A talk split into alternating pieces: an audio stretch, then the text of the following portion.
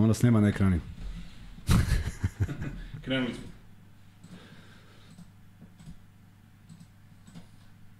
Ajde. Nema zvonca.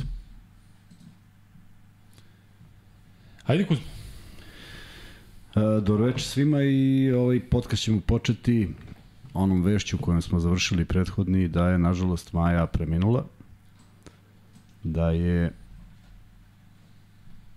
da sve što smo uradili i sve što su drugi uradili i mnogi ljudi što su uradili nije bilo dovoljno jednostavno e, bolest je bila jača i uz sve ono što sam pročitao poslednji put i tu neku nadu da se ona oporavila i da, da, da, da je sve krenulo kako treba i da je došla kući i da se viđala sa porodicom, ovaj, sve se to u jednoj nedelji okrenulo i nažalost vest nas je onako porazila zato što jedan mlad život odlazi u, u, u, u ovoj zemlji u kojoj moramo da na, svake, na svakakav način da se dovijamo ne bili došli do kakvih takvih sredstava za, za izuzetno skupa lečenja. I još jednom u Nenadovo ime ja verujem meni on poslao nekoliko poruka koliko je zahvalan šta smo uradili jer mislim da smo makar i tim doprinosom koji je zaista bio onako više nego odziv bio više nego fenomenalan da smo ipak uspeli da im pomognemo u nekim tim teškim momentima i da produžimo makar neku nadu koja nažalost eto više ne postoji. Hvala vam što ste bili sa nama u ovome, što smo svi bili zajedno i pokušali da pomognemo. Sigurno sam da ste olakšali te neke posljednje trenutke i to što je Nenad Slao potvrđuje. E,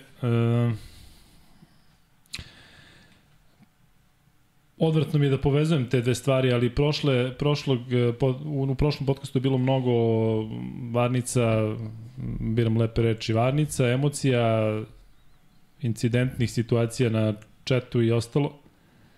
I e, u trenutku kada je Kuzma čitao poruku Nenadovu, gde je već bilo jasno da, da ide ka ovom ishodu, e, u isto to vreme, dakle, bilo je vas koji ste onako ša, slali te tužiće, bilo je oni koji je bilo baš sve jedno i koji su i dalje slali uvrede i dalje su se držali u modu od derbija. Jeste sve bilo sveže, ali ljudi Meni je to bilo iskreno baš onako, prilično sam se razočarao kad sam to video. E, takođe što se tiče e, predloga od prošlog puta koje sam rekao da ću reći Kuzmi posle podcasta, dakle neko od vas je predložio da Nenadu uplatimo novac e, taj koji ste već poslali za, za Maju, dok je takođe bilo i predloga da deo tih sredstava koji su stizali nama na PayPal za humanitarne svrhe, konkretno za Maju, da možda deo novca ide u neku drugu humanitarnu akciju. Tako da ćemo mi to podeliti i deo novca ćemo dakle proslediti Nenadu. U ovoj situaciji sada sigurno ima puno troškova. On je, kao što je Kuzma rekao, izuzetno zahvalan za sve što ste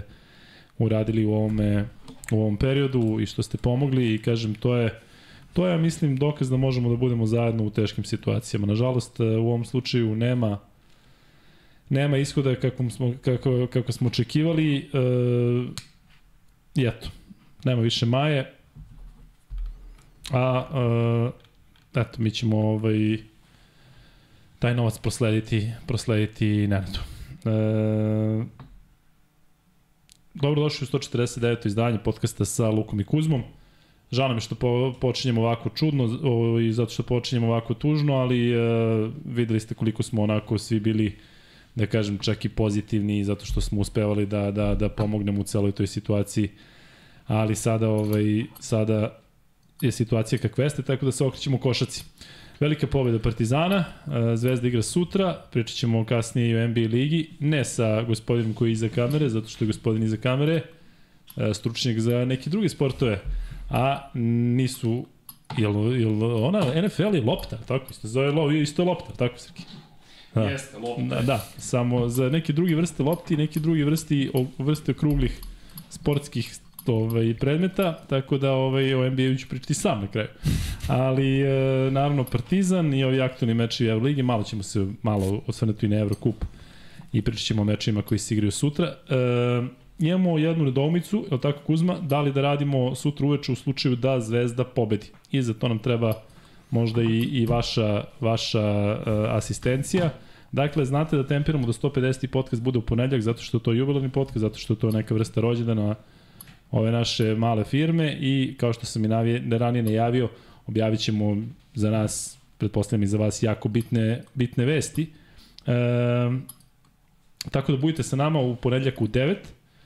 Trajat ćemo i više nego inače i e, Kuzma. Pa ajmo da ostavimo to, eto, da, da, da ako Zvezda pobedi, zato što, ne, ne zato što gledamo da li Zvezda pobeđuje ili gubi, nego zato što je Uh, uskačemo u termin 99 yardi, stalno ih požurujemo da izađu, Jeste, a mi da. želimo da isto pričamo i onda se stvarno ovaj, otme kontroli, ostanemo do 3, pola, 4, nije, prošla nedelja je bila izuzetno naporna, pa samo iz tog razloga, ne da li imamo šta da pričamo, uvek imamo pričamo i kada se gubi, kada se dobija, nego samo zato što bi onda 150. podcast bio taj, eto, to je neka nedomica koju imamo, pa ćemo vidjeti u odnosu na situaciju. E, da, eto, pratit ćemo e, i dobro, možemo da pređemo, ili imaš nešto kuzno pre što pređemo da, ima, ima, Efes? ima jedna simpatična stvar u vezi ovoga svega što si počeo i što smo pričali pred, ovaj, pred emisiju. E, u Ugljeviku kod Bijeljine odigrana je utakmica između Rudara i Besta, kako ja vidim, Rudar iz Ugljevika i ono što je bilo interesantno to je da su se udružile dve grupe navijača, Partizana i Zvezde i igrali su uh, za dečka koji se zove Petar Tanacković, sve sugrađeno i dobre volje da uh, pomognu u njegovom lečenju. Dakle, ima problem za transplantaciju bubrega i oni su, oni su uzeli napravili utakmicu, sav prihod je otišao humanitarne svrhe, dva udruženja koja su po mnogo čemu nespojiva, ali su prosto ljudi u svom ovom ludilu uspeli da se nađu i naprave jednu akciju koju, pa eto, ajde da kažem da, da, da malo je reći da, da, da spada u nešto što, što mi radimo, nego mi je posebno drago jer jedno takvo malo mesto da izbaci i, i, i napravi takav je takvu jednu akciju videvši koliko je koliko je sredstava potrebno za tako nešto. Ne verujem da su skupili mnogo s obzirom da ne znam koliko je ljudi bilo, ali svaka čast za pokušaj, svaka čast za jednu, jedne, neke normalne odnose unutar jednog malog mesta i za svaku pohvalu. Ne znam koji je rezultat bio, ali mislim da je potpuno nevažno. Da, ljudi, ima jedna druga stvar, e, tiče se prošlog podcasta i svega što se dešavalo u četu. E, pretpostavljam da je bilo jednako ako ne i gore na, na Instagramu, a takođe i na našem YouTube kanalu vidim da ima više poruka nego ikada, nisam ulazio u njih, ali pretpostavljam kakva je sadržina.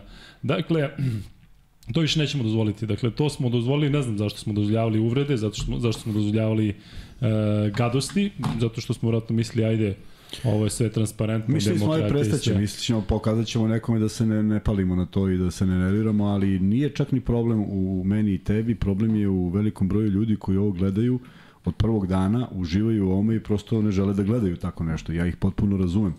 Dakle, e, zlopotrebiti toliko neku našu ajde da kažem, normalnost. Mogu da uzem to da, da ne, ne reagujemo. Ja ne znam, ako ima neko slobodno nek se javi, da li je ikakvu uvredu za 149 podcasta odavde dobio u bilo kom komentaru, u bilo kom pisanju, samo ako ima neko da, da, da pokaže prema tome. Mislili smo da može u tom smeru, međutim od pre neki dan to je uzelo maha potpuno ovaj, van svakog konteksta, van svake normale, onda sam ja naravno zatvorio Instagram u smislu da ne može sad svako, pošto to nisu to nije razmena mišljenja, to su uvrede koje nemaju veze s mozgom, niti ih e, Luka i ja zaslužujemo, niti bilo ko zaslužuje to, ako se tako frustracija leče na nekom drugom mestu, ovde ne, zato što, ponavljam, ima ovde mnogo ljudi koji su nam pisali da ne mogu više da gledaju i morali su isključe nešto što vole, zato što nisu mogli da gledaju prepucavanja kojima apsolutno nije bilo mesto. Prema tome, um,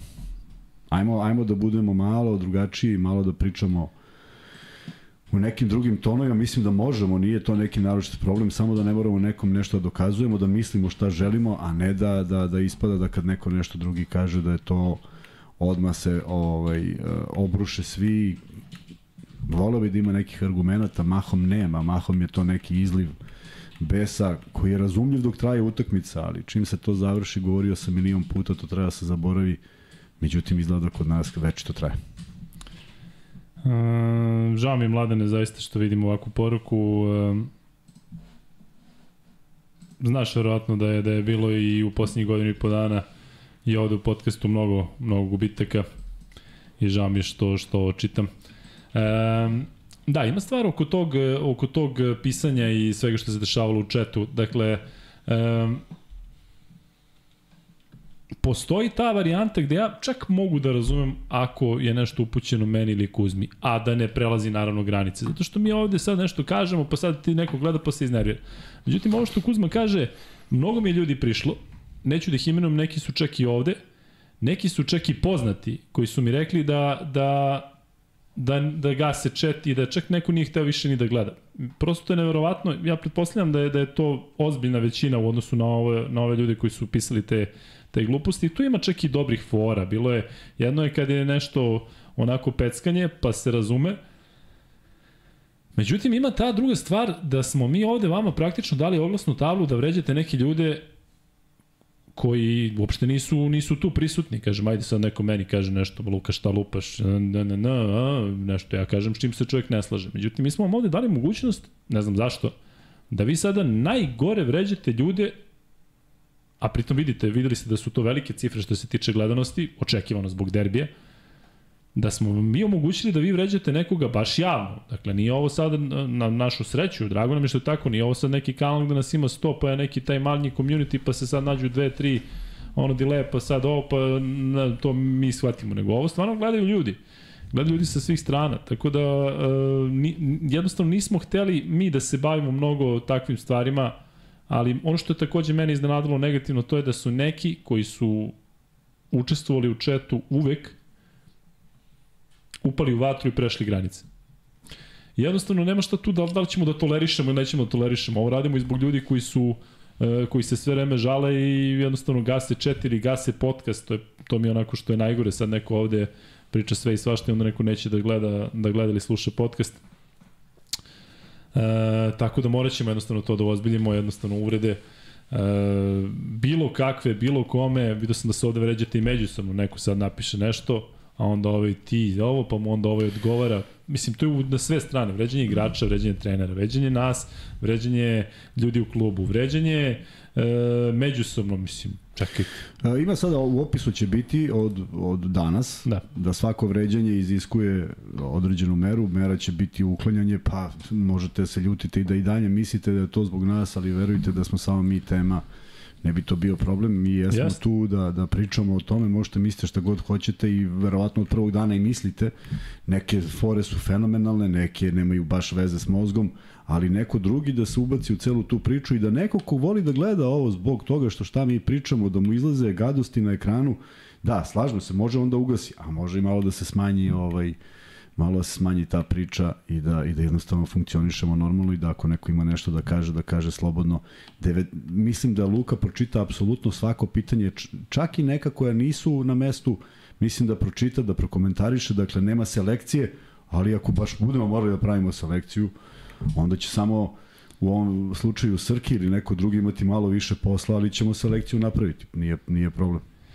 Evo vidite kako je Beki Beki koji, koga znamo, u smislu upoznali smo se, kako lepo kaže, svaka čast Partizanu na pobedi, najstvarnije kao navijač zvezde, ali čemu komentari, bla, bla, bla. Dakle, lepo je čestitati, lepo je, uh, lepo je prihvatiti uh, da, da kada neko pobeđuje, ja ne kažem da sad treba ne znam, da se ovako čestite ili da se bi na bilo koji način sada dru, neko drugi bude radostan, ali zašto to, sad barem u Euroligi, kada je Euroliga u pitanju, zašto mora da bude tu problema, Vidite da se dešava sve i svašta i verovatno će se dešavati i narednih dana. I mislim da je zbog toga ova pobeda Partizana još veća zato što su uspeli da se nekako izdignu iz svega toga i da pobede Efes u, uh, u, u Istanbulu. Ja vidiš se. I posle sad tebe kad banujemo Burazeru koji nas po, porediš sa nekom uh, voditeljkom, sad ćemo mi da budemo krivi, tako? Nećemo mi, već ima čovjek koji se tijem bavi, a koji je u saradnji sa nama, tako da eto. E, hvala puno Matiji Miloviću koji stalno donira, hvala puno Omeru Gabrielu Batistuti koji kaže pozdrav, totalno skretanje sa tema, ali hoću da pitam da li ste ispratili Zenit CSKA, samo da ponovim, Luka ti si Baba Vanga, Nanli pogađa bitne trojke od one u Splitu, plus da pohvalim slobodno bacanje 28-28, pričat ćemo, hvala tebi, ali vidio se da sam, da, da, da sam prognozirao rezultat 92-82 derbija, ne znam kako sam, za zašto to. Za jedan, jedini poen. Ne znam da li ima tu kladionici tačan rezultat košarke. Ljudi koji se kladite, recite Ko je to kod?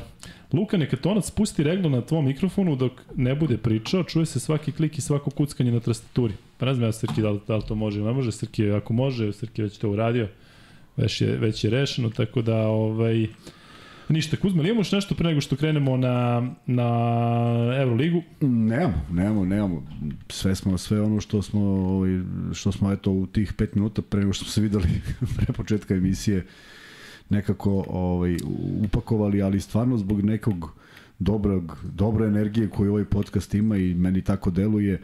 E, ono, ono što mi, samo sam još jednu stvar teo da dodam, ne verujem da su, da su gro tih ljudi koji pišu poruke po, po YouTube-u zaista i neko ko je kliknuo onaj, ono zvonce pa su se pretplatili. Prosto ovaj, dolaze sa strane i kažem zaista nismo tali da pravimo, ali ovako ako baš budu rešili pa da ih ne sklanjamo, makar mogu da se pretplate pa da raste taj broj pretplatnika ako ništa drugo što kaže što kaže moj pokojni trener Marijan Šo, Novović Šilja kojemu u polupraznoj dvorani viču šilja ovo ili ono, ja pitam kako te ne, ne koncentriša, on kaže pa čovjek platio kartu, ima pravo da viče. Tako da eto, to je to je neki ne, da nešto. Pa da. Pa da. Došli na utakmicu imaš prava, platio si kartu. Ako nisi platio, to već nastaje problem. Ali ovde pošto nema plaćanja, ima, ali ima ta nešto što se zove pretplata, pa onda postaneš pretplatnik, pa možda imaš malo više prava. E, da, mislim da ćemo da ćemo izdržati bez vas koje bez kojih ostanemo možda nećemo, možda propadne cela priča, dakle, ali možda, neće vi, možda vi koji vređate, možda držite, možda ste strž ovog podcasta, da. ali sumnjam. E, I ovo, kažem, ovo zaista izgleda smešno kao Luka se ne raduje, on je Delija. pa ja ne znam šta, kako da vam objasnim da smo ne, ne počeli... Vredi da, ne vredi ne, da nego da smo počeli sa, sa e, tragičnom vešću da, da. je, da je umrla Maja, I sad vi očekujete da ja ovde uzem i da skačem do plafona, a stvarno sam srećan zbog pobjede Partizana, zato što mislim da je najbitnija od početka Euroligije. I jedva čekam da pričam o Partizanu, ali e, neukusno je. Neukusno je sada da, da, da, da se radujem, a ovaj, znate šta se desilo, sad smo vam objavili. Nije mi jasno kako neko to očekuje, uopšte mi nije, nije, ne ide mi... Pa to je najvažnije. Ne, ne ide mi kako, kako uopšte može da, da neko postavi takvo pitanje, ali dobro. Uh, Elem, E, velika pobjeda Partizana, e, stvarno mislim najveća do sada u Euroligi i evo Kuzmo, pričali smo, ajde da, da, se, da krenemo od toga. E, pričali smo kako recimo Zvezda i Partizan kao timovi u Euroligi imaju protiv nekih timova 1-3, kao što je Armani ili evo recimo ta Valencija, sve. Ali Partizan i Zvezda, Partizan ima 2-0 protiv Efesa. Zvezda ima 1 protiv Efesa. Dakle, srpski timovi protiv šampiona Evrope, a kad kažeš Efes, ono pomisliš na Atamana. Protiv Atamana da. imamo 3-1, Partizan ima 2-0, to je nekako slatko. I baš sam pratio na kraju taj pozdrav Željka Obradović i Atamana. O, gestikulaciju i grimasa Atamana. Ne, zašto Sav, da? Pa sav kao nešto nasmejan, pa ide euforično prema Željku. Pa da, nije, da, vidio sam da nešto iskren, kao. Da. Pa znaš šta, čak mislim da su oni to nešto ispeglali i da i ne, da jesu, ali smešan. nije bilo prirodno, nije bilo nije, prirodno. Ne, ne, ne. Ne, kod Ataman ništa nije bilo prirodno. Dakle, on kada je, sećaš se kada je rekao da je Micić povređen do kraja sezone, ja sam rekao ljudi, Micić će se vratiti brzo, ja mislim da on to veče bio na treningu.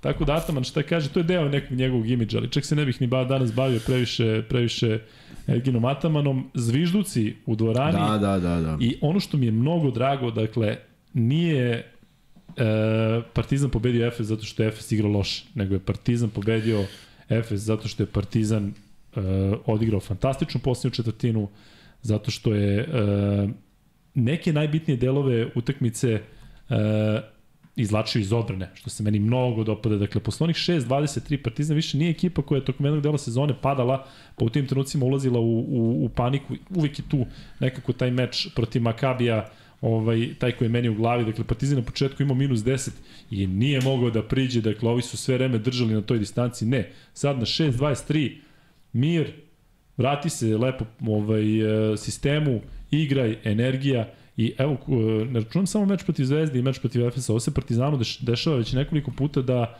okrenu onako od minus 10, minus 15 ode na dvocifrenu razliku, što mislim da, da pokazuje karakter tije. Ovo je definitivno najbolja, volio bih da kažem najbolja utakmica, ali nije najbolja utakmica jer je opet ta prva četvrtina, dakle o, o da. celokupnom vremenu, ali uh, kontrola igre od tog prvog od te prve četvrtine, od kraja prve četvrtine apsolutno u rukama Partizana i čim su oni do poluvremena prelomili rezultat, onda je to već nagoveštavalo da će ovo biti, ako ništa drugo, makar utakmica neizvesna. Međutim, niko nije očekivao baš da Partizan ode na ovakvu razliku, a to su zaslužili, pre svega uh, fenomenalnom odbranom. Dakle, zatvorili su apsolutno sve, pogodili su sve što je trebalo, sve kad je trebalo, neverovatne procente imaju, ne da, da li samo brojevi to govore, nego oni momenti koji su bili ključni, pa čak i nagoveštaj nekog uspeha možda bude i onaj Ledeov šut sa pola koji završava u košu, ali nije priznat, međutim, apsolutno potpuni fokus bez,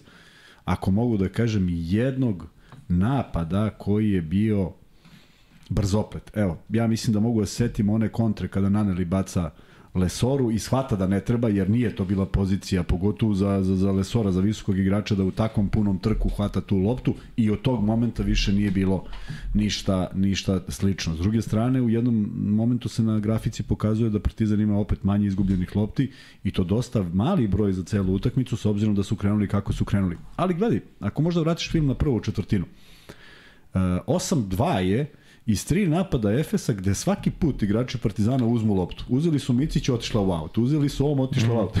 tri puta skoro kradu loptu, završava u auto i onda iz tih auto, auta, autova, iz tih auta postižu 8 poena. Tako da, e, sve smo dalje od one teorije da se ovde čuva neka energija. Meni, meni Larkin, Micić i Klajbor ne deluju kao da igraju u istoj ekipi zaista ne deluju. S druge strane, gledamo igrače Partizana koji upravo to deluju. Dakle, svako ko je ušao uh, je doneo to nešto novo, osim eto prve, prve petorke koje možda podbacila u tim nekim elementima, ali nije uticalo, nije uticalo na ostatak ekipe koji je ušao sa, sa klupe i, i rešio utakmicu, i u stvari držao pod kontrolom utakmicu. Ono što mi se takođe dopalo, uh, a ti znam da se radi o igraču o kojem smo često pričali, Aleksa Avramović koji donosi neke silne poene i video si ovoga puta potpuni fokus.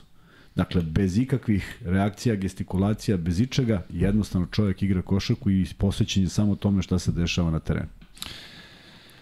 E, kada pominješ Aleksa Avramovića, mi ćemo naravno pričati pojedinačno igračima, ali Aleksa e, je toliko napredovao kada pogledamo prošlu sezonu i kada pogledamo njegov posljednji meč u Turskoj u onom duelu protiv Fenerbahče kada je ušao, kada je bila njegova prva povratnička utakmica. Dakle, on je tada dao neka bacanja, ali to da se videlo da može da odigra samo nekoliko minuta, da jednostavno još nije u, u formi. I sada je, ja mislim, Aleksa onaj pravi kakav, kakvog svi očekivaju, spreman da ako igra 5 minuta, da maksimum 5 minuta. Samo da veže još nekoliko utakmica. Samo da veže, samo da veže u kontinuitetu. Ne, ne, ne mora ovakvih, ali samo sličnih. Jer, jer, jer suviše gore dole, a ima potencijal i evo danas imao možda i taj neki tu neku želju da se nadigrava sa ipak konkurentom za reprezentaciju u krajnjem slučaju. Mislim, obojice su na istoj poziciji, pa mu je izazov da igra protiv čoveka koji je predvodio Srbiju uspeo da ga nadmudri u velikom broju situacija, postigao do, dosta poena, držao Partizan u toj nekoj e, dobroj igri, bez padova i tačnije ja ne mogu, ne mogu baš danas da, osim prve petorke, ne mogu da, da, da kažem ko je ušao u igru, a da je rezultat pao. To se nije desilo. Jer svako ko je posle ulazi u igru, da. rezultat je rastao samim tim što je prva četvrtina bila loše otvorena. E, mislim da je Partizan pokazao u ovoj poslednjoj četvrtini da apsolutno ne da nema strah, nego da jednostavno kada krene da melje protivnika, da zaista melje i da nestaje, da uopšte nije bitno ko je preko puta, dakle Efes je delovao kao jedna ekipa koja je onako e, potpuno razbijena, kažem, uopšte nije do njih, dakle oni su, evo, kao što si rekao, danas bili kompletni, iako se slažem da Klajban, mislim da Klajban, da je Klajban tu problem. Koliko god on odigrao dobro danas, e, nekako sam se naradio i na komentari sa utakmice da je Klajban bio dobar i dok je bio CSKA, a ekipa u tim trenucima gubila. Tako da mislim da bi Efes trebalo da se vrati osnovama i da se sve bazira na Larkinu i na, na Miciću. Međutim, imali su i oni dosta povreda ove sezone. E, nikako to nije opravdanje za, za loše rezultate, ali mislim da se ove sezone neće izvući. A opet sa druge strane, pre dva dana su igli protiv Reala, tako da ovaj, e, verovatno su se i tu potrošili. Ali opet kažem, ništa to nema veze sa pobedom Partizana koja je čista kao suza, postići 97 poena u meču uh, protiv šampiona Evrope na da. gostovanju i to posle te prve četvrtine u kojoj znači, se dali 11. 86 u 30 minuta. Da, da. To stvarno nije lako. To je skoro po 30 Tako. pojena po četvrtini. E, Ali, bez brzopletosti, bez jurnjave, bez jednog ishirtrenog šuta, stalno su tražili poziciju, najbolju poziciju. Uh, evo, svi su pričali kako kritikujem uh, Pantera. Ja sam pričao o njegovoj racionalnoj igri, isključivo racionalnoj igri, ne o njegovom nekvalitetu. Pogledaj kako čovjek pogađa. Ima tu neku, on ima tu neku, ja mislim da mu je takav, takav način izbačaja, takav luk. si primetio da njegova lopta čak i kad ne ide u koš, ona nekako u velikoj većini slučajeva duga dvojka se nekako upije u taj obruč. Yes, ne padne yes, kao bomba, nego ne. padne i nekako se zavrti na tom obruču. Ovo ja mislim... A i trojku danas jedno pogodio baš da, tako. Da, da, ali mislim da je ovo treći, četvrti put da on u nekom ne, ne, ne savršenom ulazu, yes. lopta je jednostavno...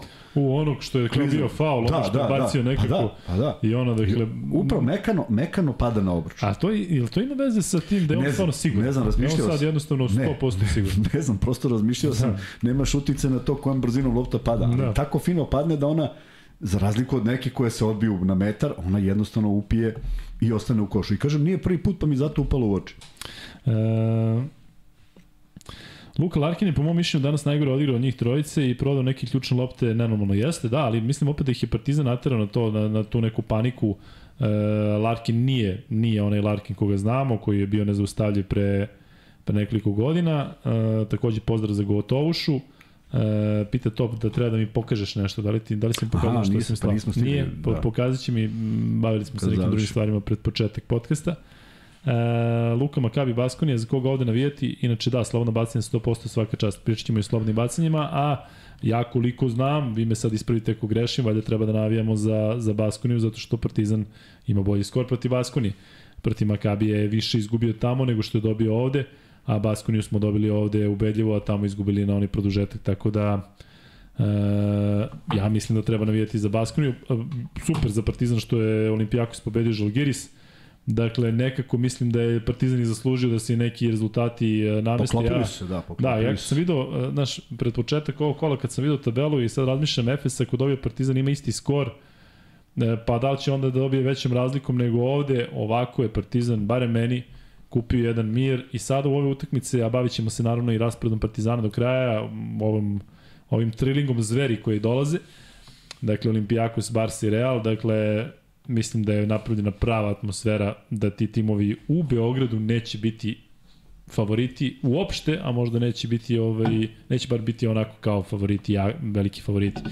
Um, I skrenuo bih pažnju još jednom da navijači Partizana, kada dođe meč sa Barcelonom, da se sete šta se dešavalo u Barceloni i da dostojanstveno se pokaže najboljom atmosferom ikada Barsi e, šta je uradila kada je onemogućila navijače Partizana koji su kupili karte da na tom e, duelu duelu ovaj, e, ne mogu da prisustuju. I najbolja je ta stvar kada vas neko tako napadne van terena, ko što je Barsa to uradila, da im vratite da im vratite na terenu. Tako da ja iskreno da čekam taj meč protiv Barcelona. Ali vratimo se ovom koji je Partizan odigrao protiv, protiv FSA. Kuzma, ta odbrana Partizana zaista se čini da, da čak i kada tako eto, bude ta problematična prva četvrtina, da se nekako kockice sklope i da um, jednostavno se sada čitaju, čini mi se i posjećaju. Partizan i dalje preuzima uglavnom, ali pritom ono Lesor kako igra, kako igra odbranu um, na, na, na niskim igračima, to je prosto Ja sam mislio da to u jednom trenutku će da, da, da kao stane, da će da se istruši. Međutim, on danas kad je preuzeo Larkina, ovaj jedan nije znao gde se nalazi. To je pritom bilo 30 i ne znam koji minut, dakle u završnici meča kada, su, kada, je, kada je već bio potrošen. Ali što se tiče odbrane 1 na 1, što se tiče timske odbrane, Partizan zaista deluje sada kao, kao ozbiljna ekipa. Mislim... Deluje, deluje ozbiljno i koristi, koristi apsolutno sve to što ima. Čak nekada i u tom nekom blefu, pa evo sad kad si spomenuo Larkin i Lesor, je, je Larkin dodao nekada ovom čoveku koji isto u mis meču ispod koša. Si primetio da se ne, dešava? I išli su na tu varijantu da će on igrati jedan na jedan i apsolutno svi, i Vasa, i Klajburn, i Larkin su igrali jedan na jedan dosta bezuspešno ili šutem preko čoveka koji ako je čak i ako je na zemlji i digne ruku, previsok je. Prema tome nije to bilo nekih rešenja, ali je bilo zabranjan ulazak. Ulazak u reket je bio zabranjen i video si na početku kada je Vasa postigao one prve pojene na ulaz koliko je uh, Obradović bio besa na, na Madar, zato što jednostavno može sve sa spolja, ali samo nemoj da, nemoj da se prodire, tako da e, u, tako su i držali odbranu, ozbiljno dobro i naravno, Klajburna je teško zaustaviti kada on uzme šut, prosto nije važno da li je neko ispred njega, ali videli smo da to nije nekada najsjajnije rešenje. Bryant je otvorio utakmicu pa si pomislio da će da 30, međutim uh, odjednom se kada su ova trojica u igri pojavi manjak lopti, Uh, ono što je za mene misterija, a čovek koji je držao rezultat je bio Plajs. Ne vidim da je nešto nije funkcionisalo kad je on bio u igri, a bio je vrlo kratko na terenu i postigao dve trojke i dao neke koševe ispod koša. Tako da je to jedino onako nešto što je nepoznato. Pritom, ovaj, a, a, jako je teško Lesoru protiv njega zbog visine da igra. Ovo sve ostalo na snagu može, ali on je baš, baš, baš dosta viši, pa mu nije bilo lako, a onda kada njega nije bilo na parketu, Lesor je opet od, odigrao dovoljno dobro sa velikom energijom, ali pre svega u tom odbranbenom ovaj, u odbranbenoj fazi. I s druge strane imati takav učinak slobodnih bacanja, sad neko priča o tome koliko je bilo slobodnih bacanja. Pa, znaš kako, ne vidim da su to bili neki da nisu bili faulovi. A pogoditi sva bacanja redko se dešava i to, to toliko znači i stvara samopouzdanje da onda kad šutiraš bilo šta drugo definitivno bude lakše. Ja samo ne mogu da se otmem utisku koliki je procenat trojki za Partizana? Mm, sad ćemo da vidimo. Pogledaj baš. Partizan je za 3 šutirao 9 od 19. 9 od 19, a delovalo je u jednom momentu, jer to je 9 od 19 sa lošim otvaranjem. U jednom momentu Nanali daje prvu trojku. Ja mislim da je od prve trojke, na primjer, 10, 10 9, na primjer, ovaj, e, neki šut. Neverovatno je šta su promašili na početku, a posle kako je kako se otvorilo, tako je svaka bila i u pravom momentu i završila u košu. Ja ne mogu da vam objasnim, evo pričat ćemo o, o igračima, ali koliko god im Nanelija. Dakle, Naneli mi je toliko nekako samiran kad on šutne, nekako mi bude drago i kada promaši bude mi drago što on uzeo šut. Ne znam kako da vam objasnim da je, da je, da je, da je on meni jedan od onako najpouzdanijih igrača Partizana, dakle, dobro, pričali smo toliko, Lesor kada je blizu koša, um, um, Exum kada napada uglavnom u tu desnu stranu, Ledej, sve što radi i Naneli kada šutne, ovaj, e, to je zaista, zaista fenomenalno. E, Zahvaljujem se ovde Denis Zarev što, ili Žarev što čitam njegova pitanja uvek, ali zaista vidite koliko to brzo ide u četu i koliko je teško pohvatiti sve, zato nemojte zameriti ako vidim da su neke interesantne stvari i kažem vratit ću se i nema šanse. Stigla je ponovo od e, Saleta Ristića poruka, kaže bitku za Maju smo svi izgubili. Sledeću dobijamo, vi nastavite da organizujete, podrška neće izostati, jako mi je drago da menjate sistem ovde, vaša kuća, vaša pravila, ima još podcast i emisija, nije sve za svakoga. Hvala puno Sale. E, dobiješ i ti Srki pozdrave kako kontrolišeš chat. Tako da ovaj e, Srki e, stvarno lepo deluje, dakle baš baš deluje onako pitanje, mogu se videti pitanja, možda se vidi šta. Pa, hvala Bogu. A slušaj i komentar Stefana Stojkovića, kaže moja žena obožava vaš podcast. Kad god krenete, mene šalju u kuhinju da vas slušam sam s slušalicama u ušima i da perem sudove. Pozdrav najbolji ste. Stefane, e, bit će ovo dug podcast kao što i svaki, tako da nadam se da, da ima dovoljno sudova. Sedi tamo, ne vraćaj se u sobu. Da. E, Luke, pričao si da nisi vidio Alena i Lesora zajedno ispunio ti žalce želju. Pa znaš kako, iskreno, sada mi deluje da Partizan deluje toliko jedna kao kompaktna celina da kakva god da je petorka, nemam, nemam problem. Tokom prvog dela sezone, ono razmišljam se pa kažem, čekaj bre, otkud on? Pa, znaš, onako, ne bude ti sve jedno kad primi loptu. Sad, apsolutno, nemam, nemam nikakav problem ni sa čim. Jako mi je žao, kažem opet, vratit ćemo se na igrača, ali mi je žao što je Madar na, na krilima onoga što je uradio u derbiju, nije možda neku veću minutažu ovaj, dobio danas i to iskoristio. Volio bih da ga vidim zaista da, da bude onakav on kada je postigao onu trojku. Mislim da je to ključni trenutak bio u derbiju i zato mi je žao što je sve to palo u vodu da se priča o tome, nego se priča o nečemu drugom. Zato što ona lopta koju je Lesor pokupio sa parketa Vildosi i ja mislim da, da svaka čast Madaru što je dao trojku, ali u onakoj atmosferi, posle onakve serije, posle onakvog svega, ja mislim da bi svako pogodio trojku, odnosno ono mora da uđe. Ovaj, tako da, da čestitke zaista Madaru što, što je, e, čini mi se, onako mentalno na potpuno drugačijem nivou nego prošle sezone posebno, a i u ovom delu sezone bilo svega i svačega. Tako da, e, Ovde Kuzma ljudi komentarišu ova slobodna bacanja Partizana, zaista da, 28 od 28, ja ne znam da li to na, na strani, pritom znaš kad kažeš kao tamo je na, na, na košu, da. pritisak je, pa eto, ovaj, sad se potvrdi kad neko gleda takvu utakmicu i shvati da je Partizan dao za 30 minuta skoro 90 poena, vidiš koliko su slobodna bacanja bitna.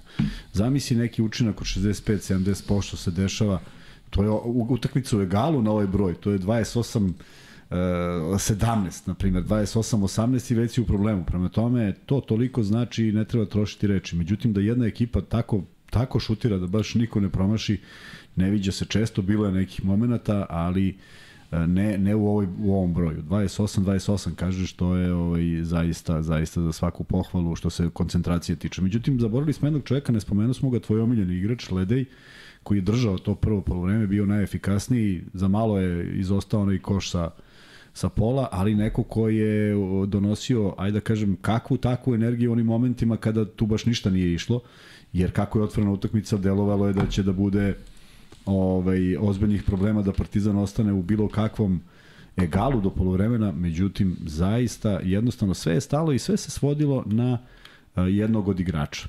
Larkin kad je ušao, on kao da je dobio komandu neku da on sad mora završiti 3-4 puta, pa jednom je možda i pogodio, ali već svaki sledeći put je to bila uh, lošija, lošija ovaj, realizacija. Partizan stisnuo odbranu i zaista su odigrali u tom periodu da sa minusa jednog koji je nepredviđen, nije to početak je utakmice nise još ni, ni zagreja, ono dolazi do jednog ozbiljnog minusa koji treba nadoknaditi i to da se desi u drugoj četvrtini sa kontra efektom. Dakle, koliko je bilo isto tako nešto, oni su dali 11 pojena otprilike ovaj Efes u, u, u drugoj, tako nešto ako se ja dobro sećam ili 13, ali su primili opet 20 i nešto, prema tome od tog momenta, od te druge četvrtine sve neko ide kako treba, pa čak ni ono e, gde, gde je Obradović uzeo time out, a bio je moment kada Efes daje tri trojke. Znaš, mnogo je, kad primiš jednu, pa ajde, pa dođe i druga, pa, ali kad je ušla i treća, onda stvarno alarm se upali, međutim, posle tog momenta Efes nastavlja da igra na tom principu, faktički nema unutrašnje igre, kad je bila unutrašnja igra bili su odlično o,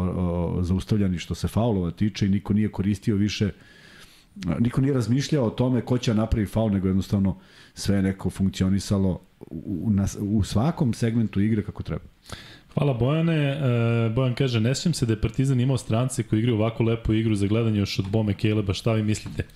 Ajde ovako, da imamo, e, znate da će free bet biti kada dođemo do 500 tog, e, do 500 lajka, prvi free bet, i bit će naravno u vezi Partizana, ali ajde sada da igramo jednu igricu, hoću da, da vi svi koji navijate za Zvezdu ili za Partizana, znam da vas ima mnogo, da napišete uh, pet najboljih, odnosno stranaca koji su vam ostali u najboljem sećanju.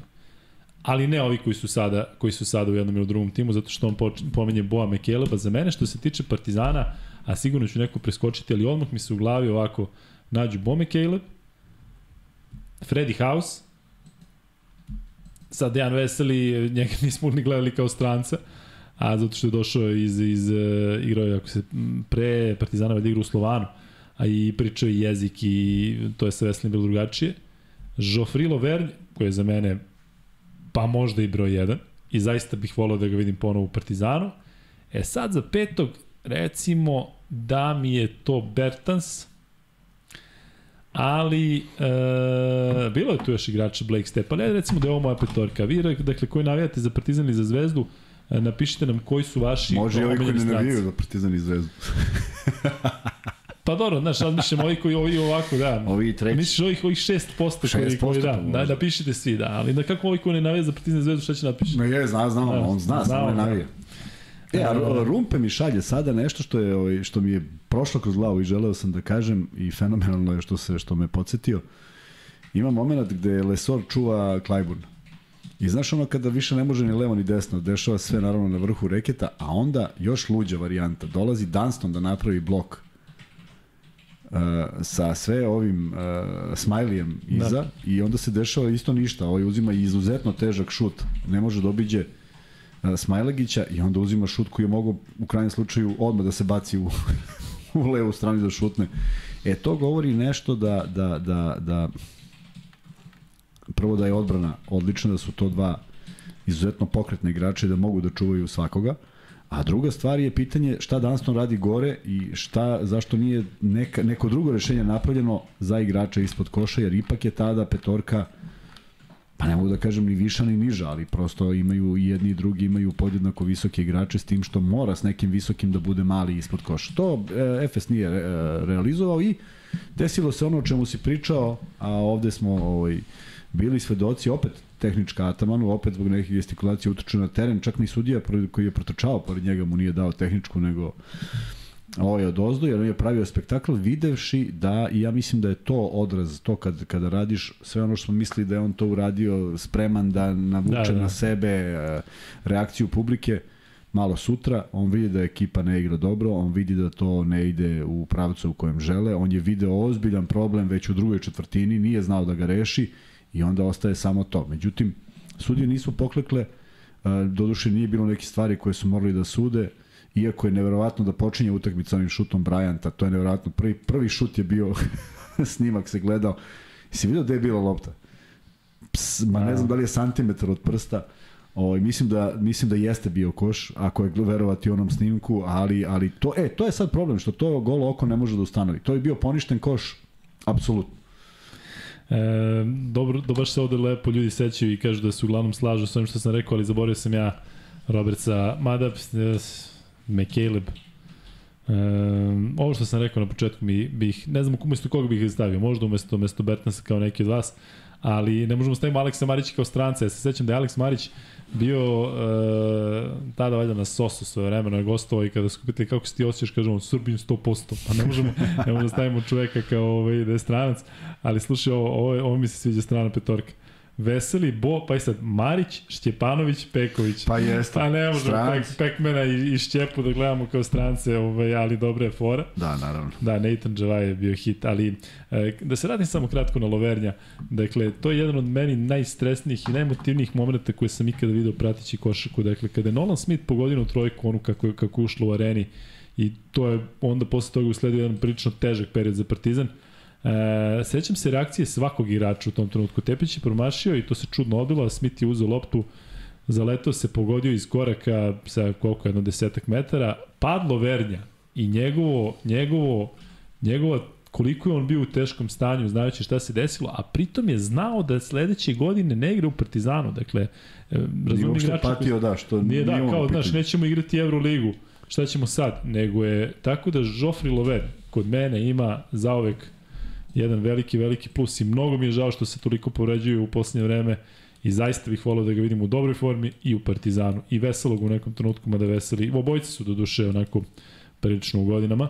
Um, Kuzma, pričali smo o slobodnim bacanjima, pričali smo o e, tom šutu Partizana za 3 poena, ali opet e, kada pogledaš 11 asistencije na ovoliki broj poena, to je nešto što je standardno za Partizan i sad smo jednostavno jest, prihvatili. Prihvatili smo, da, neće biti drugačije, nema tu nekog protoka lopte u smislu da se igra nekim, nekim lucidnostima, jednostavno igra se sigurnije, a ono na što se uzda, u što se uzda Obradović, to je taj neki individualni kvalitet.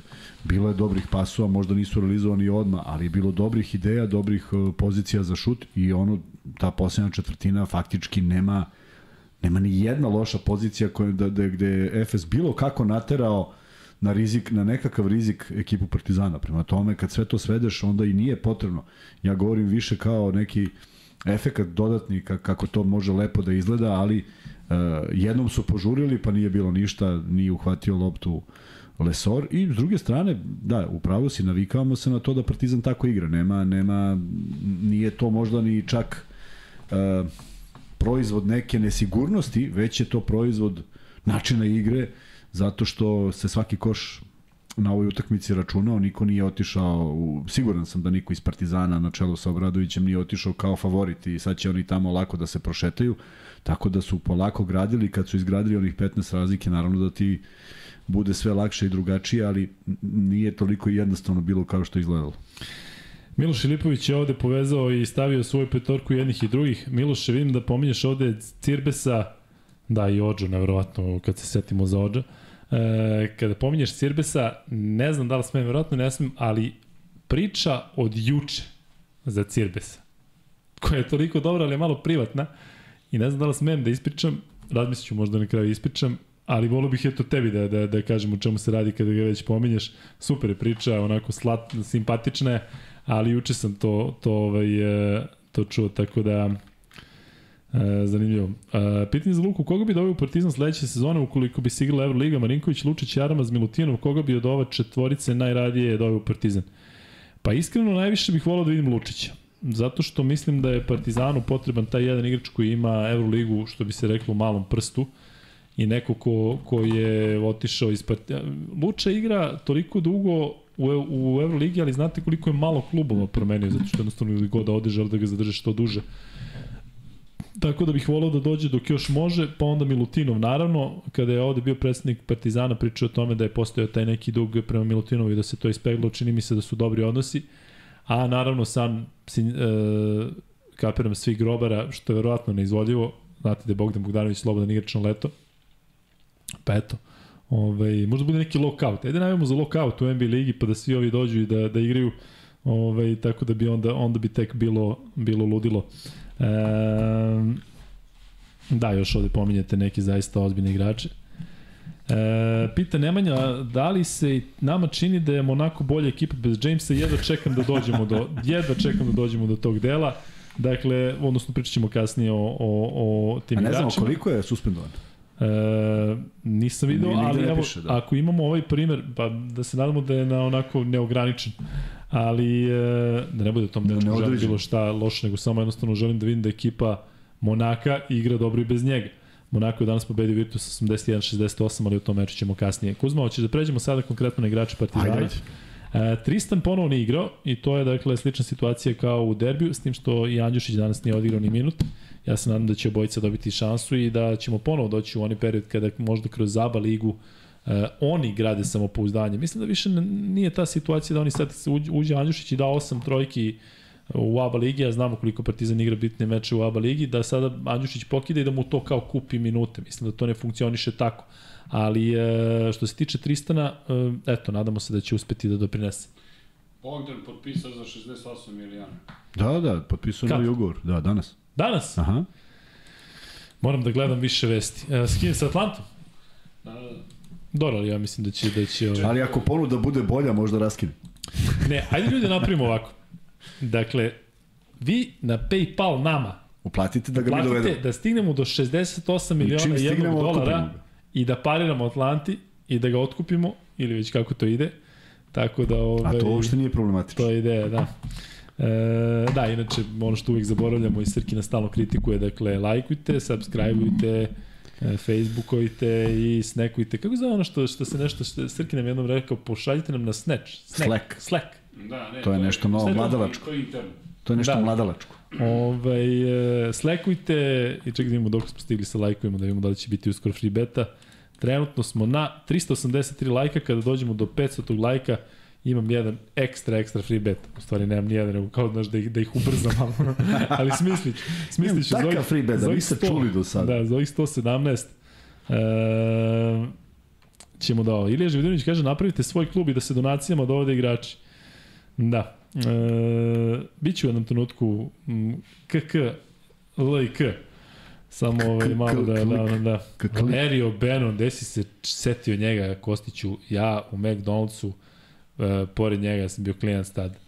Lerio Benon, biceps, znači neviđen, ali ko se seća, ko je bio drugi play zvezde kada je bio Obina Ekezije? Ko je tad bio play zvezde? Ako može neko se seti, svaka mu čast. Znam da dolazi u Kanadjankama da trenira, da onda kada bude, kad skine Kanadjanke, kada uđe patike u, u, utak, na utakmici, ja gledam Belo, rekao šta se dešava. Ko se seti tog ovaj, zvezdinog playa sa samog starta, 90. su bile, svaka čast. Uh, Luka osvaja Indian Wells ko muškaraca i žena po tebi? Vule, uh, doći ćemo do toga možda na kraju. Ali ajde sada da nastavimo sa igračima. Zekle Day, 16 pojena, vidim da je neko uh, pisao da nije igrao u drugom polovremenu mnogo, ja mislim da nisam primetio. Ne, ne, da, ali ako nema potrebe, to jeste tako sad je, cela ta priča. Je. On je odigrao izuzetno to prvo, izvukao sve što je mogao, čak i kad nije išlo i mislim da je jedan od pokretača onoga što se, kako se Partizan vratio. Mislim da je 14 već dao u prvom polovremenu. Ako je da. i samo dva, to je za celu utakmicu. 8 u prvoj četvrtini, ja mislim pa, da. 8 u onakvoj prvoj četvrtini. Pa da, od 11 faktički. Da, Tako šest. da, da, da je neko držao, neko je morao da drži, on je bio taj, to što je postigao dva, kad se sve sabere 16 pojena u ovoj utakmici, veliki njegov doprinos i opet u nekim momentima kada, kada je ta lopta morala da uđe u koš. Prema tome, mm, dovoljno dobra energija, a onog momenta kada se proceni da je, da je na parketu neko ko ima podjednako veliku energiju i proizvodi nešto dobro, onda nema razloga da uđe samo da bi ušao i da bi pisalo da li on igrao više nego da se dođe do željenog rezultata. Tako da, e, verujem da igra 20 minuta, što je za njega ispod nekog nivoa ovaj, navik, na koji je naviko, ali to je dobra stvar da može da traje malo duže bez umora. E, da, vi pišete da ovde Skuni Ben bio kad je bio i Ubina, jeste, ali ne mislim na njega. Mislim na jedan tandem, bio je jedan pre toga tandem isto play center, Mislim da su to prvi, prvi stranci tog tipa kao tandem Amerikanaca u Zvezdi, na njih sam mislio. E, Luka, postoji neki australijanac s našeg projekta koji je bio zanimljiv u našoj reprezentaciji, može i novozelanđanin. pa Dejan Vasiljević, e, mislim da, da, da je odličan, ali da nije taj kvalitet Sećate se koliko smo, tu je negde dres Saša Stefanovića, koliko smo i njemu želeli da jednostavno napravi nešto i da se možda domogne i reprezentacije ili nekog domaćeg kluba i da ima onako bitnu ulogu ali ja koliko znam Saša je uvek u Grčkoj, tako? Ne, on je došao ne, u Megu. aha. On je u Megi, tako? Pa ja ne znam da li još video. slabo, slabo, jako malo. Ne ide, nažalost, to onako kako, da. kako smo i mi želi, kako i on želeo. Pričao sa nama Saša Stefanović i taj e, intervju sa Sašom možete pronaći u, u jednom od naših podcasta, e, zato što nismo i to kad stavimo, kad smo stavljali ranije, ovaj, niko ne zna da je tu. Ali e, kucite Saša i Stefanović intervju i izaći vam to. Pola smo radili ovako, pa smo onda pričali sa njim i naravno nismo pre, preveli, ali ovaj, e, eto vi koji razumete engleski pričaju zaista interesantne stvari i o sebi, i o Srbiji, i o NBA ligi, i o NBA G ligi, i o njegovom koleđu Purdue. Um, ali um, što se tiče da se vratimo ovo na nekog australijanca, dakle Dejan Vasiljević je tu jedini. Ovi ostali momci mislim da čak njihovo poreklo i nije neko i pritom nisu nisu ovaj neki toliko bitni igrači što se tiče te australijske lige, eto gotovo je dan juče. E, pobedom e, odnosno šampionskom titulom Sydney Kingsa. U tom timu su u upravi ili šta god Luke Longley i Andrew Bogut, dakle dva bivša NBA centra i to kakva i to ovaj, e, osvajali su titule i ta Australijska liga, onako ja sam prilično vezan za nju zato što je non stop prenosim, ima tu mnogo interesantnih mladih igrača koji će biti na ovom draftu narednom, ali što se tiče da, evo sa tim Jalenom Adamsom smo videli da neko ko je tamo izdominirao pa dođe u Evropu, dođe u Zvezdu, I da, jednostavno, da, to ja to. sam prilično, prilično skeptičan da A želeli smo da uspe, kad smo pričali. Jest, kako ne, kako ne. Pričali smo o tome da bi to bilo dobro spojiti te dve lige i videti kako i onda možeš da ideš i u neku drugu priču, ovako, ovako je ostalo potpuno da, da. Ima Will McDowell White, evo to recimo, on mi se dopada, u smislu da volio bih njega da vidim kao nešto sam vidio da se Barcelona interesuje za njega. Ovaj, on je play koji je vrlo interesantan, ali momak je onako ble, bleskasti onako. Mislim da ako sam dobro uh, pročitao negde ili čuo da nije mogao da igra na američkom koleđu zato što su mu ocene u srednjoj školi u Australiji bile katastrofalne i nije uopšte mogao da da ovaj da konkuriše da bude na koleđu. Uh, ali eto recimo on je neko, neko ko, se, ko se tu izdaja. Nastavljamo sa igračima i stižemo do Aleksa Vramovića. Aleksa Vramović igra 27 minuta, ne znam, ali čini mi se da mu je to rekord ove sezone u Euroligi. Potpuno je onako ispunio očekivanje. Nigde se ni u jednom trenutku nije isticao ne znam kako, ali je radio taman ono što se kako treba. Kako nije? Pa odmah je bila agresivna odbrana, odmah je lopta da, ali nije tipa on, znaš, ali neko da, nije, podelio negde trojka kad treba, pa ovo kad treba, znaš, nije sad evo kada polaš 14 poena, jedna asistencija. I sad razmišljaš, pa dobro, nije to to, ali je sve vreme bio prisutan sve vreme, pravili. Naročito u agresivnosti, otežavao je posao onda kada možda i nije bilo boljih rešenja i onda ono, ali i sa dovoljno sigurnosti. Dakle, nije to bio neki floter iz, iz nekog e, neobičnog položaja, nego jednostavno svaki put je završio do kraja i to je delovalo uh, dosta, dosta, uh, ne da, samo da je delovalo sigurno, nego je pravilo ogromne probleme jer su nekako uh, više obraćali pažnju na druge. Verovatno scouting ekipe je bio da Avramović nije u toj nekoj formi i da će onda ode na koš, međutim potpuno iznenadio, ovaj iznenadio, iznenadio je Atamana svojom reakcijom koja je bila zaista svedena na na minimum nekih grešaka i na nekog nekim brzopletim potezima, tako da je eto, opet pokazao taj neki njegov talent i tu neku njegovu energiju, ali samo sada kad bi to moglo da iz utakmice utakmicu, jer malo je, malo je čudno da bude 7-27 negde, negde samo da su ustali sa minutažom, jer on apsolutno svojim postojanjem na terenu uz fokus kakav imao danas može da pomogne Partizanu. E, Da, ono što mi se zaista sviđa kod Alekse to je što sada čini mi se ravnopravno troši tu, tu uh, energiju na terenu. Tako i troši dakle, samo na igru. Tako je i dakle nema više, a opet može sebi da dozvoli taj luksus kada je već nešto rešeno da onako u svom, svom stilu to i proslavi.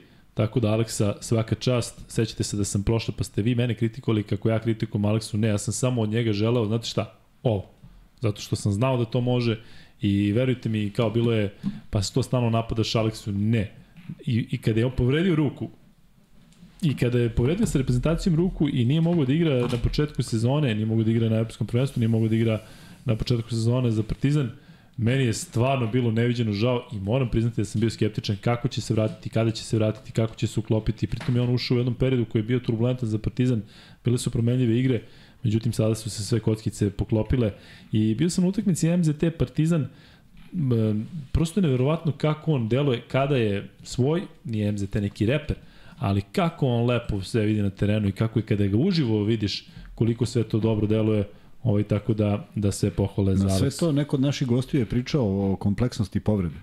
Da, tako da, da je bilo, ne, ti sećaš se koliko je bilo da, da će Jeste. se vrati pa se ne vrati, Tako da će da se vrati, tako da Tako to moglo da traje ta klackalica i verujem da je sa, sa oz- ozbiljnim problemom i ušao u sezonu u glavi kako će to da izgleda i neko vreme sigurno u nekom neprirodnom položaju držao ruku, Da, da, da. ali eto, prevaziđeno je to i vidjet ćemo kako će biti do kraja sezone.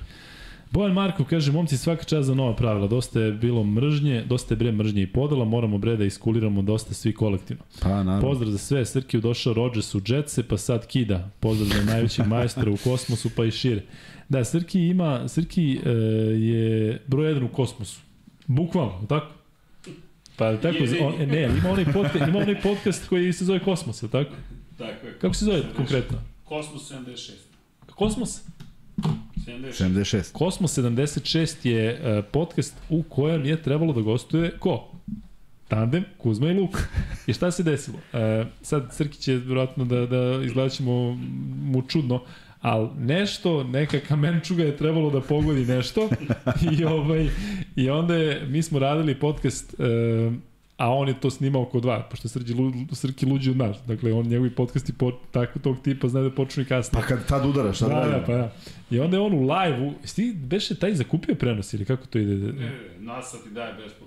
E, nas je dala besplatno Srkiju da može da snima to i onda je on rekao, ajde ljudi, ako hoćete, ostanite da, da to zajedno radimo i ja sećam da sam mu napisao u sred podcasta, Srki, mi o tome ne znamo ništa, to sam pričao i u Kuzmino i u moje ime.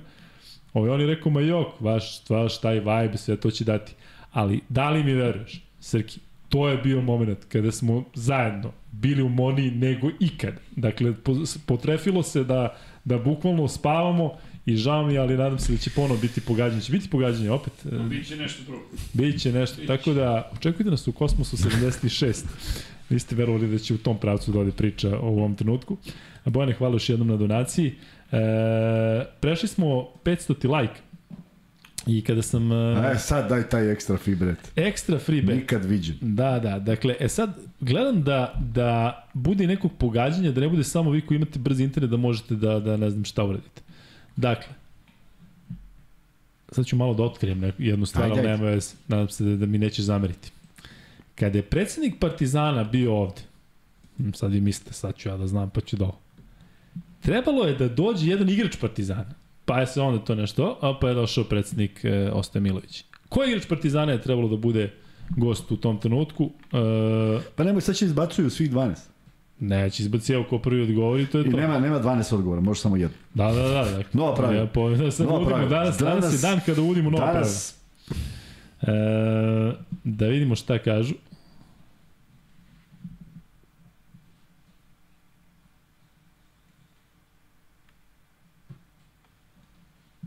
Kako Andjušić kad nam Andjušić bio. Nije mogu dođe dva puta. ne može dva puta. Ilija Živodinović kaže Vramović, Ilija, tvoj 500.000 ti jubilarni free bet e, će biti spreman. Znaš, ovaj, možda ne znaš, možda ne znaš kako se šalje, ali lukikuzme.gmail.com, tako da to je prvi free bet danas, kada dođemo recimo do 600 tog ispalit ćemo i drugi free bet. Slušaj ovo, mada ovo tebi ne znači mnogo. Jok, ajde, O, probaj, ne, probaj. ne, ne možeš da veruješ koliko ti ovo ne znači, a čak ni meni, ni meni prvi deo. Dakle, uh, gde sam sad to izgubio? E, Evo ga, Miloš Filipović kaže, Rodgers i Kelsey, Kelsey Plum, ali mislim da mišljam na Kelsey Plum, šampionka WNBA sa Las Vegas Aces su se nedavno venčali, to je zanimljivo za Luku, na primjer. Jesi ti znao to, Srki? Jel, ko je Rodgers? A, a da nije Zeka? Kenny Rogers. E, pa da, verovatno misliš na ovo. Kelsey Plum je ozbiljna glava, da vam kažem ja. Um, u Americi znam doktora koji je lečio nju nakon povrede, teške povrede članka. I ja sam mislio da je ona u fazonu kao većina devojaka u WNBA ligi, kao recimo Britney Griner koji ima suprugu, mislio sam da je tako, ali nije. Tako da ovaj, baš lepo za Kelsey, ona je igrala u Las Vegas Aces i možete da nađete na netu kada završite podcast, da ona drži neki rekord kada je bacala majice na utakmici LA Clippersa, devojka uzme i zamane kao, to ne možete verovati, ja ne znam koliko ono leti, da ona uzme majicu i, i baci je na tamo 60.000 red tribina, E, pritom je Kelsey Plum e, onako za mene posebno zato što je igrala i za reprezentaciju Amerike toliko puta i osvajala toliko medalja na svetskim, sve, ne evropskim, to malo teže, a na svetskim prvenstvima olimpijskim igrama e, toliko puta i pritom je na olimpijskim igrama u Tokiju bila u 3x3 reprezentacije, oni su baš napravili neko čudo u smislu ono da nisu mogli da izgube Amerikanke, tako da Kelsey je potpuno posjećena jedna od, moram priznati meni, me, prema mom mišljenju, jedna od najboljih e, WNBA igračica svih vremena, samim tim verovatno jedna od najboljih košakašica ikada. E, dobro. Mm, rekli smo ko je dobio prvi free bet, a mi nastavljamo dalje. Kevin Panter je postigao Kuzma 19 pojena i šutirao 3 od 5 za 2, 3 od 5 za 3, 4 od 4 sa penala, 3 skoka, jedna asistencija, jedna ukradena, jedna izgubljena, indeks 17, E, Panter danas i Panter u onom prvom delu sezone nebo i zemlja. Nebo i zemlja. Potpuno drugačije, ni jedan šut preko ruke, čak ni, ni u poziciji takvo, jednostavno traženje bolje pozicije, odlična, odlično čitanje odbrane, uh, mek, mek izbačaj, uh, još uvek prolazi onaj kontakt kada on malo nogu izbaci i sudije to nekada dosude, nekada ne, ali to mu je način, ja mislim da mu je to način šuta, da on prosto tako šutira i danas kad kažeš 3 od 5, 3 od 5, to kažeš negde savršeno savršeno je stvarno da pogodi sve, ali ovo potpada u onu kategoriju kada ti faktički kad god treba pogodiš, a on je to uradio naročito u drugom poluvremenu i onda kad krene jednog, drugog, trećeg, a šut im je bio, vola bi da imamo statistiku, nego, znaš da nikad nema statistika od nekog dela utakmice. Znaš kako smo po, po da, puta da. hteli da nađemo, aj samo da imamo drugo poluvremenu, nema. Da. Jednostavno sve se sabira od početka, ali bilo bi zgodno videti šta je Partizan šutno u drugom poluvremenu od trojke, mislim da je to dosta impresivno i da je na osnovu toga i tako i razbijao odbranu Efesa, mada ne mogu da kažem da, da, da, da je unutrašnja ekipa odradila svoj deo posla, mislim da je opet Lesor pravio probleme, da je LD pravio, pravio probleme, da je bilo mnogo nekih lakih prodora, da su skupljali previše, da jednostavno kad imaš Micić, Larkin i Klajburn, koga tu izabereš da bude taj koji je opasan u odbrani? Klajburn, uh, Larkin zato što je brz, Micić zato što je iskusan, Klajburn zato što je visok, ali uvek nešto nedostaje i to su odlično koristili igrači Partizana, svako na svoj način, pa Naneli, pa Panter, pa uh, Avramović, prema tome ozbiljno, ozbiljno drugo polovreme koje je, koji je rezultat? 39-35 je bilo tako na polovremenu. Na polovremenu je bilo 39-37. 39-37, znači da. koliko je to poena? 60? Da, da. Pa tako? Kako mi 60? Pa mislim, koliko je Partizan dao? Do 94 je došao, tako? Da. 55 poena. Da, da. 55 poena na gostujućem terenu prvaku u Evropi. Govoriš za drugu polovreme? Pa da. 58. Pa evo još gore, 58. Ti kaj, ja malo pre kažem 60, ti kažeš zašto 60, pa rekao da nisam omanu. Da. Uh... Kuzma, kad vidiš Kevina Pantera onako kako je tanak, mene to nekako asocira na rakca, ali u tvoje vreme se ne sećam da je bilo toliko tih igrača, tih viždjastih, tankih, ko da delo da ima 60 kila, sećam se da je Čubrilo bio baš onako o, tanak, ali tanak. posle, ali posle se malo nabuđio i kad je, kad je igrao onako kada ne, su ovo je da Jesi imao tako te, te ljude koji bre deluje kao vetar da može da ga, da ga, da ga struši pa, stvari? Da... Ja mislim da je Kutle bio tako nešto. Nije on bio nešto preterano jak. Kutle? U to vreme, da. Mi, nikad mi on bio nije delovao, mislim da je baš bio viždjast onako. Čubilo. Ali tih Amerikanaca, tih skakavaca, pa nema, tipa, koliko, nema. Nije, nije bilo po nije Evropi, bilo mnogo, nije, tako. nismo ih susretali. Da. To šta si susretao, to nije bilo ništa spektakularno. A Rakac, Rakac na treningu? Rakac je bio opasan. Rakac, Rakac je stvarno ovaj, pripadao nekom novom novom načinu, načinu igre i šteta što je bio u onom vremenu zato što ovaj, zaista te neke njegove... Znaš ko je bio? Saša Pavlović pre, pre odlaska u NBA. Da. Znači, znaš kakav je bio? Kao iglica i kad, kad se stušti na koš, nije ti dobro. Da, on je Balša Radunović. A dobro, Balša je tako bio pred celu karijeru. Pa cijela karijera, da, da hoću ti kažem, on je, on je bio taj Lelujavko. Da. Ti tačno miš nešto, nešto ga izbacio, on nastavi dalje, da. pa ogromne ruke. To je bilo, uf, meni je uvek kad, kad god ga se setim i kad god u Podgoricu vidimo se zaista jedan, jedan nenormalno dobar momak koji samo nije imao sreće a prosto je neverovatno kako je kakav Boriša Simanić, pa to je to je smešno šta je Balša mogu da radi. Pritom Balša je to stvarno isporučivao. Uh, Balša kad je igrao za budućnost, on je igrao dvojnu valjda na Ljubović. To je sad bila neka B liga. On se vrati sa 35, 40. Ni on, ni on naš, ni on tamo isto davao dva. Da, da. Nego jednostavno želeo čovjek da igra, ali nije bilo sluha. Na, ne, ne, nemam, nemam reči da, da ako nešto, znaš, ono, kad nešto pomisliš biće, pa samo čekaš, pa samo čekaš, ono nikako. I onda je, onda je ostvario neverovatne rezultate, ali po ligama u kojima je mogo da igra kod šale. Međutim, nije otišao u nekom smeru da da ga neko zapazi, da neko kaže to je taj. Eto, zami, zamisli njega sada i te neke NBA scout. Pa sutra ga vode. Sutra ga uvete za ruku i kažu koliko je obeštećenje? 5 miliona, 5 miliona nema veze. Ajdemo, napravit ćemo nešto od njega. Bone 10 kaže, još jednom nadam se da će Luka da pročita. Nijedna uvreda ne sme biti upućena prema vama, pogotovo ne Kuzmi koji odgovara na Insta uvek. Naravno. Ipak, za nas grobare, neprofesionalno komentarisanje derbija. Eto vidiš, Bone. Ti No. si lepo rekao I imaš pravo da to misliš, treba. tako je. Tako u smislu kako ti misliš. Tako je. Je li ima uvrede? Nema. Ne, U pravu si, Kuzma odgovara svima na, na, na Instagram i to smo toliko puta potencijali i onda verovatno ljudi misle sad će baš sad da... može da, ovo kažeš šta god hoće. E, stigla još jedna donacija od Omara Gabriela Batistute koji ne znam koliko mu je plata, ali dobar deo te plate potroši ovde na nas. Evo jedan fun fact, da li ste primetili da svi u Partizanu furiju brkove osim Adara koji vjerojatno ne, mo, ne može da ih pusti. Da, zanimljivo, zanimljivo ovaj, za pažnje, vidjet ćemo da li će to biti neki trend. Srki, može da pustiš onaj pol, Srki je predložio jedan pol, onaj koji najviše stavljamo, tako da će sada da, da stavi pa da vidimo kako se trenutno kreće e, situacija sa vama koji ste ovde, ima blizu 2000 u live-u. Uh, Luka, da li znaš šta radi i gde je Quincy Miller i da li možda ima šanse da se vrati u Euroligu? Da se vrati u Euroligu nema šanse nikakve. Prenosio sam ga, Nadamo se da se da. neće vratiti. prenosio sam ga nedavno, pre nekoliko meseci kada se igla ona Big 3 liga, igra tamo, mislim da je to prava mera za njega i krenuo je da se nekome unosi u lice da on je neki prozike, ali je natrčao na nekoga s kim nema baš zezancije, pa je dobio onako odgovor, ali mislim da je eto taj Big 3 u ovoj fazi uh, karijere Quincy Millera taman uzme malo lovice, igra tamo po Vegasu, igra protiv bivših NBA jasova, Ove, ali da je bio sve vremeno opasan u smislu, jel, jel ti onako, Quincy Miller i, i Panter, ili imaju neke sličnosti u smislu tako jedna Ne, i ne, jedan? ne, ne, a? ne, ne. Mo, mogu da imaju malo fizičkih, ali čak i visina nije bila ista i drugo, uh, ja, naj, naj, meni je naj ne, neobjašnjivije to što on ne koristi, što Panter ne koristi svoj ulaz. Quincy Miller je koristio uh, ludački šut i ludačku Jest. neku inspiraciju, inače nije on bio sad kao zaludite kad uđu, a Panter to ima. Panter se provuče gde god hoće, Panter može da polaže i opet je danas koristio i to, i opet dobije faul. Da. Jeste to napornije, jeste da te malo izudari, jeste da može da se desi završiš na parketu, ali to je košarka, to i jeste cela fora. E, vidjet ćemo da ovo vratimo taj humanitarni bet i na nekom trenutku ćemo sigurno imati to, ali sada nema smisla zato što sutra znate da se igraju dve ili tri utakmice u okviru Euroligi. Dakle, trenutno je situacija sa lajkovima sledeća, na 553 smo lajka, kada dođemo do 700, tog recimo, ispalit ćemo drugi free bet, vjerojatno ćemo u tom trenutku da pređemo na, na priču o Crvenoj zvezdi i ovome što čeka sutra Crno-Bele protiv Barcelona.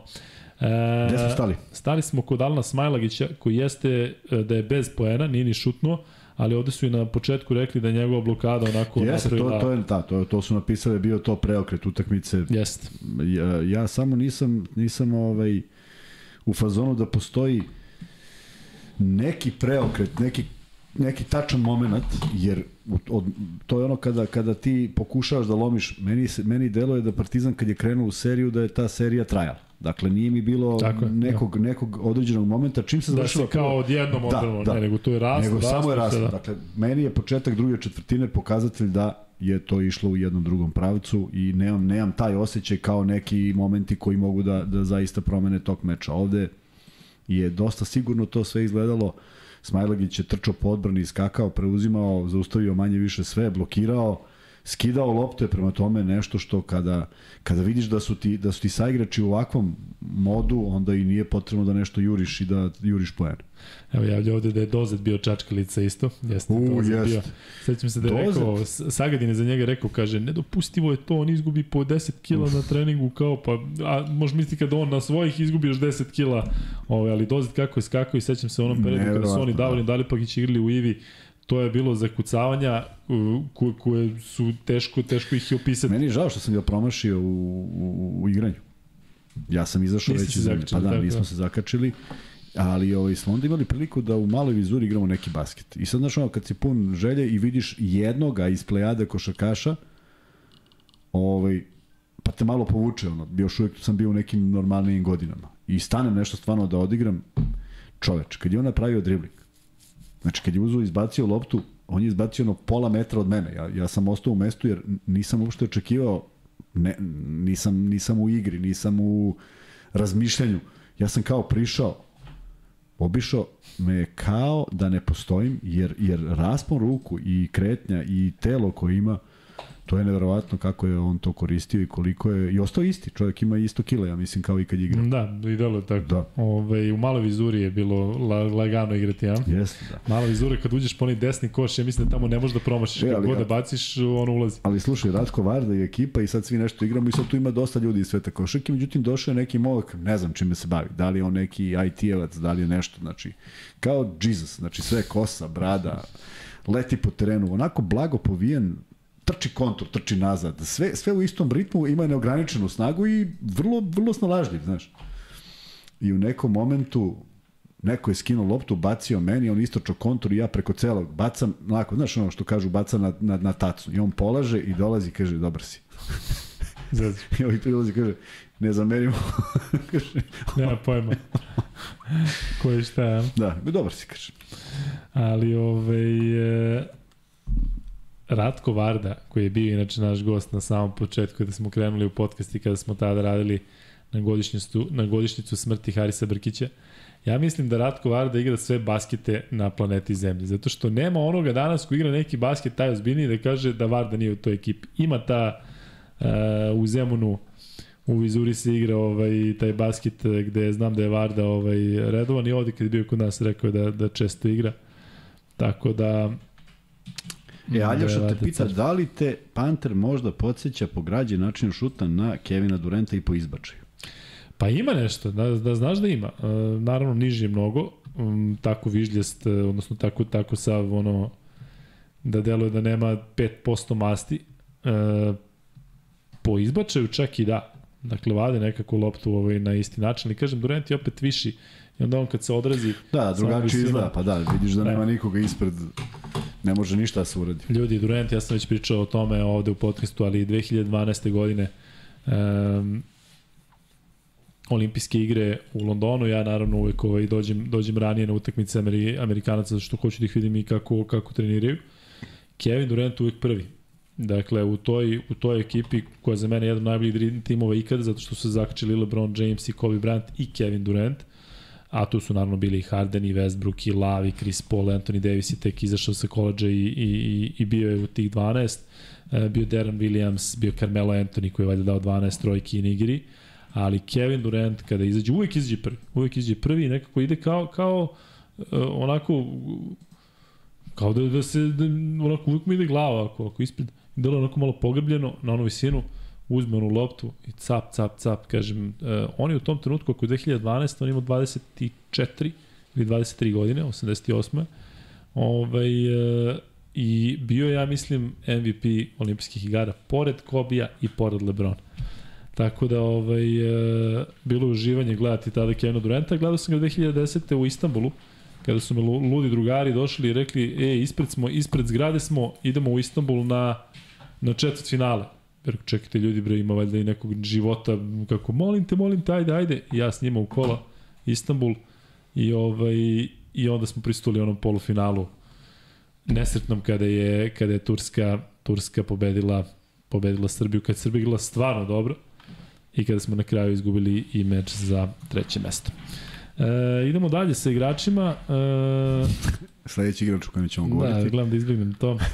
Janis Papa Petru, ovo je interesantno, dakle, uh, Papa Petru igra malo i ne doprinosi mnogo i to je nešto što je drugačije u odnosu na početak uh, sezone, ali mislim da čak ni očekivanja nisu toliko velika da je Papa Petru takođe neko ko igra, ne doprinosi puno, ali to se apsolutno ne fali ekipi. Pa ne fali danas, međutim oni su ta, ima bila ima jedna petorka koja je bila startna petorka i podbacili su u nekim segmentima, mada on je sasvim pristojno otvorio utakmicu, on se ubacio u reket, okrenuo Klajbona ili već nekoga šutno pogodio.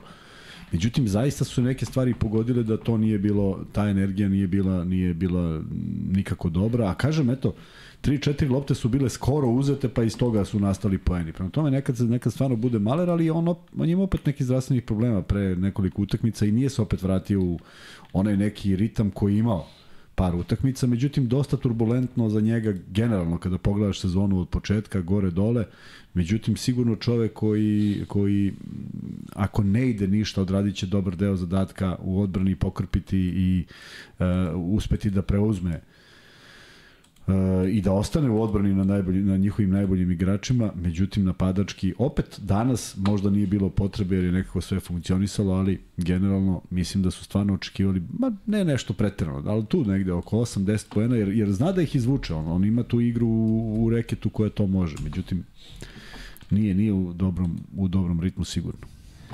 E, da. E, ovde kažu da, da nismo primetili da su Ke, Kevin Panter i Kevin Durant imaju isto ime. primetili smo kako nismo primetili. Ovaj, u svakom slučaju Panter je stvarno uh, isto bio neko ko, ko onako da kažeš uh, ranije bio divlje igrao, sad je sve to sveo na minimum te neke svoje tu potrebu da iz jedan na jedan rešava na neki način pre, sa 8 metara preko ruke, a čak i pogađa to, tako da svaka čast kako, kako je on napredovao tokom ove sezone. E, Bryant nije bio u Londonu 2012. čini mi se. Nemanja ne da je bio, nego je bio i razbijao. Ovaj, bilo je milina gledati ga.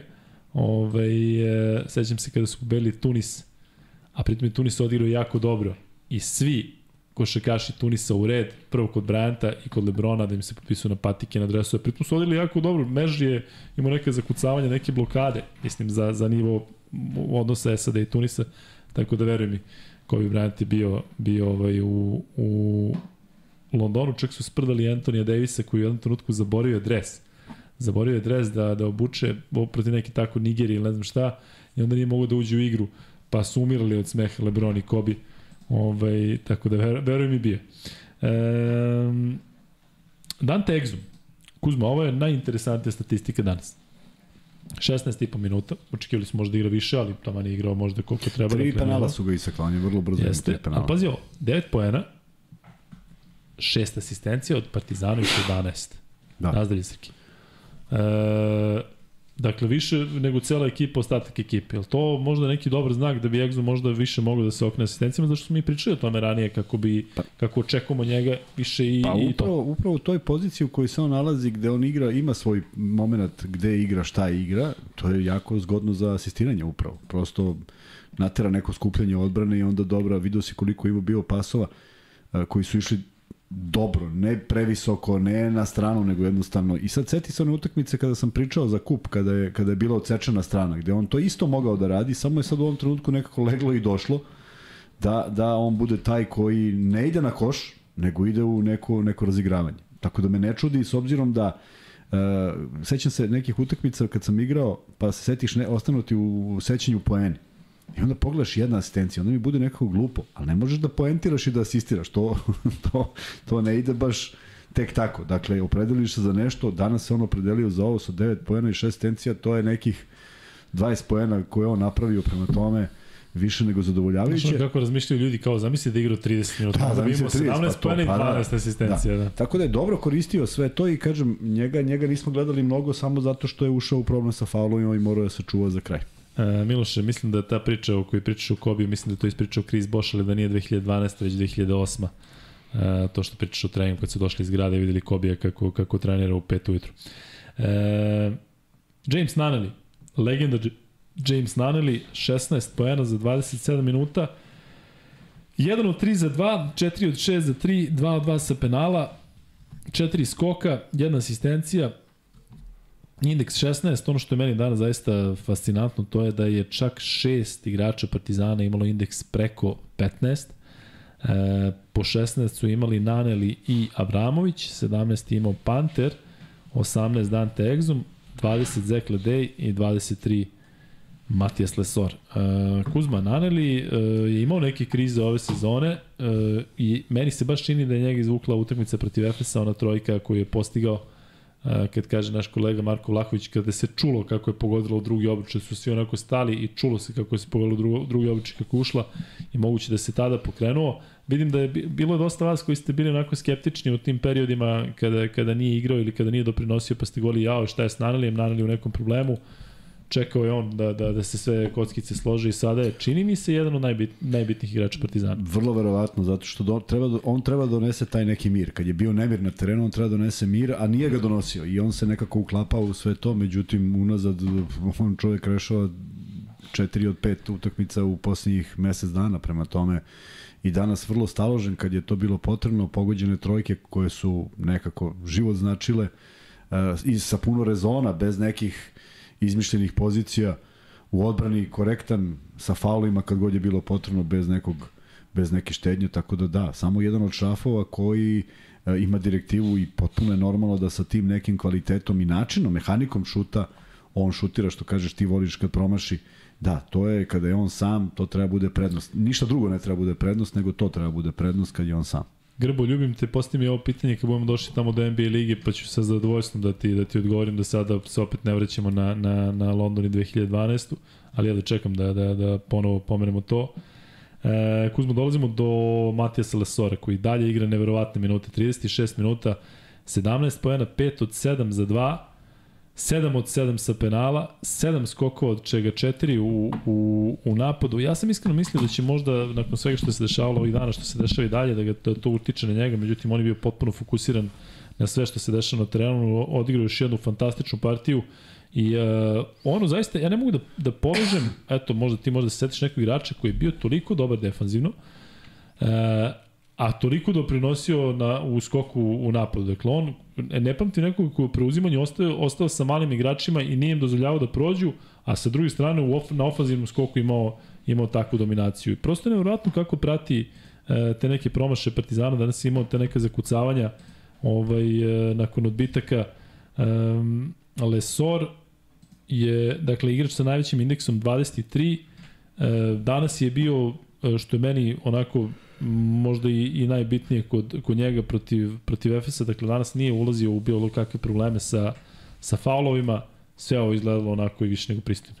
Jeste, samo, je, samo imaš sad tu jednu nema veze sa direktno sa Lesorom, ima veze sa činjenicom da je danas igrao protiv Plajsa i Dunstona, uglavnom, a kad su bili u Beogradu igrao je Žižić, nije igrao Plajs. Da. Onda je sve nešto čudno i da li su hteli da ga, ne znam, da li su zaista mislili da ova dvojica mogu i Plajs može, Plajs mu je jednu rampu u prvom poluvremenu ovaj, napravio jednu blokadu, ali samo zato što je osetio da, da, da to nije to i drugo on se nije susreo s Plajsom možda ni u prošloj utakmici, ne znam da li su se uopšte smeta kad je toliki, međutim u pravu si potpuno, on čita gde će lopta da ide i me, mene, mene ta energija i to nešto što on ima podsjeća na Dejana Milojevića. Dejan Milojević mogu ima 18 skokova u napadu. Zato što prosto čovjek brze noge i gleda, nema visinu pa kao sad on dominira skokom, nego jednostavno čovjek tre, trči, postavi se, postavi se kao da stane stub, kao da si da.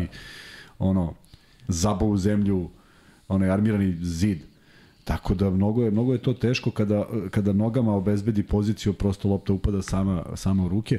Lesor to ima, sve je vratio danas. Ima onaj jedan moment koji se nije dopao Obradović, to je ona kontra sa Eli Upom kada je napravljen faul umesto sigurnih poena. To, to, to ne treba da se radi. Čak ni u momentima kada se vodi, čak ni u momentima kada to deluje jednostavno 3 na 1, ne zna se ko je bolji napadač od njih trojice, samo treba što jednostavnije da se završi. Ali da, Lesor pre svega defanzivno sa, sa velikom energijom i ofanzivni skok koji mu nekako ovaj, omogućava da dođe od tih indeksa, jer malo je bilo lopti gde je sad namenski neko došao na stranu pa mu spustio da on igra 1 na 1. Obično je to nešto što on uhvati sam. Da. Ivan Ivanović donira i ima jako lepu poruku, kaže kako mi je Luka opušten, pobedio Partizan i uneo mu mir, a slušaj sad ovo, Kuzma i Rade Bogdanović da naprave jednom nedeljno podcast za edukaciju stanovništva. A? Hvala na predlogu. Ja se trudim. Srki, uh, podcast 7.6 da se zove edukacija futbolsko, košarkaško, sportskog. Ja mislim da ja mislim da da da unazad od kad nam su nam pale neke ideje na pamet da to i radimo i mislim da je fenomenalna reakcija ljudi bila na na hiljadu tih nekih stvari sa svojim predlozima. Šta ljudi šalju od muzike, šta sam preslušao što nikad nisam da. slušao, pa to je fenomenalno. Tako da ovaj mislim da tome ovo služi i iz tog razloga, iz tog razloga te neke šire priče smeta to ovaj, smeta to kad, kad remeti, ne nas, nego remeti sve nas, ne mene i Luku, ipak smo na neki način javne ličnosti, pa imate pravo, ali evo onaj malo prekomentar koji si pročitao. Potpuno čovjek može da da, da kaže da, da, da, on misli da je to tako. tako. Ali, ali ja imam samo jedno pitanje. Ne šta je to što njega sada odredi da tako misli. Ne to. Nego ljudi, mi smo, mi smo bili dva čoveka koji vode podcast i gledali utakmicu. Mi nismo radili kao dva komentatora. Tako je. Hteli smo napravimo takvu neku priču, a ne da vi sada gledate neku dvojicu najluđih koji sede ovako i pričaju šta vide. Pa to, to možete i da ne uključite nas. Dakle, baš je cela ideja trebalo da bude Partizan protiv Zvezde u jednoj Tako. benignoj situaciji, a ne da se naprave neke koje se konstruišu neke stvari koje nemaju veze. No, nije ni važno. Neću se Mislim da ne treba da tome pridemo mnogo Ne, znači, ne, zato što ne. je ušlo potpuno ludilo. I znaš čega Da. sam se setio? Evo sad vidiš šta se dešava Filipovoj devojci, šta se dešava naravno Lesoru, koliko tu sada se sve, sve ima ludilo. Ali Setio sam se Bena Bentila u celoj toj situaciji koji je sam rekao da dobija na stotine Da, poruka da, da, da, od da, navijača da, Crne navijača, zvezde. Dakle, šta onda da očekuješ kada je ovako? Mislim da s to sa ovim društvenim mrežama da je, da je jednostavno nešto što što mora da se desi, a mi smo ovde zaista dali ono što se kaže, zicer na tasnu su vam stavili, udri i sve snage po kome god hoćeš i kažem, tu smo malo pogrešili i evo, svi hvale kako danas izgleda chat. E, Vojne, vidio sam da si imao neku jako dobru poruku, govorim o Vojnu Zogoviću, ali, ali nisam stigao da je pročitam, a sad ne mogu da je vratim. E, uh -huh. Da vidimo šta još ovde ima. Zanimljivo. Da, imamo 1080 glasova i imamo 625 lajkova i oko 2000 ljudi u live-u, baš lepo. E, neko te pitao Kuzma ovde kako komentarišeš ovu kombinaciju i meni su isto pitali ali ajde ti, ti ćeš to stručnije bolje. Dakle, tu kombinaciju Allen četvorka, Alessor petica. Može u određenim situacijama. Zašto da ne? Ja, ja, jeste pitanje zašto, zašto nije. Mislim da je Leda i proizvodio to što je proizvodio da je zaista bio negde stub. Međutim, nismo to do sada gledali, a mislim da nije, nije nemoguće gledati. Naročito kada njih dvojica na današnjoj utakmici sve što su preuzeli su odbranili. Dakle, Alen Smajlegić deluje malo nezgrapal. Nije, prvo nije prvo inteligentan, a drugo nije spor. I uh, vraćam se samo na utakmicu, na utakmicu Zvezda, Zvezda Partizan. Alen Smajlagić pravi faulove na, ne na svojim igračima. Ne u preuzimanju, nego u prodorima. Da. On štiti koš, pa ne može, ne može, ima, ima tu i nekih majstora koji znaju da izvude faul. A danas se to nije dešavalo. I danas je on sve što su mogli da preuzmu, na šta mislim da uh, je, neka odgovornost ide na Atamana, ne zanima me, mislim, šta je uradio loše, naravno, baš me briga. Nego hoću da kažem da je bilo providno kako će Partizan braniti, a Efes ništa nije učinio da nadmudri to, tako da išli su Malo, na malo varijantu. kad dođemo do Atamana, nekako, Dođemo do on, on Atamana. je uvijek tu Pa prisutan. da, ali on je morao nekako da smisli nešto, jer ono je izgledalo, e, kogod preuzme, a preuzme se vrlo brzo, igra 1-1, i to bez, pre, bez ma, sa malo uspeha. Da neko odskoči sa strane i da šutne trojku, okej, pa možda ja to i hoću, ali nije bilo ništa opasnije od toga, to je veliki problem. Tako da, e, a, a s kontra strane se dešavalo da Avramović upravo taj lo, e, buši rupu kroz reket i polaže. Ne, znam da je bilo nešto mnogo polaganja u tom periodu u drugom polovremenu Efesa. E, da, ja ću se samo kratko e, vratiti na Lesora, e, pošto je ono posljednji kog, kog smo komentarisali, evo sad smo ga povezali sa Alenom, ali možete li samo da zamislite kako bi izgledao još Matijas Lesor da ubaci neki ozbiljan e, šut sa polu distance? Ne daj Bože trojku. Dakle, onda zaista to, to postaje, ja mislim, nestvarno. A on ako, je li to Kuzma izvodljivo ako čovjek ima ovako sad e, izvodi slobodna bacanja toliko sigurno, toliko sigurnije, da jednostavno može i proba u nekom trenutku. Jednom smo to pominjali, ti si rekao to nije njegova igra. Ili može on to da ubaci u svoj arsenal? znaš šta mu nedostaje? Šta? e, ajde, ne lutam, ne lutam po utakmicama drugim. A, neka utakmica je u pioniru Bentil i Martin. Bentil baca brzo loptu, a Martin je, kako je prima, vraća u koš. Ne šutira, nego je vraća. To je Da, sa, to Lesor ne. to Lesor nema. Ne da namesti da šutne, to je već daleko, to je već penal.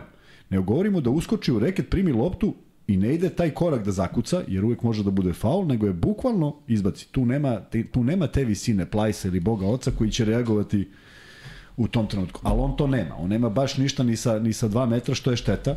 Nema čak ni ono da se okrene pa neki polu horog da, Da, šutne. ali on imate recimo tu građu da ja mogu ima, da zamislim kako to. izbacuje fade away, a to nikad nismo videli.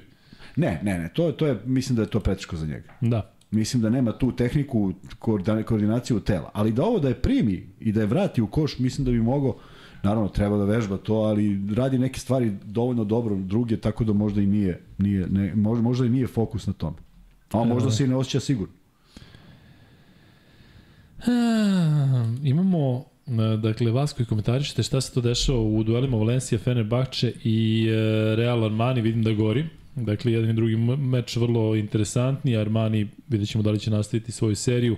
Igra se još duel Asfal Panathinaikos, ali to vjerojatno nikoga ne zanima zato što su bez šansi da, da prođu dalje. Nekoliko utakmica već je odigrano i to ćemo sve pominjati uskoro.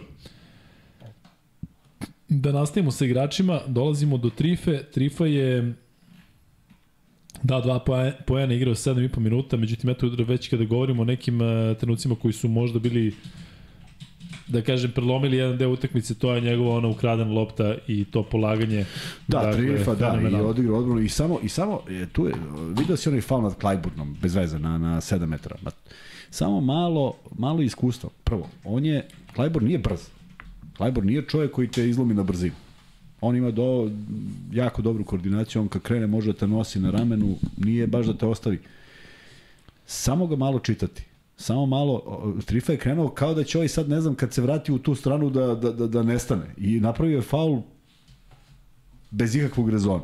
Dakle, samo malo da se opusti, da razmišlja ovaj, više, ali donese on tu neku energiju, jer zna šta mu je zadatak još kad sebe nagradi nekim poenima, a i to je uradio Odlična utakmica, nema šta. Koliko minuta? Toliko minuta, potpuno Tako je. potpuno ne. Nikom ništa ne smeta, ma, kako? njemu ne smeta. Ma, samo si podigao, samo si podigao. Znači ti si ta 3 minuta podigao rezultat za jedan. Za da. jedan si ga podigao i to, to, ne, to. to je trebalo i Tako je. Kuzma, kako vidiš karijeru uh, Trifunovića, naravno želju da bude pre svega zdrav, Da li može da bude recimo na tom nivou uh, Vanje ili Jaramaza da iz Partizana ode u nekog Evroligaša u nekom trenutku? Zašto se o njemu pričalo da će ga neko draftovati i u NBA ligi? Gde bi volio ti da ga vidiš? U NBA-u ili negde, negde bliže? Ne, mislim da će, mislim da bi volao bi da mu domet bude neka evropska košarka što više. Teško je to reći, zato što ću ti navesti bezbroj primjera da smo videli da su već pa se ništa nije desilo, pa se onda pojavi neki mali uporni žika i on prođe. I to se stvarno dešava. Dešava se, mislim, E, Nekad kažeš mali uporni žika, meni Aleksa Vramović u, u, u pa glavi, on njegov put je išao okolo, Avramović, naokolo. Avramović, do... samo da nije još, išao okolo, naokolo, da je, da. da je negde se zabao u nekom klubu. Da. Ajde sad Partizan da mu se posreći da dođe Željko i da bude on tu, to su to se poklapa. Ali ovaj da je bio nekom kod nekog ozbiljnijeg trenera jer jer kod njega je kod njega je E, tog dana kad je ušao u univerzitetsku reprezentaciju, svi, su, svi koji su ga videli su prepoznali tu neku ludačku pozitivnu energiju, da on to može. Još i levoruk. Dakle, to su neke stvari koje su prednost. I samo da je bilo neko to da kanališe. Pre, pre četiri godine, ne, ne sada. Sada je on formiran igrač, može naravno, uvek svako može da nauči da bude bolji, ali znaš kako bi značilo da ima 3-4 godine manje. E, Kuzma, ajde još jednom onu priču o, kod e, odnosno tvoja priča sa Aleksom Avramovićem, kako si učestvovao u tom dovođenju? Zato što mislim da to nisu mnogi čuli, a, a redi. Kad si bio u Savezu. Da, jedna od prvih akcija je bila univerzitetska reprezentacija sa kojom uvek ima problema i nije tu neki naročit problem kod igrača da oni sad nešto a priori neće, nego postoji problem da se uh, univerzijada ne pokriva osiguranje. I možda u slučaju velikog broja zemalja koji učestvuju na univerzijadi to i nije problem, jer to jesu de facto studenti. Dakle, Amerikanci šalju svoje studente, Kanadjani svoje, ali tako? Mi pošaljemo profesionalce, koji ako se povredi na duže, nema ugovor. I naravno da je postojala odbojnost prema svemu tome. Međutim, selektor uspe da napravi 12 igrača koji idu. I zbog zdravstvenih problema otkaže jedan playmaker. I ne postoji. Ne postoji više ni jedno ime koje možemo da pozovemo da nismo zvali. Sedimo sa stručnim štabom i ne znam. A koja je to generacija bila? Nema generacija, to su univerzijali. Otprilike koji igrači? Pa preko 20, znači 21, 2, 3, 4, 5 godina. Ali od ovih koji su sad aktualni, ili se sećaš nekoga? Uf. Teško, ne? Znaš ko je bio? Trebalo je Cvetković da bude playmaker. Mislim da je Jovan Novak bio negde u opticaju, pa je on otišao u Trevizo ne mogu, stvarno ne mogu da setim da li, mislim, zaista prvi onaj moment i jedna, jedna, jedna, ne zašto ne mogu da se setim, ne zašto nisu bili, zašto nisam, zašto sam zaborio, nego zašto je spisak igrača koji je trebalo da idu bio potpuno drugačiji od spiska koji je otišao, pa je bilo sve ad hoc. U svakom slučaju, fali 12. i mene pozove Rile, moj drug, trener, i kaže, čujem da si u problemu, rekao jesam, imam jedan predlog, i sad znaš kada te nazove nekog koga imaš poverenje. A, I ili kaže, ima levoruk, neviđena energija, nije ob, obučen, ali kaže, za ovo, kaže, prvo, želeće da dođe, što je velika stvar, a drugo, kaže, stvarno, kaže, nije, lako možda da ga da treniraš s njim, što je isto vrlo bitno. I ja sam ga pozvao i pitao jel bi išao u reprezentaciju, zadužiš opremu, naravno, za 4 sekunde je bio i otišao na trening i to A je gdje je to. to bio? Seć možda u Varezi ili tako negde, a? Ne, on je trenirao sa OKA Beogradom, još nije bio van zemlje. Još nije bio Ne, van ne, ne, ne. On je igrao kod nas. I ti si ga zvao, znači dobio telefon, zvao ga i... Da, da, da, da. I on se pojavio i nisam nisam više ni učestvovao ni bilo šta, nego jednostavno je čovek ovaj, zaslužio sve to. Nama je došao Stefan. Ćao Stefane. Ćao Stefan, završio trening. Stefan je došao po svoj dres. Stefan mi je napisao, kaže, moram Stefan. dođem po dres, zato što želim da treniram u njemu. Fenomenalno. Stefane, gde treniraš? U FNP-u. Fenomenalno. Sedi, sedi, godište? sedi s nama. Koji si godište, Stefane? 2005. 2005. Ko moj sin, čoveče. Mogu bre otac da ti bude. Da, jesi napunio 18 ili tek treba? Evo, u decembru. U decembru. Srećan rođendan u napredno da Stefane, da je 18. Onda ćeš moći da, da ulaziš. Ćao Stefan. Ćao, te živio. Nemoj Pa ispred tu, kamere, pazi, samo ne pazi ispred da kamere. ako, nam, ako kamere ovaj, oboriš, Nećemo. onda smo u kanalu ozbiljno. A, ti hoćeš tu da sediš? Ali, Do, sedi, sedi. Ajde. Da. Ja sam razumeo tamo. ali- Ne, ne, sedi tu. Sedi, Sedi s nama za stol. Evo, smo- Stefan. E, Pričali smo- o Aleksi. Pričali smo o Aleksi i e, već ko zna koji put večeras. Dolazimo do Danila, do Danila Andjušića koji nije igrao, ja mu stvarno želim da on da svoj doprinos u nekom trenutku i da da te njegove trojke vidimo kako ulaze, zaista kada pogledate gde je bio prošle sezone i kada je potpisao za Partizan i kada smo ovde, Kuzma i ja pričali o tome ko će biti lideri Zvezdi i Partizana, pa smo rekli naravno Zvezda ne da, Partizan Andjušić, pozdravili to što se vraćaju ti igrači koji su igrali u Euroligi, što se vraćaju u svoje klubove. Niko verovatno neće biti, neće, nije očekivao da će ovako Andjušić da, da, da uglavnom bude na klupi, ali eto, možda se i to, to promeni. Ja sam siguran da će doći moment kada, će- kada će Andjušić u nekom meču biti jedan od, od uh, X faktora, kao što je to bio slučaj recimo u onoj pobedi protiv Monaka u Beogradu. Ja Madar, uh, dva poena za 5 minuta, dakle Madar je odigrao to malo minuta, dao jedan koš, ništa drugo osim toga, ali Partizanu i to dovoljno, tako zna. Tako je. Nema što se tiče Madara, kažem, e, zaista deluje da je on prihvatio svoju ulogu. I mora prihvati tu, Tako je. apsolutno svako mora, nema nema tu rasprave neke. E, videli smo on je ponovo izašao i potpuno potpuno mu sa pravom sugeriše da ne ne sme Vasa ići do koša. Verovatno je dogovor da može sve drugo. I onda ako je tako rekao trener, nema tu koji god trener, a ne trener Partizana Željko Bradović ti kaže treba to da uradiš, ti sad razmišljaš. A, vrati se, vrati se na, na, na, na, vratimo se na derbi. Vildosa kad izlazi i rasprava. Nema rasprave sa Ivanovićem. Sa Ivanovićem s kojim po- pogotovo ima, treba imati takav respekt da rasprave nema. Ja kad bih sreo Duška Ivanovića i sad on mi kaže, postavi mi bilo koje pitanje pitao, šta, šta je rekao rekao? do Pa da, nije, to je to. Da, li, da, da, Tako je, šta to- god je rekao, možda je rekao nešto, Tako je. ja, boli me noga, Tako. ne verujem Ma da nema- tako nije delovalo tako, ali sve jedno, ono širenje ruke i sad nešto odmahivanje. Sediš i ćutiš. Jedino, da. jedino ako je stvarno toliko neka greška, znaš, dešava se, dešava se, imaš trenera koji nešto uradi potpuno samoubilački, ali ovo nisu ti momenti, ovo nisu, nije taj profil ljudi. Prema tome, Znaš ovaj, šta, deluje mi recimo kod Obradovića i Ivanovića, oni su recimo ti treneri, Željko, ajde da ne govorimo njemu, da on se podrazume, ali ti, ti treneri gde ti, kada mu neko odbrusi ili nešto, ti očekuješ da ga nabode. A recimo kod nekih igrača kao recimo Obradović e, kod Jamesa ili sad ovo vidiš da on pokušava nešto da mu objasni on pokušava da zna čime, znaš, či, znaš čime se suočava. Ali vidio si kada Duško Ivanović na nekoga bre, bre, drekne ili bilo šta to ovo, a ovde kao sad on priča nešto s njim, a ova je kao nezgodno. Samo- samo- to, mi, to mi nekako ne ide. Samo, znaš. samo je procena situacije. Dakle, že, Sale je bio u stanju da prebije nekoga. Pa je odustao od toga, jer je shvatio da došao u klubu u kojem ovaj, ne ide to tako. A izvini, Zdovc isto bio takav? Zdovc se Ma u kakav, pa zamisli Zdovc koja je panja kad je on teo da se bije s onim igračem. Zamisli Pa da. šta je taj rekao. Je. Zdovc koji je bio ono Pa sinonim pitam, za... kao- kao za- pa gde je čoveče? Pa kažem ti, eto, ja sam uhvatio tu jednu utakmicu protiv njega. Pa to nema finijeg. Ne, ona te udario, te nešto. Ej, čovjek i dalje 30 i kusur godina imao, stariji od mene, naravno. Pa i dalje ginuo u onoj odbrani, bre, igrao sve. Ma nema prljavštine, nema ničega, nema provokacije. Završila se utakmica, on priđe kaže svaka čast ili šta god. I Da, stvarno deluje kao- sad, zamisli u koje stanje on doveden da, da, Da, da, da. da, krene prema onom igraču. Ajde da vidim ko zna. Kako se zove igrač koji je hteo da bije Juris Dovc dok je bio trener Rajka? To, da, da ne tražite na netu. Eto, to bi, to bih ovaj, Ne, volio. mislim da nisu priključene slušalice. Da, nisu Ni mikrofon, da. Stefi, kako se tebi sviđa kod nas? Dobro? Ja ne znam, ovo je jedan od snova. Jedan sno. Što ne reče ranije? Ja vas od septembra svako veče slušam. Ja vas sa septembra svako večer slušam, moja mama vas poznaje sve po imenima, kaže, A reci mi samo, ovaj, je li saigrači gledaju, a? Je li ima da se gleda? pa ima dvojica, trojica, ja malo širim vesti, pričam o utakmici, neko da se divno, ubaci. divno, divno, Stefi, aj pričamo i posle podcasta malo. Ovaj, e, Kuzma, mi smo završili sa igračima Partizana i sada ćemo da pređemo na ono što Partizan čeka u narednom Da. periodu. Ajmo samo jednu vest koju ne Ajde. znam da li se vidio da je osvanula. Naime, onaj Eurohoops piše da je da se znaju svi učesnici Euroligi za sledeću godinu. Ti znam da imaš ma, manje kontakata sa društvenim mrežama. Sa, sa internetom uopšte, da. Da. dakle, ovde ja, znaš, ono kad sam, kad sam ja kao dramio, znaš Srki, kada nije bilo, kao nije bilo interneta, ja mislim da do mene, ja jednostavno ne, ne mogu da uđem na internet, znaš, znači uopšte nije, znaš, kao ono, On samo nego se ne sarađuje meni sa internetom. meni Whatsapp i Viber su ono, ovo, i mogu vam reći, uživam u tome.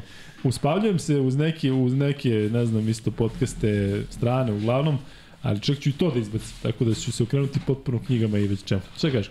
A, kažem da je izašlo to da... Da, da, ko je, ko je tu? Samo nemoj reći da, ni, da nisu Partizan i Zvezda. Ne, da, jesu i Partizan i Zvezda. I sad ja bi, mislim, drago mi je da jesu.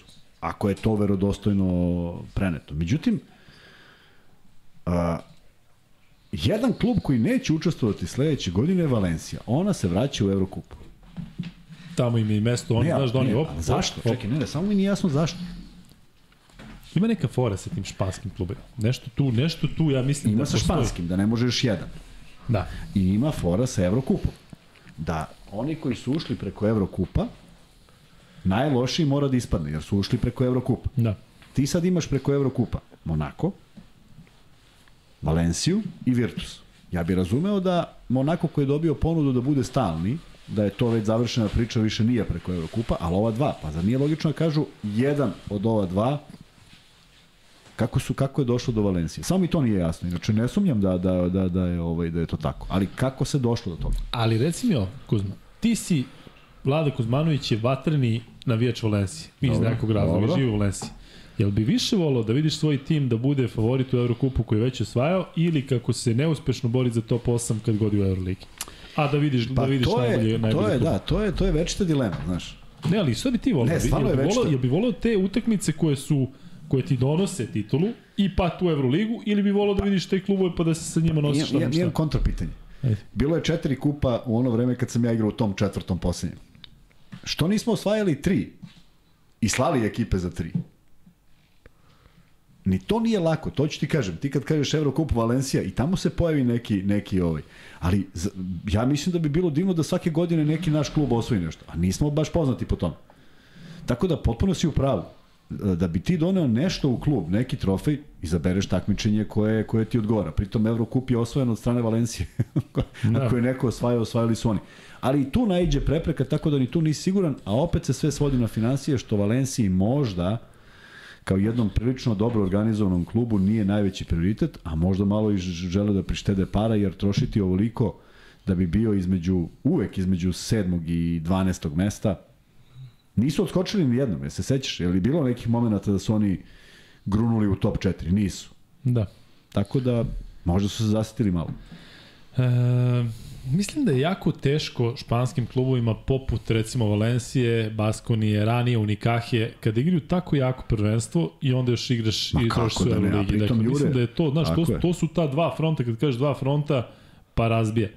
Aleksandar Marković donira i kaže kucam Kuzmi na Instagram, a prvi put i uživo. Obično vas slušam dok vozim i odgledao sam skoro sve podcaste. Vi ste jedna od redkih svetlih tačaka u srpskoj košarci. Napisao, jeste. Hvala Aleksandre, vam hvala puno. puno. Uh, ja se nadam da će svetlih tačaka u srpskoj košarci biti mnogo, a kada to kažem, ja zaista za ovu 2023. mislim da će biti najveće godina srpske košarke ikada. Nadam se dobrom, uh, dobrom, šta je, šta se kaže? Da. Meni ili Ne, nekom ne, ne, ne, ne. 2023. godine ja se nadam da ćemo na svetskom prvenstvu da uradimo čudo. Momcima koji igraju 3x3 uh, svetsko prvenstvo kraja maja želim naravno da odbrane titulu. Utakmica na Adi. utakmica naša na Adi, pa utakmica NBA, NBA. protiv ovo, da. Kad Ali- vide tu na Adi, doći će sam. Ljudi, ja ne znam Ali šta da nećemo vam da ih kažem. primimo sve. E, imam za vas jedan pol koji će da bude neviđen ikada. Pa i sad ovo. Jel smeš Kuzma ovo? Ne, ne smemo Ali uopšte. ne tičete se uopšte da znaš tam. Ali bih to volao, volio bih da te vidim ovde. E, Miksa, inače se Miksa vratio, Miksa desi bre Miksa, Miksa ima neki notes. Jel učiš Miksa ili, ili hvataš neke beleške, a? Nije moj. Dobro, Miksa, uh, ugasio je pol, Aleksandar, hvala još jednom za donaciju. Imamo 1600 glasova u, u polu. 72 Partizan Crvena zvezda, 23%, neko treći 4%, svaka čast. Kako komentarišete dešavanje u Futbolskom savezu? Ne komentarišemo to, ali e, ima za komentarisanje, možda kada budemo imali neki, onaj, ne, neko šarkaški podcast, ali slash malo futbolski podcast, pa možda damo i neke naše ovaj, naše mišljenje, ali, sla, pa i sad ovaj pol. Da li biste voleli i bili uz nas? Jesi spreman, Miksa, za nastavak ovo? Ne, to je, to je, to je pitanje. da, da. Tačka. I ne, ne, nemaš uopšte opcije. Znaš opcije? Da, da li biste Ili- bili, da. bili uz nas? E, kada bismo pratili Jokića i Denver u live-u u play-offu? U smislu da, da pratimo utakmice uživo. Ješ mi sve, ja mislim da bih dolazio ovde sam ako treba da gledam u ekran i, i, da, i da se nerviram Džamal, Džamalu Mari i njegovim promašenim trojkom. Neko je sam- poslao poruku, ali juče si bio, ovaj, nismo bili nešto ovaj, na, na vezi zbog obaveza.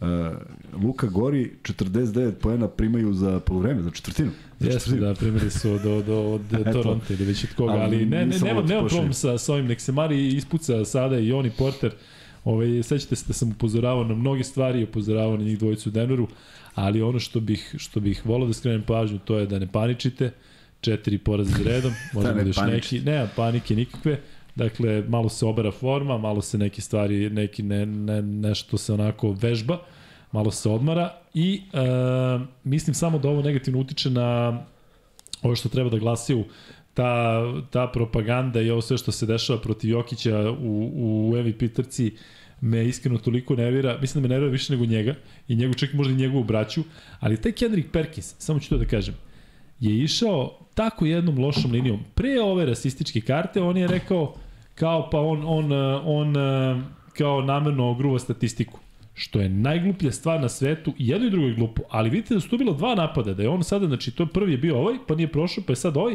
pa će da uleti nešto treće. Ja vidio sam da se javljaju još neki i da je sada u centru pažnje Joel Embiid, da se gure Janis, Ali dobro, doći ćemo i do, doći ćemo i do te teme. E, da li bi volili i bili uz nas kada bi pratili Jokić i Denver uživo u play-offu? Baš lepo pitanje si to. Ja mislim da sam ti rekao, ovaj, mikse nešto potpuno 16, ali ovo si ga srokao, srokao baš kako treba da ljudi shvate. E, vidi kad smo kod ti, te neke ideje, ovaj, uh, znaš šta mi je prošlo malo čas kroz glavu, a zaboravio sam da napomenem, a potrudit ću se za to. Uh, sad će uskoro se, da se dešavaju u Savezu ovaj, različite takmičenja, skupljaju, skupljaće se deca za U18, U16, U20. I danas sam Skupljaće se pričao... deca, to kad si rekao što će se skupljaju da, da, deca. skupljaju se, pa da, dolaze, dolaze ove uh, akcije. I uh, baš bih volao da se pozabavim time i da malo našoj javnosti pri, približim broj klinaca koji imamo u Americi, ali ne onih na koleđu. To su već igrači koji su otišli, imaju svoje godine, nego baš oni 18, 19, 20, ti koji potpadaju još uvek u te, te kategorije, da vidiš šta tamo postoji. Jer sam danas pričao sa Aleksom Panovićem, koji mi je opet spomenuo 3-4 imena, to su prvo neverovatne građe, drugo neverovatno već igraju na nekim koleđima, treće postižu neke fenomenalne rezultate. Šteta da javnost ne čuje za njih, a samim tim i da ih preporučimo zato što su oni legitimni ovaj, za reprezentacije svog uzrasta. Uh, Šta miš o toj ideji? Bez veze. dece. Bez veze. Ma da, nije nešto.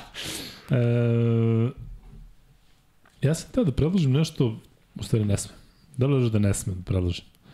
Ali, ajde da te pitam ovako. Kuzma, sad kada e, prećemo na Crnu zvezdu jako brzo, moram prvo da prođemo ove mečeve koji su u toku i koji su, koji su završeni danas u Euroligi, ali da li bi ti prihvatio, kada bi ti neko ponudio da pričaš sa igračima Crvene zvezde pojedinačno o, o bilo čemu. Zato što mi se čini da im potrebno ne možda psiholog u ovom trenutku kada se pada, ali neko sa kim bi možda mogli da razgovaraju. Priča se tu o vildosinim ljubavnim problemima, ali da jednostavno ti njima preneseš neko iskustvo i da priča, ili bi, ili bi imao, ili bi to tebi recimo kao neka vrsta posla ili hobija, da neki igrači koji su trenutno u problemu, ali ipak su formirani igrači, ne govorimo sada o klincima, pa sad ti treba da ga upućuješ neke radne navike, treninzi, ovo ono, nego misliš da bi mogao da doprineseš nekim savjetima, kao bivši Euroligaš i kao bivši uh, igrač Zvezde? Ne znam, ali često sam razmišljao o tome. Često sam razmišljao kao vidim šta nedostaje i uh, ne zato što sam... To te pitam, ti se desi da vidiš nešto i da kažeš, e baš bi sad, sad da, mu da, rekao da, to? Da, da, da. Da. Ali ima veze sa košarkom ili ima veze ima sa veze nečim? sa košarkom, ima veze sa, ima veze sa, sa mnogo čime. Ima veze sa, sa o, negubljenjem fokusa, ima veze sa konkretno šta je mogao da uradi, ima veze sa bilo čime što mi prođe kroz glavu u tom trenutku. I ja znam, sad ljudi kažu da, da, ja ću sad da kažem, nije stvar u tome ja ću sad da kažem, jer ja sa 25, isto taj kao i taj od 25, to nisam znao. I voleo bi da je bio neki koji je to možda mogao da kaže. Možda onda ne bi saznao u 28. nego u 25. A što to kažeš, kažeš šta je sad je on taj? Pa čekaj, koliko si igrao sezonu Zato što, ne, ne, ne, potpuno ne, ne, ne, ne, ovde, da da znam. Ma znam, ali ovdje ide gradacija, znaš, reprezentacija i, i, i ovi svi ostali. Znači, ja samo govorim da bi se ogradio od, od, od bilo čega da neko ne misli da sam ja bogom dan. Dakle, ja ti to sad govorim sa svog aspekta. Ne, ne, znam, ali sad neko, ko sad, recimo Vildosa ne zna ko je Vlada Kuzmanović i sada piše, Vlada Kuzmanović je igrao koliko sezona u Euroligi? Tri. Koliko ima tu utakmicu? To ima preko 50 utakmica. Pa ima 50, da. E, sa Crnom zvezdom si imao jednu sezonu igrao uh, Kup onu, Korać. Kup Korać. E, osvojio, tit, bio Najstariji MVP.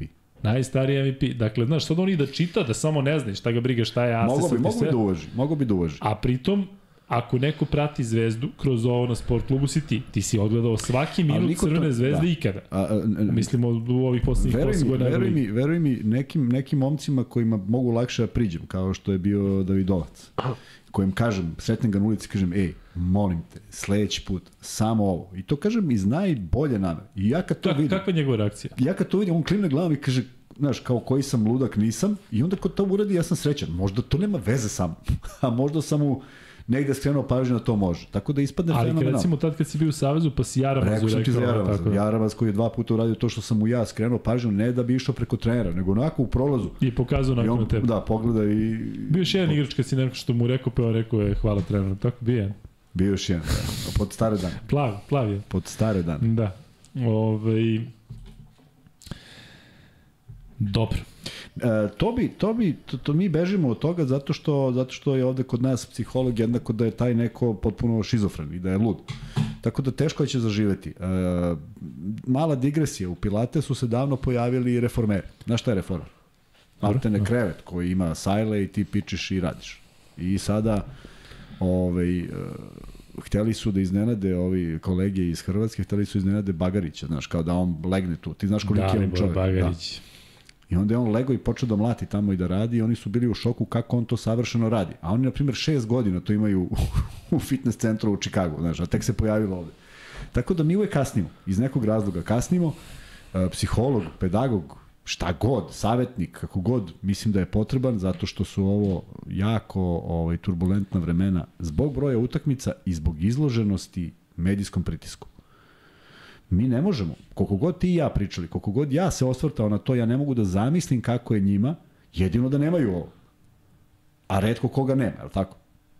I da ti ne govorim koliko ima onih dobronamernih što baš nađu nešto loše od tebi. E, vidi ovo, nevjerojatno šta su napisali, ovo neka bljutina. Znaš, to ako si mu drug, to mu ne pokažeš. Da. A ne da mu još sad kažeš da mu staneš na muku. Tako da, a svako može da piše šta god hoće. I, ovaj, I mnogo je loša situacija i, i mi sad živimo trenutno u onome, posle onoga svega što se dešavalo s derbija u nekoj prepisci potpuno van svih konteksta, gde neki ljudi stvarno treba da razmise šta da rade, kako da se ponašaju, a nema veze, nema veze uopšte sa, sa celom pričom, nego je samo pred, prenaduvano i svako sebi daje za pravo da piše na tom nečemu gde može da se sakrije potpuno iza, iza pseudonima. Žarko, molim te, nemoj da vređaš i e, znam na kojoj si strani, ali kada se navijači Partizana međusobno vređuju, a i ja sam imao kao neki prepirke s ovim, to je bez veze, kada se navijači jednog tima ovaj, imaju takve nesuglasice, znam da tu ima tabora, ali ajde da se držimo zajedno. Ako već ne mogu i Zvezdini i Partizanovi da imaju e, nešto između sebe, daj, daj bar mi koji navijamo za isti klub da, da ne vređamo jedne druge. Koliko god možda ti imao svoje mišljenje, bio u pravu, kako god, mislim da donosimo ništa dobro. Stefi, možda kažeš nešto, mislim da se ne čuješ na tom mikro. Šta kažeš? E, pa za to što ste pričali za psihologa, znam, slušao sam od Demar DeRozana da je pričao na podcastu JJ Redika, na podcastu Draymond Greena, koliko je njemu pomogao taj psiholog ili ti psihijatar.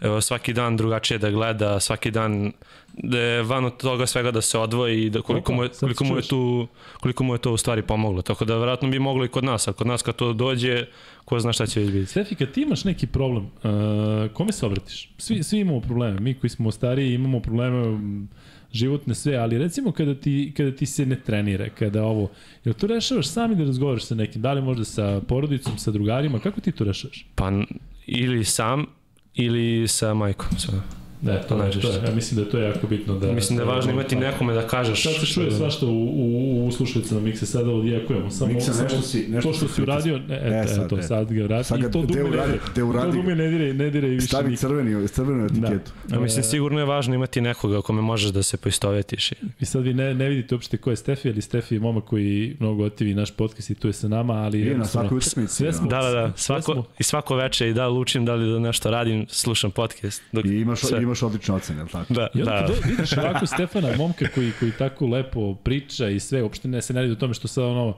i onda dođe neko i ovde m, psuje koga god tamo, vamo Nema i nećemo više da pominjemo. Evo, kum je poslao moj, jedan od mojih kumova, jedan od dražih kumova mi je poslao, nemojte više da trošite na njih Ovaj, pa ne vredi, ne vredi. Da, kume, pošalji mi da li spaš. Pa i vi da ste slušali e, sve koji su bili protiv vas, ne bi otišli u Ameriku, ne bi igrali profesionalnu košarku nakon toga. Tako je. Stefi, moj ti je savjet, ako ovde bilo šta krene nešto ideš u Ameriku, to je, to je sve za sebe gde bukvalno ono, toliko je surovo da ako si dobar, imaš sve, a ako nisi dobar, to ti jednostavno kažu onako prilično prilično ovaj, e, surov način. Onako čist posao to. Ma da, dakle jednostavno buk, nije tamo, tako je što se svega tiče, dakle ako si u nečemu dobar, to, to hoće da oni iskoriste i da, a pritom si dobro za to plaćen ili imaš stipendiju. Mm. Ovde, imam, imam dva pitanja za tebe. Za mene? Aha. Ajde. Miloš Filipović te pita šta si hteo da kažeš ono o strancima kad je bilo Cirbes? Da, to me ovde sad svi pitaju. To je jedno. Kako misliš o strancima? Misliš o, za Cirbesa konkretno? Pa da, kad smo, kad smo pričali o strancima da. Zvezda i Partizana, pa si spomenuo. I drugo je, i drugo je, da li e, smo mi čuli i ti i ja da li Mirotić menja sportsko državljanstvo. Ja nešto... Šta da menja? Sportsko, sportsko državljanstvo. Da bi igrao za Srbiju. Ba ne može, po pravilima FIBE ne može ako igrao jedno ne, za jednu ne, mora, ne, ne, ne, prođe određeni broj godina može. Ne može, ne može. Embiid je uspeo za Francusku jer nije igrao ništa za Kamerun. Ali on je naturalizovan. Pa da. Sve jedno neko... Ali nije ništa igrao za Pročito ja članak od ADŠ gde kažu ne može Mirotić da igra zbog toga i toga i toga, Fibina okay. pravila su ta. Nema ono kao prođe pet godina, nego ne znam šta. Jednostavno ja sam, ako je taj tekst opet ne mora da znači da, da, da je on. Ne, ne, ja, ne, ja znam samo da je samo drugačije za naturalizaciju. Mislim da jeste, ali nisam ja siguran. Ako Luka i Kuzma mogu da predlože pesmu ili knjigu, kako je moguće uh, da škole ne mogu da organizuju odlaske u pozorište, klubovi neke promocije po školama za porodične karte, odmarate na moze. Hvala puno Ivane. Ja mislim da ima, ima škole organizuju, znam ja da moj klinac ide često u pozorište, da idu i na utakmice, da idu, da idu organizovano. Nadam se da to nije jedina osnovna škola koja to radi, da je to na nivou opštine, grada ili već čega. A hoćeš Kuzma na kraju da preporučujemo... Na kraju ćemo. Na kraju ćemo, dakle, da, da, da. preporuke ćemo imati sa svih strana na kraju. Kuzma, da ja ispričam ovo za Cirbesa, pa... Ajde, ajde, ajde. Pa ne znam, ne znam šta si hteo. Kraj u kom sam ja. Nemoj da puc. A, dobro, Cirbe sad nije tu. E, I Cirbe već dugo ima devojku. Ali, bio jedan period. Dakle, ja sad živim u zgradi gde je Cirbe živio. I živio još jedan uh, igrač Crvene zvezde, ne znaju da mi objasne koji. Dakle, ko je, ko je sa Cirbesom bio play uh, af, a, afroamerikanac.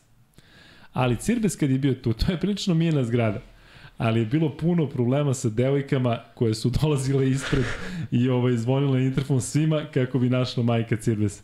I kažu da je Cirbes bio fenomenalan komšija, ali da su imali probleme zato što su morali čovjek valjda na treningu ili nije tu i onda one jure i sve tako da je Cirbes očigledno bio veliki šmeker da se ogradim pre nego što se što je ovo sva ili su te ili on već bio u vezi ili su te devojke dolazile u svakom slučaju tako da je to kultna priča ovaj i iz iz grade odnosno iz kraja gde sam ja da ovaj da se dešavalo tako noću samo da viču ispred prozora Cirbez, Cirbez, on niti je tu i onda ljude ljude bude. Ovaj eto to što se tiče Majka Cirbesa. Eto, natrali ste me na to. Neće biti nikakvih posljedica, neće Cirbes da zove iz, iz sporta ili već gde igra. a? Jer njegova devojka, ne di bože. E, ili imaš neko pitanje za mene? Rekao si jedno ili imaš jedno? Pa drugo je bilo za Mirotića ništa. Jeste. E, dobro. E, vidim da ovde sada govorite da je dobio Real, dakle, Real je pobedio Armani. E, ajde da krenemo ovu utakmicu po utakmicu, pa ćemo Ajde. posle da pređemo na Zvezdu. E, dakle, Monako je pobedio Virtus 81-68, meni drago, rekao sam na početku, zato što može očigledno bez Majka Jamesa, opet Virtus nije e, neki tim koji je sada, ne znam šta, neka snaga u, u Euroligi i mislim da Virtus sa ovim porazom sebi baš, baš otežao, otežao e, situaciju i eventualno da uđe u tu trku za top 8. Kuzma, Monako, nismo gledali ove meče zašto smo jednostavno radili Da, sada. da, ne možemo tako da, ćemo, da ja kad dođem sve kuću uvek volim da vratim ove, Premotat ćemo pa možemo sutra nešto što Tako nam je je. palo, ali čim nema Jamesa, sve je bilo normalno. ne možemo da nađemo ništa nenormalno. A Lepša jesi, igra. jesi očekivao da će da ga suspenduju? Ne, ali se sećam šta si ti pričao. Da je dvo, druga godina kritična. Druga godina. I to ovaj period negde, ne znamo zašto, kaže samo kršenje discipline, sad šta to može da bude, a da, Da. dovede do toga, a da nije prekršio do sada, to mi je malo čudno. Da, da. E, Za koga Ja ti ja u da Euroligi? Mimo Partizana i Zvezda. E, pa za Barcelonu, zbog Kaline, zbog Mirotića i tako. E, Žalgiris Olimpijako 72-74 pobjeda koja znači Partizanu. E, pritom je Žalgiris, e, to sam malo čak i uspeo da ispratim ovde što se tiče rezultata. Vidio sam da su se vratili u posljednjoj četvrtini. Kuzma, ovo je dobro za, za Partizan iz dva razloga. Prvo, Olimpijakos će sada onako prilično, ne mogu da kažem, opušteno ući u meč protiv Partizana, zašto su oni već ovde... Ali su, da, sad su Ali gore. vidiš recimo ta situacija da prve četiri, četiri ekipe na tabeli nemaju koga da ciljaju, kao, znaš šta ti kao ciljam zato što je na sedmom mestu ovo. Pritom se ne zna ko će biti gde, Ne zna se. a ja mislim da sada iz ugla uh, Olimpijakosa kao da izbegnemo Partizan ili da izbegnemo Makabi, Ne, znaš, Nema, jednostavno nema tu Baskonija. ništa, nema da. tu ništa. Oni, on, prva četiri kad obezbede i matematički, oni završavaju, da. tu uopšte ih ne zanima. Zašto imaju prenos domaćih trenera? S kim će biti, to ne mogu da znaju sve Da. i do posljednje kola. Pa čak u slučaju Zenita u jednoj sezoni i posle posljednje kola se saznalo ko je osmi. Ali samo ti završim, ovaj, teo sam da kažem za Jamesa. Jedino što može da se desi, da su našli da je spremao ostavku svima. Dakle, on, da je on imao jedan plan da smeni apsolutno sve i da mu oni onda ovaj, udare kontru. Ali James koji ovaj, je toliko hvalio Bradović kada je došao umesto Mitrovića, konačno smo dobili trenera je, koji, je, da. koji vlada slačionicom Da, da, da, koja, da, da, važi. a onda ti Obradović kaže vidjet ćemo se u slačionici, ali toliko bih voleo da Obradović zagremi jednom na njega, samo da vidim njegovu reakciju. Dakle, ja mislim da je on možda on, jedan onaj tip kada bi krenuo na njega koliko što je krenuo na Renfro da bi se povuk, znaš, da ne bi možda krenuo, da, da, da možda ima granicu, ne mi da, da je... Milan Jovanović kaže da do su, kraja. da su Bacon i James posle utakmice pao Monako, otišli u grad i napili se i zbog toga su obojice sankcionisani. A da Bacon da. nije došao ni na trening. Eto. Ja koliko znam, on je isto imao probleme kad je valjda u Sansima bio. On je prvi igrač koji je Je. potpisao i stuvi kontrakta i startova i sve i isto se bio problem. je rešio dva meča, u Da. Phoenixu je rešio, bio dva I onda ga meč samo odjednom izbacio. Tako je, isto tako u New Orleans kada je prešao isto kao James, James i odjednom ajde ti je taj dvostruki. On odlično igra, ali van terena ne Jeste. može. A isto znam za Monako kad je bio isto, na primjer, prošle godine kad je igrao protiv Zvezde, nije hteo ni sa kim da se slika, samo otišao iza ulaza u- i onda je pomoćni trener kao izvinjavao se ovi deci što su čekali, pa im je govorio kao on je kao malo drugačiji, kao umoran i kao ne može slika. A svi ostali su hteli. Mavre James, ko James. Ovaj, mislim da je bilo najbolje da Obradović napiše nekom, neki memoare za 20 godina i da jedan chapter posveti, posveti Jamesu. E, Luka, ako te bude zvala Sirbesova devojka, ostavit ću ja Kuzmi broj pa joj samo prosledi. Ljudi, samo kažem da su ga mnogo voli. E, u tom kraju gde je živeo. E, idemo dalje. Mm, sledeći meč, sledeći meč o kojem ćemo pričati je duel Makabi i Baskoni. Ja moram priznati da me Makabi iznenadio ovom serijom 93-79, ne mislim na seriju protiv Baskoni, nego sada su oni ozbiljni konkurenti za top 8. Nisam očekivao kada su onako sklopili taj tim. Um, I sada ću 16. marta u 23.07 da kažem sledeće. Ne znam da li sam sanjao, ali u jedno jutro sam se probudio sa tom idejom, možda, možda si nešto snori. Nadam se, a imam i osjećaj da će Aleksandar Đikić u nekom trenutku za 5, 10, 15 godina biti trener Makabi. Ma gde ćeš za toliko godina? Biće on sad Ne, da pa da ne bude sad kažem da će biti sledeće godine. Ali Ne, znate daleko. kako Makabi funkcioniše. I igrači i treneri koji su tu, znate kakvu ovaj, energiju ima Džile. Ono što bih ja volao da ga vidim tu, pričao sam da sam se dva puta susreo sa njim k- 97. na junioru na kampu juniora na Zlatiboru kada je bio on je mislim da je tada bio da je prelazio da bude da je bio pomoćni u Beovuku, pa je trebalo da, e, da li već postao e, prvi trener i Džile sa, imao je naoče, imao je Rajf i imao je mnogo bujniju kosu nego, nego I sada. manje kila, sigurno. Ovaj, mnogo manje kila. Nema brade, Da, nema da, da, ničega da. i bio je mnogo veliki šmeker i dao mi je neki nadimak, ja ne mogu da se setim kog, da je trebalo da budem igrač, da, igre, da budem igrač kampa i svaki dan sam išao na, od dole u,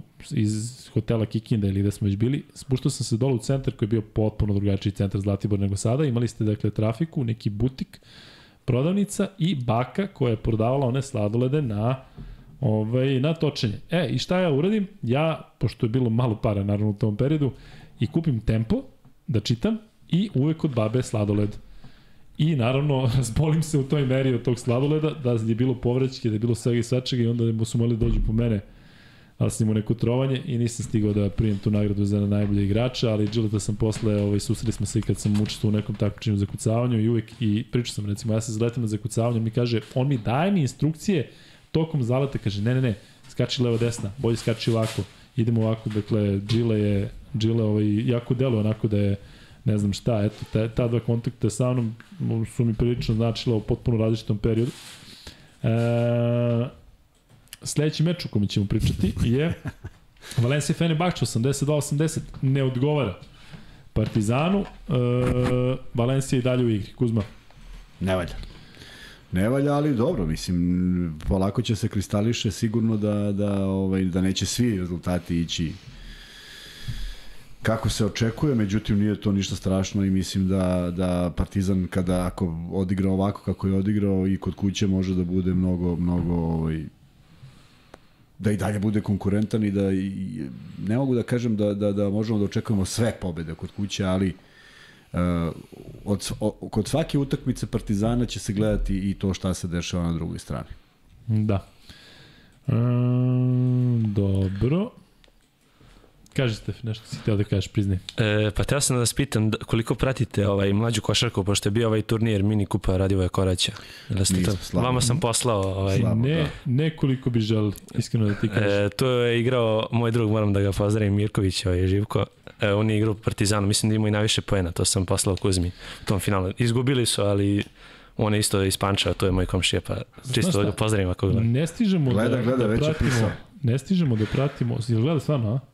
Ha, Jeste, pisao da. mi je, kaže. Ne stižemo da pratimo sve što hoćemo, ono što je mene danas iznenadilo, ali eto, sada pre nego što krenemo na zvezdu, možemo malo i to da prokomentarišemo, ali e, jedna vest koja se pojavila je sledeća, da je jedan mladi momak u, e, u Hrvatskoj, e, zove se Toni Grama, ima 13 godina, ima 12 godina igra u uzrastu 13 godina, postigao 73 poena e, u pobedi Novog Zagreba nad Cibonom 94-73, dakle dali 73 poena kao protivnički tim.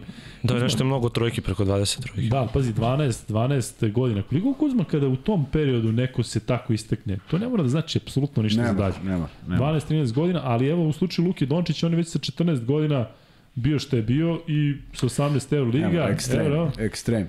Ekstrem, ima, ima, ima ovaj, e, fantastična priča, ajde ponovo ću ispričati, kada Voja Vezović kaže na pitanje ko je, ko je otkrio Dražan. Pa sad, Moka je bio igrač i trener u Šibenki, Voja Vezović je bio prvi trener Šibenke, dakle, to mu je bio prvi posao. I kaže, ne, ne mogu ja da se sad raspaljam ko je prvi. Kaže, ali ajde da, ja ti, da ti kažem, nismo ni ja ni Moka. Znaš zašto nismo? I sad mi svi da čujemo, pa otkrili bismo još jednog ovih 40 godina. Tako da, od Dražaja do Dončića je prošlo mnogo godina. To su ta dva ekstrema koja su sa 16-17 godina poremetili sve neke, ovaj, sva neka verovanja i ubeđenja. Nema treći u Evropi na tom nivou. Tako da je to kad se desi, desi se. Da li ovaj momak od 12 nešto buduće, znaš šta se desi sa detetom u 17 godina? Zaljubi se, kupi gitaru i Krene, di, krene da izlazi sa društvom tamo, vamo. tako i... izazovi u velikim gradovima su veliki i pff, kakvih je igrača bilo. O, Evo recimo ovaj mali što ima, što ima indeks milion i 200 u realu. Um, konkretno hoću da te pitam, igrači kada se tako istaknu 12-13 godina, koja je najbolja sredina za njega? Da li da ide u taj neki e, veliki klub gde ima sve uslove, a gde su skupljeni timovi iz celog, iz celog sveta ili je dobro da bude na nekom svom lokalu? Pitanje je gde mu je lokal. Naprimjer, Da. da. Tavares da je ostao u lokalu, prodavao bi šta je prodavao. Riba, riba Pa na da. pijaci. Pa da. I sad, ja mislim da je on radio kao Neno, ja mislim da je on 20 sati dnevno radio da bi postao ovo što jeste. Jer njegova prva sezona je bila potpuna neartikulisanost. Nije znao gde, gde, gde je slačionica, gde je bilo šta, šta se dešava na terenu. Sav je mlatarao. Koliko je on napredovao, ali to je jedan veliki rad koji je potpuno posvećenost. Ti kad gledaš ovaj, pojedine igrače koji veruju u sebe i veruju da je to jedini put i to mu je iz nekog siromaštva jedino opredeljenje. A ej, čoveč, možeš ga napraviš da god hoćeš. Tako da tu sredina, koliko, koliko poverenja u trenera i koliko posvećenost tome svemu. A, gro američkih igrača je živelo u užasnim uslovima. I ti kad znaš koliko su trenirali, nije čudo što rade ono s loptom. Jer je bukvalno sve vreme svog života proveo u tom. I uspe koliko njih? Koliko ima timova? Jedan u... Ne, ne, Svake godine timova? 60 Pa uspe. da, da, 60 i to ne uspe 60, nego, Nego se pojave na 40 draftu. ovi, Ma kakvi, da. I onda, i onda ono, ono pitanje kolika je prof, prosečna godina, prosečna karijera nego NBA igrača 6 godina. A ti znaš mm. bar ove Hall of Famere iz glave, znaš 25 ljudi koji su igrali po 15 godina. Znaš si kad je 6 prose, koliko je onih sa po jednom godinu. Šifre, e, imam pitanje za tebe Kuzma, šifra 17, ako zaboravim koja, ali moram prvo da se ovde javim. Dule, drago mi da si tu. E, Dule, evo, opet da se vratim na ovo, bez, bez želje da, da asociram na te koji su, uopšte da podsjećam na te koji su pravili te, te čude u četu, ali Dule, ti mi reci kako ti se sada sviđa čet, deluje da je prilično čist. Srki je to pro, onako pročistio ozbiljno, sad se miksa ovaj, e, tu bavi onima koji unose neku nervozu, ali ono što mi je teško palo, e, prethodnih dana sam razgovarao sa dosta ljudi koje sam sreo, neki znam od ranije kao Duleta, I onda kad mi on rekao, kaže da mu bilo teško u četu da ono prati, prati da mora da, da gasi, pritom je reč o dečkiću koji je mlađi od Stefana, ovaj, mi je baš bilo teško. Onda sam mislio koji, šta, šta smo to dozvolili da neko koji stvarno onako reaguje emotivno i koji ima potpuno neverovatno razmišljanje za jednog mladog momka i kaže da mu ono baš bilo teško, da, teško mu je palo da čita sve one, one gadosti, a onda sam sreo Lazara Hristova, predao sam mu dres i on je bio sa devojkom i sa psom, izvini Lazar ako ste pomenuo, nisi hteo. Momak sa neverovatnom energijom, mnogo lepa priča njega i devojke, kuca im je bila tu e, jedan e, od lepših susreta e, koje sam imao eto posljednjih nekoliko dana, bilo je zaista divno, ljudi se javljaju, mašu, imaju svoje ideje, e, hvale, tako da hvala vam puno za to.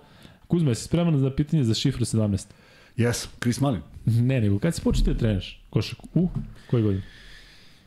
Ja znaš da mi je strašan problem da se setim, majke mi. Ali kako je sam bilo nešto stariji. 15, 16, S- Ne, 17 i po, ja mislim da je bilo. 17 i po. A, Kako misliš da bi, koliko bi bila drugačija tvoja karijera da si počeo kao svi tada uz 10 11? Ima dva pravca. Jedan da odustanem, da odustanem i drugi da bi neke stvari mnogo bolje radio. Neke, neke vrlo bitne tehničke stvari. Ali da ti kažem jednu stvar, ima jedan interesantan razgovor mene i Žareta Čabarka. Završavamo trening, ja ga gledam onako onolikog i prolazi pored mene i nemam pojma zašto. Ja u tom trenutku, to je moja treća godina u budućnosti, dakle to je 2002. Ja imam 31 godinu. I pogledam ga onakvog i kažem, Žare, koliko ti treniraš? A on kaže 13 godina, isto koji ja. Ali on ima 23 ili 20 ili 21, krenuo od 8, na primjer, znaš, ne može to je zasićenje jedno preveliko.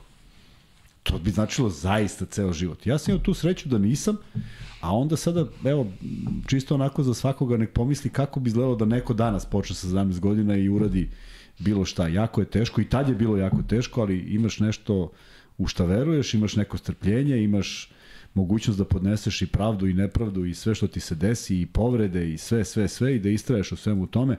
I iskreno ti kažem, tad kad sam odlazio iz OKH Beograda u Beočin, ja sam mislio da sam da je to za mene NBA. Dakle, to je bilo um, ono, uspeti ili, ili, ili Dža ili bum. Da, znači.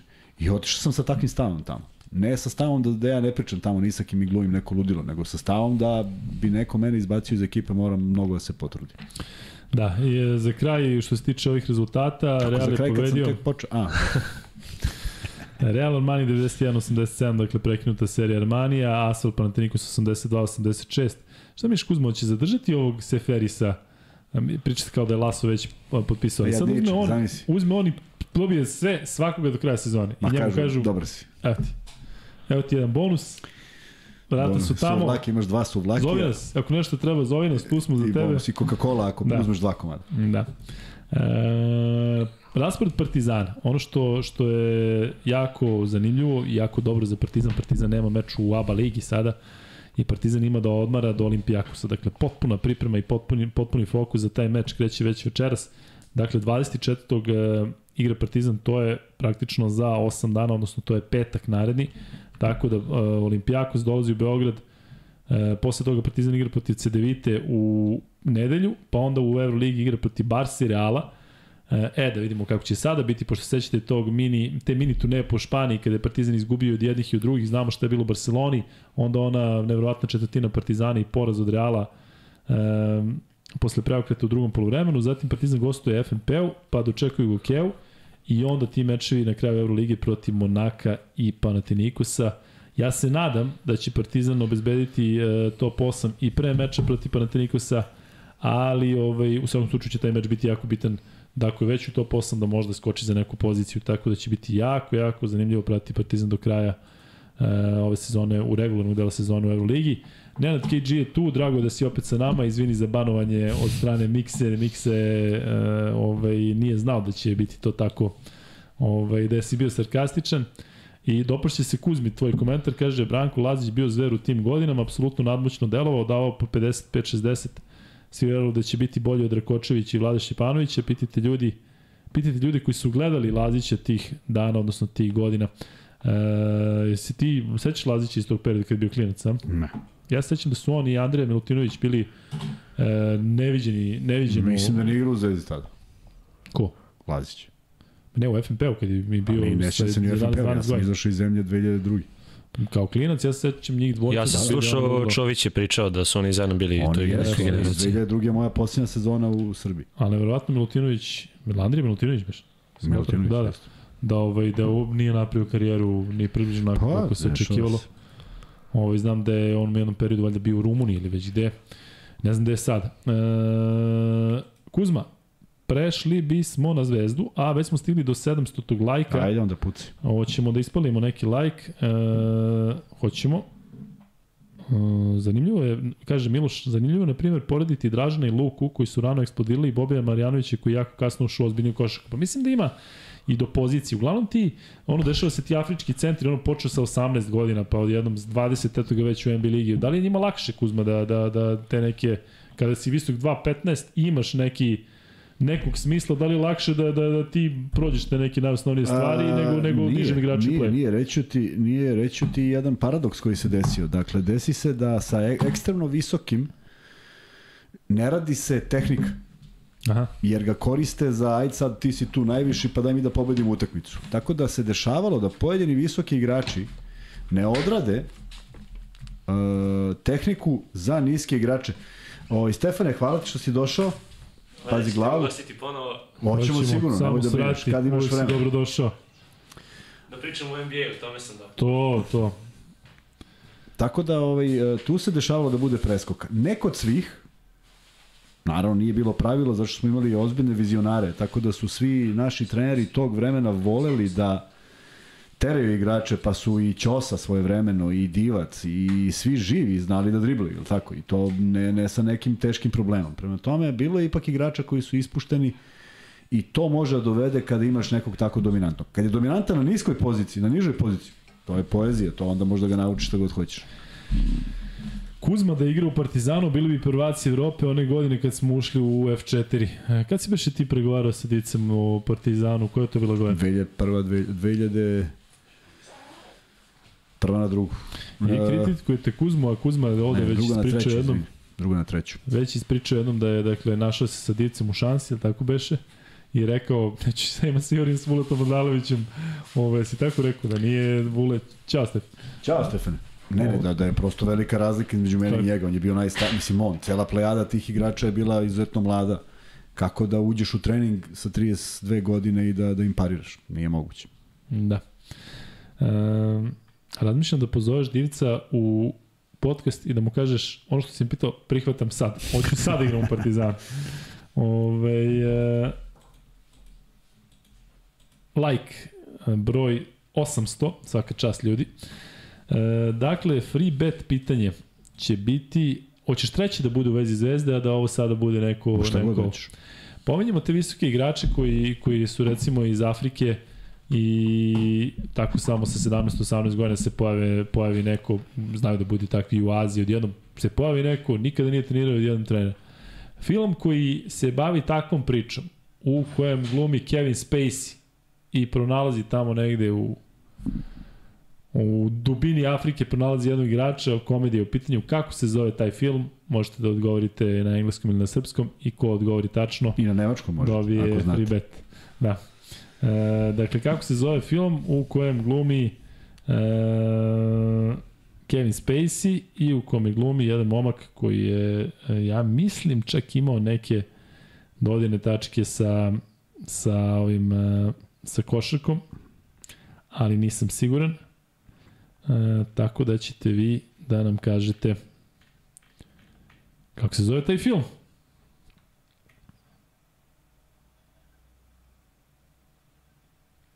Ja sad, sad čitam da su momka jednog posle tog filma da su ga nešto napali i izbili nožem.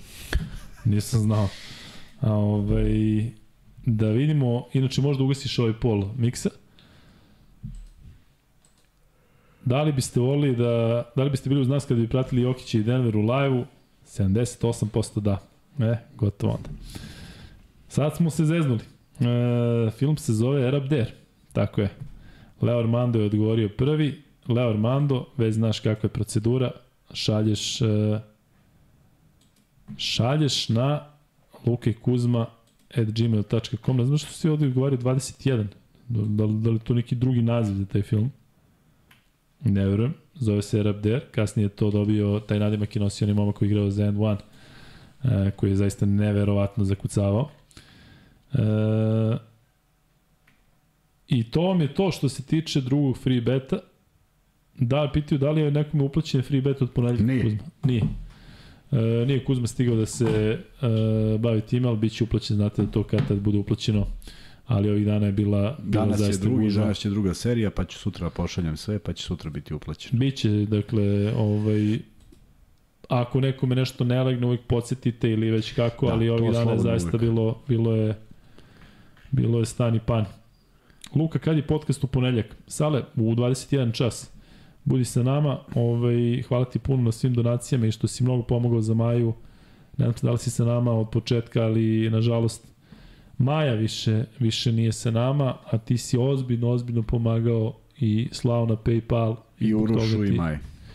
i Uroša i Maja i zbog toga ti hvala neizmerno. Voli bi da budemo tvoji gosti u Americi i moja želja je da to bude tako. Beš, gde beše Sala? Sala je prelazi iz LA u Summerlin, gde ne bi volao kada ti dolazimo u komšiluk, ali da ti ne platiš ništa. To je uslov. Tako da tebi ako odgovara ti reci, ovaj, Onda ne možemo ove nelje, već sledeće. Da, i ješćemo samo ovaj, onaj fast food uh, uh, koji je jeftiniji, ali uh, ali vidjet ćemo stvarno da ostavimo i to.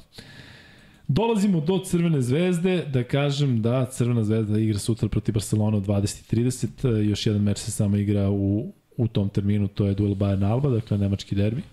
Kuzma, Barcelona Crvena zvezda je utakmica gde e, Crvena zvezda traži, ajde da kažem, tu slamku borbe za top 8.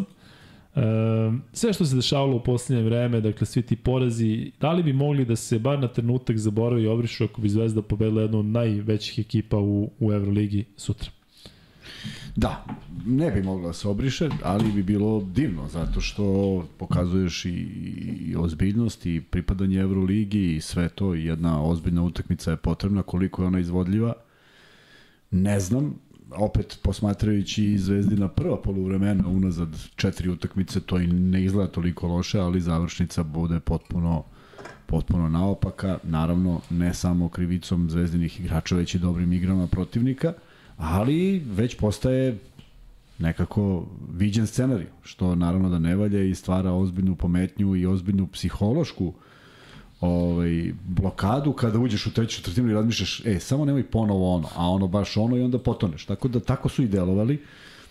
Ajde da vidimo koliko će uspeti da se oporave. Neke najave su da nema Nedovića, što ako je povređen ovaj, ima mnogo više logike da ne ide nego da ide. Neko to može da zameni da iskoristi, ali ako i Dobrić povređen, onda je tu već malo problema. Ako i Lazić još uvek nije u sastavu, onda su to već nagomilani problemi i ne znam koliko može uopšte da bude ovaj, uz, uz maksimalnu potrošnju koliko može efekta da bude, a pritom Barceloni potrebno da oni obezbeđuju svoju poziciju, tako da sigurno neće naići na neku laganu utakmicu, a e, svakako ih čeka ipak neke, neke obaveze koje neće preskakati. Oni igraju ove, ove, ove nedelje i ABA ligu, a s druge strane ipak utisak mora da se popravi i da Zvezda dođe do još koje pobede do kraja sezone u rasporedu koji nije pretežak, ali sad više teško je reći šta je preteško, šta nije, jer i neke utakmice protiv niže, niže plasiranih e, timova su izgubili, a sad odlazak u Barcelonu bi bio, ali ne, ne, na, van serijsko iznenađenje kad bi Zvezda pobedio. E, mama, e, dobra ideja, ali ne znam koliko je izvodljiva. Ivan Ivanović donira ponovo i kaže, ako od mene da gostujete u Majamiju kad krenemo na turneju, prvo po Skandinaviji, Brale. pa onda po Americi. Bato, pa kad onda obiđemo ove, ove naše koji su u Kini i u Koreji, ali stvarno, sad pišite vi koji ali ste, koji ste iz Azije. da, da, idemo i ne vraćamo se odatle. I odatle radimo podcast. Tako je, ali cenzurisan u toj meri da, da, da ono šest minuta podcast. Da, Dobro večer, do, doviđenja. Da. E, ako ne budete prenosili, neću gledati playoff NBA jer ću spavati ovako kada prenosite, ostaću budan i gledat ću. Sale. Pa spavaj čovjek. Sale. nemoj, nemoj takve ultimatume, zato što može stvarno da se desi. Ajde, vidjet ćemo, ako Denver stvarno dođe do, do, do velikog finala, onda obećam. Ima da, da sedim ovde, da zamolim Srkija i, da, i Miksu da mi uključi kameru i da pričam sam. A ove, ako dođe, eto, možda čak i do finala, finala zapada, gledat će ja, se. Ja, ti kažem nešto vrlo interesantno. Kad smo Ajde. počeli da radimo podcast, ima Oj. 11 novih e, ljudi prati na, na, na, ovaj, na Instagram. I hvala svima što su tu. Da, ljudi, zapratite nas na Instagramu, Luka i Kuzma, nam Instagram donje crte su tu negde prisutne, napred i nazad, dakle Luka i Kuzma na Instagramu, momak koji radi u Americi TikTok radi to jako dobro, dakle ima i Luka i Kuzma TikTok. Ono što bi mi volili da imamo više e, pratilaca u ovom periodu, zato što sam ja zamislio prilično neizvodljivo da za taj 150. podcast 20. marta dođemo do 20.000 uh, subova, tako da ćemo tada pozivati... 500 po danu. Tako je. Tetke, Ako sutra šumljaje, 500, prek da, sutra 500. Kažem, cilj nam je da za početak pređemo 19.000 do tada. Tako da ovaj, vi koji A onda je sve moguće od 9 do 12 u ponedjeljak. Čekaj da ubacim neku laž. Dakle, vi koji ste subscribe-ovani, eh, koji ste sad subscribe-ujte, kada budemo bila ova utakmica u Beogradu, za vas ćemo spremiti posebnu oh. nagradu. a ne znamo kako. Vi samo dođete i kažete, ja sam taj. E, a nećete verovati šta vas čeka u ponedjeljak. da, da, kao. Ako se subscribe. Ako, da, da, da. ako ne, onda nećete vidjeti. Samo vas, imat ćemo poseban podcast za vas, posljednjih 15 minuta. To onda nećete da. vidjeti. Kaže Milan Bršanac naš da Nedović nije otputovao. Da, da, to smo e, čuli. Kaže Sale Ristić, hvala brate, bit ću sa vama u ponedljak, vi plaćate kad ja dođem u Beograd. Ne, de ne plaćamo Sale, ti kad dođeš u Beograd, znači samo, samo od tvoje love, znači možemo te vodimo u, pro, u provod gde god hoćeš, po kojim god hoćeš uh, restoranima, samo od toga što si ti dao, Ovaj, I kažem ti hvala ti puno, ali će nam trebati, treba će nam podrška za 150. podcast. E, što se tiče nekih nekih stvari koje su ostale ovaj, u negde i ljudi zovu i pitaju s punim pravom. Evo danas sad je došao, ovaj, Stefan je došao po svoj dres, stvarno nisam stigao da isporučim dresove, sutra krećem sa isporukom u Beogradu, imam mnogo dresova kod mene, hvala svima ponovo što su što su se angažovali. Sutra ću prvo ove u Beogradu, a mislim da ću do petka i da pošaljem šolje, dresove i sve što ide za Niš, Suboticu, e, ima još mesta gde to ide, tako da, ovaj, da ću se potruditi da u naredna dva dana sve to pošaljem i da budete spremni, makar što se tog dela tiče za, za utakmicu. Da, ja treba da se vidim još sa vama i neki dresovi su kod mene, već smo stvarili kontakt i eto, momci, vidimo se ovih dana, takav je bio dogovor. E, imamo, šta još imamo? Imamo, dakle, e, što se tiče meča Crna zvezda Barcelona, E, čuo sam izjavu Lazarevića i potpuno se slažem sa tim da svi igrači treba da, da se sete onog prvog meča koliko je Zvezda igrala dobro i na koji način da, je izgubila da, da, dakle, da. ta nagažena da. uh, linija. To su neki momenti koji remete sezonu.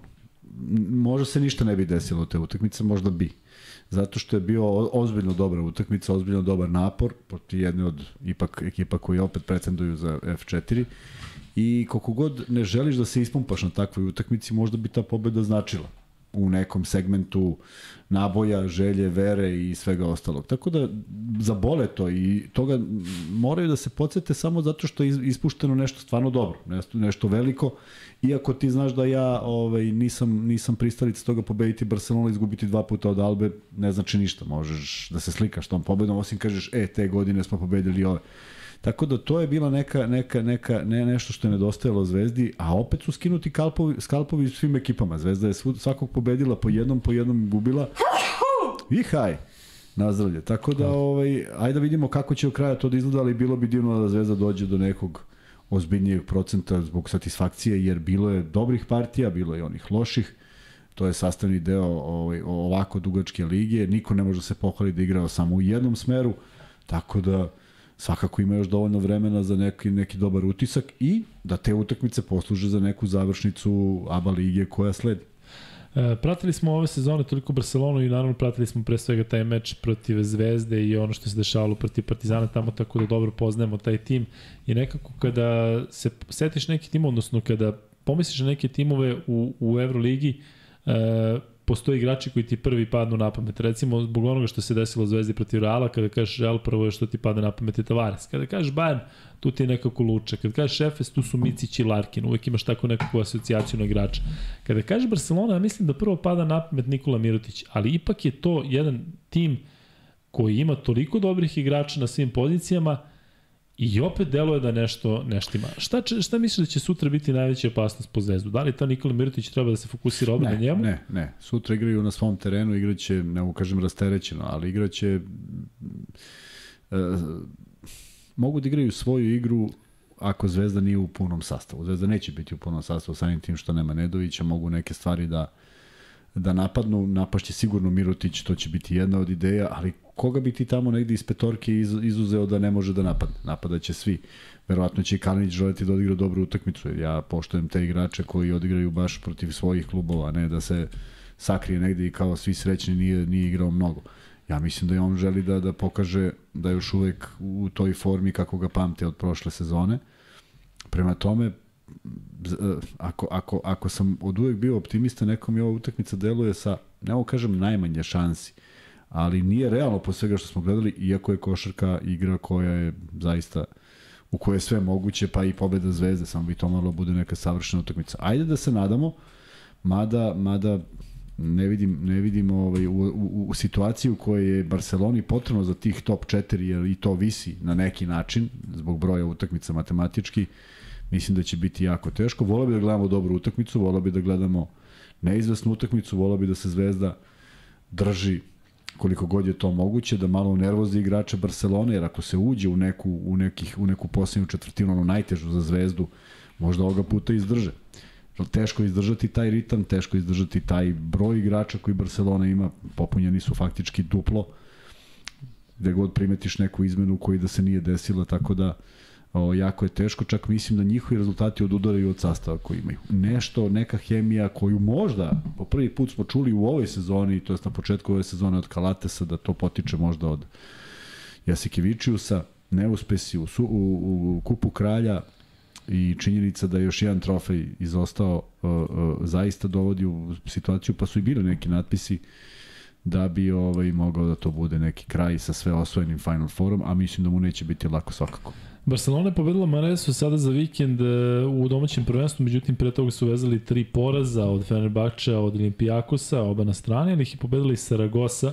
Da. U onoj zaista zanimljivu utakmici Jovića. Jović koji je igrao 30 minuta, imao 2 poena, 2 skoka i 2 asistencije, imao neviđen utice na igru. Ali, e, Kuzma, taj meč između Barcelona i Zvezde u Beogradu je toliko specifičan. Dakle, što kažeš da je tada pobeda Zvezde bila da se nastavila serija, ko zna šta bi se dešavalo dalje. Bilo, tako je. Ako se sećaš, Vildosa se povredio tada u, u prvoj četvrtini i samo je izašao i pojavio se sa, sa kačketom i pojavio se u, u civilu tako je. pored Kampaca, a da. Zvezda je bez njega Tako igrala kako tako igrala, dakle potpuno jedna utakmica nevjerovatna, izgubljena, ali mislim da niko jeste bio to gaženje linija, ali mislim da je Zvezda i pored tog poraza imala nevjerovatnu energiju da sad ćemo sve, sve da gazimo pre da, nama. Sve je bilo, da. E, koliko, eto, pominjemo tog Vildosu, ne verujem da to sada to za njega može da bude poseban motiv zato što se povredio, pa ću sada da pokažem protiv, ali on igrao 5 godina u Baskoni, Ali konkretno bih te pitao recimo za Kampaca, od koga se uvek najviše očekuje, on je toliko odigrao mečeva protiv Barcelona u Realu i taj Kuzmić igra u Realu, ali nije imao toliko ulogu. Koliko je ovo za njih motiviše? Taj, taj Kampaco se sada vraća u dvoranu gde je odigrao playoff mečeve, mečeve u okviru Euroligije, igrajući za Real i sigurno da će želiti posebno da se dokaže. Pa znam, potpuno si u pravu. I taj motiv mora da postoji, vraća se na mesto nekih uspeha, jer je Real tada pobeđivao. Da. Ali sa svom njegovom motivacijom i njegovih 25 pojena u prvom polovremenu, ako bude slično što je bilo u posljednjem derbiju, onda, onda to je nekako bespredmetno. On naravno čovek želi da igra i ja ne verujem da neko ako će ući u tu dvoranu bez motiva i bez, bez neke želje, onda faktički treba prijavi tamo i da ne ulazi. Ali nije to dovoljno. Znači, on možda bude u svom najboljem elementu, to mora neko da prati, to mora da postoji neka ideja. Izgubilo se sve to što je negde Zvezda u jednom trenutku imala ko šta radi, ko kako radi. Mislim da je veliki hendikep i sad opet neka se javi kogod hoće što Lazić ne igra, zaista mislim da jeste, zato što to niko ne može da nadomesti i tu ipak njegovo prisustvo ipak nešto znači. I ja verujem da, da svima smešno kad on da tu jednu trojku ili dve, ali mislim da njegove ekipi to znači. Jer kad mogu da se oslone na nekoga ko će dovoljno sigurno da šutne, neće on da pogađa u 100% procentu, a nije to ni neki loš procenat, on ima prilično dobar procenat šuta za 3 poena. Prema tome donese neku sigurnost, donese tu neku energiju, donese da ne smeš da ga pogledaš u oči ako se foliraš u odbrani. Eto, donese takve neke stvari, nedostaje a, a, njegova agresivnost i pogledaj rezultat Zvezde. Možemo da, da, da kažemo koincidencija, možemo da kažemo koincidencija za bilo šta, ali mi nekako deluje da je to jedan od, od, od razloga za ta čvrstina u odbrani koja potpuno nestane u četvrtoj četvrtini. Mister No, hvala puno na lepim rečima. Bojane, laku noć. E, Kuzma, kako se, deš, pretpostavljam da u klubovima u kojima si igrao nije bilo, a i pričao si sam, nije bilo toliko tih crnih serija da jednostavno u drugom polovremenu se padne kao što je Zvezda, da Zvezda je i trenutno u tom e, toj zoni sumraka gde se svašta dešava u, u drugom polovremenu. Ima toliko mečeva koji su primer. E, pričali smo o tome šta treba da se radi, e, da je to pre svega do igrača. E,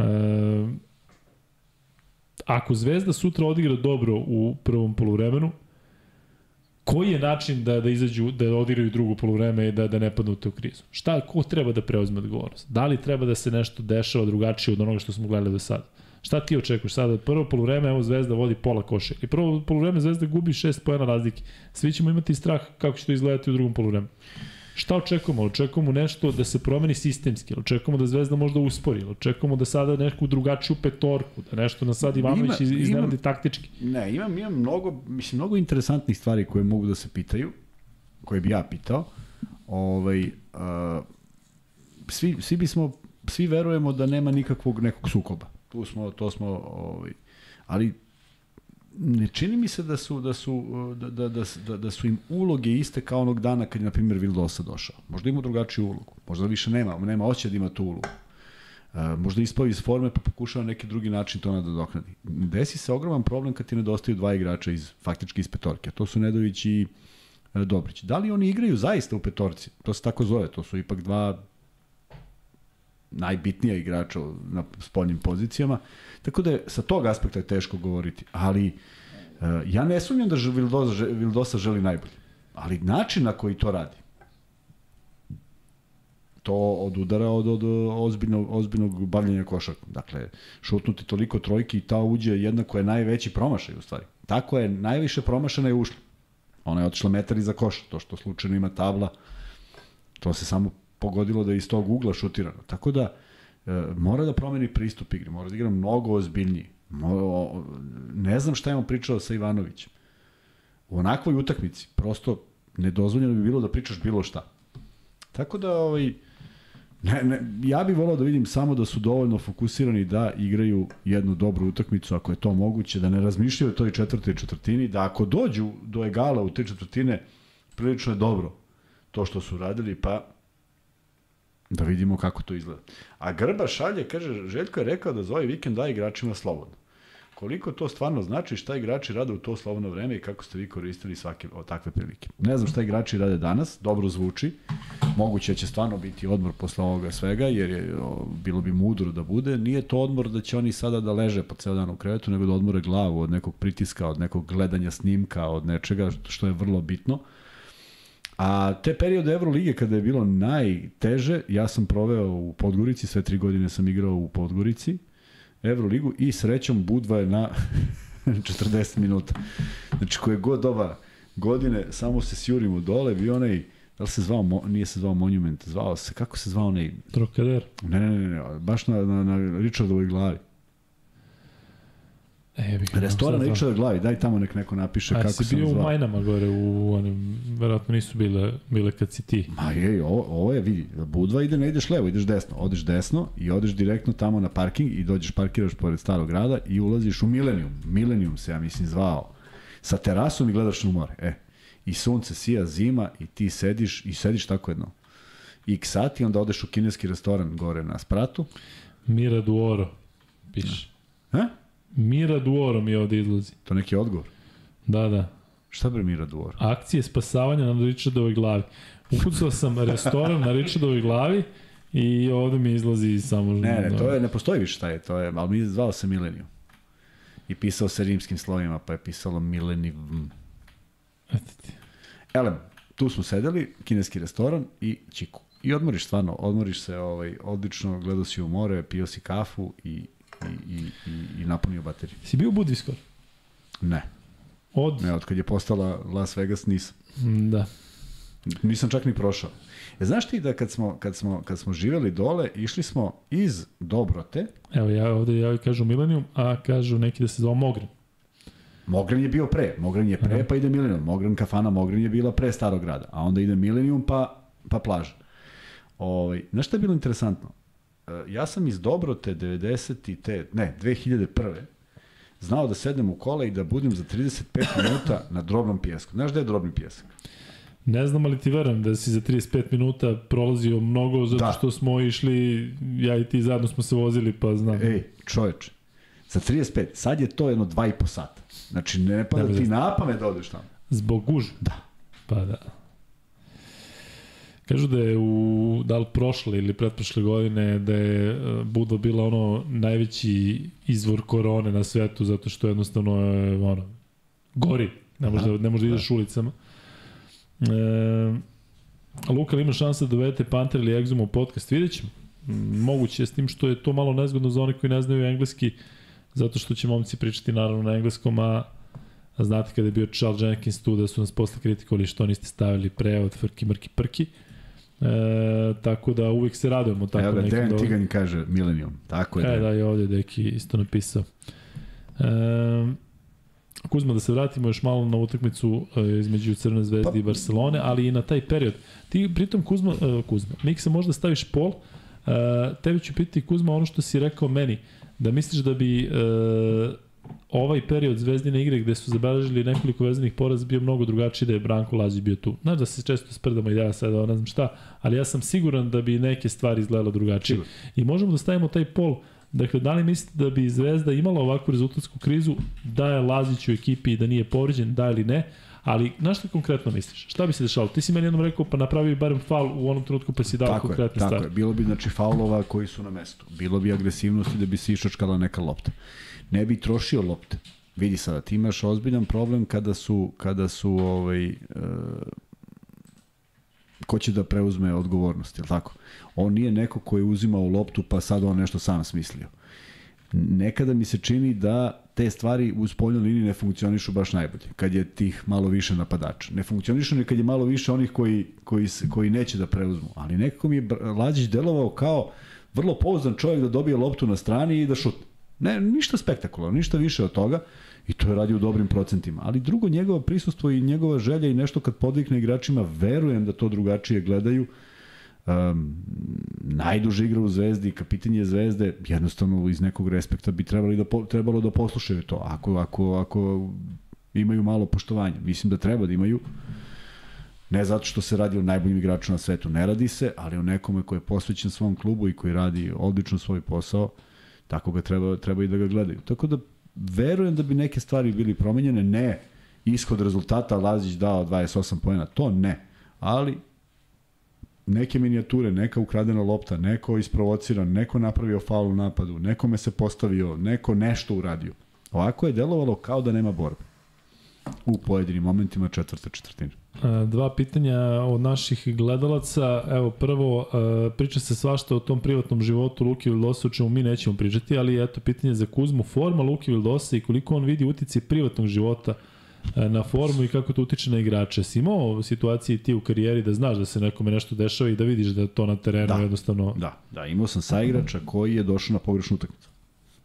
Mislim, on je došao u slačionicu, ali uopšte nije znao protiv koga igramo. Imao je neke Zbog pehove, da, imao je neke, koje- da, da, da, imao je neke pehove u životu, potpuno dekoncentrisan.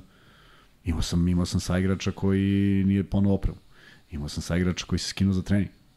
Izašao, vratio se i rekao, pu jebote, utakmica. Znači ima svašta. Tako da dešava se da negde odlutaš, naravno neke stvari mogu da budu ozbiljno teške. I one jesu onda nešto što se svrstava u red nečega što o čemu ne, ne, ne želim da mislim. Ali ako su ovo neke stvari, pa čekaj, svi su to prolazili, ne može, ne može to na tom nivou da se odrazi, da si ti sad meni bar nije. I, i, i, znam, I znam ovo što ti pričam, znam da su bili ozbiljniji problemi od tih. To je poenta. Da. E, pitaju za Šarunasa Eskevičiusa. Šarunas je čovjek za manje timove i to je to. Mali broj trenera očigledno ume da drži veći broj zvezda u timu, Željko i tudi s Pablo Laso Mesina, ali Šarunas nikako.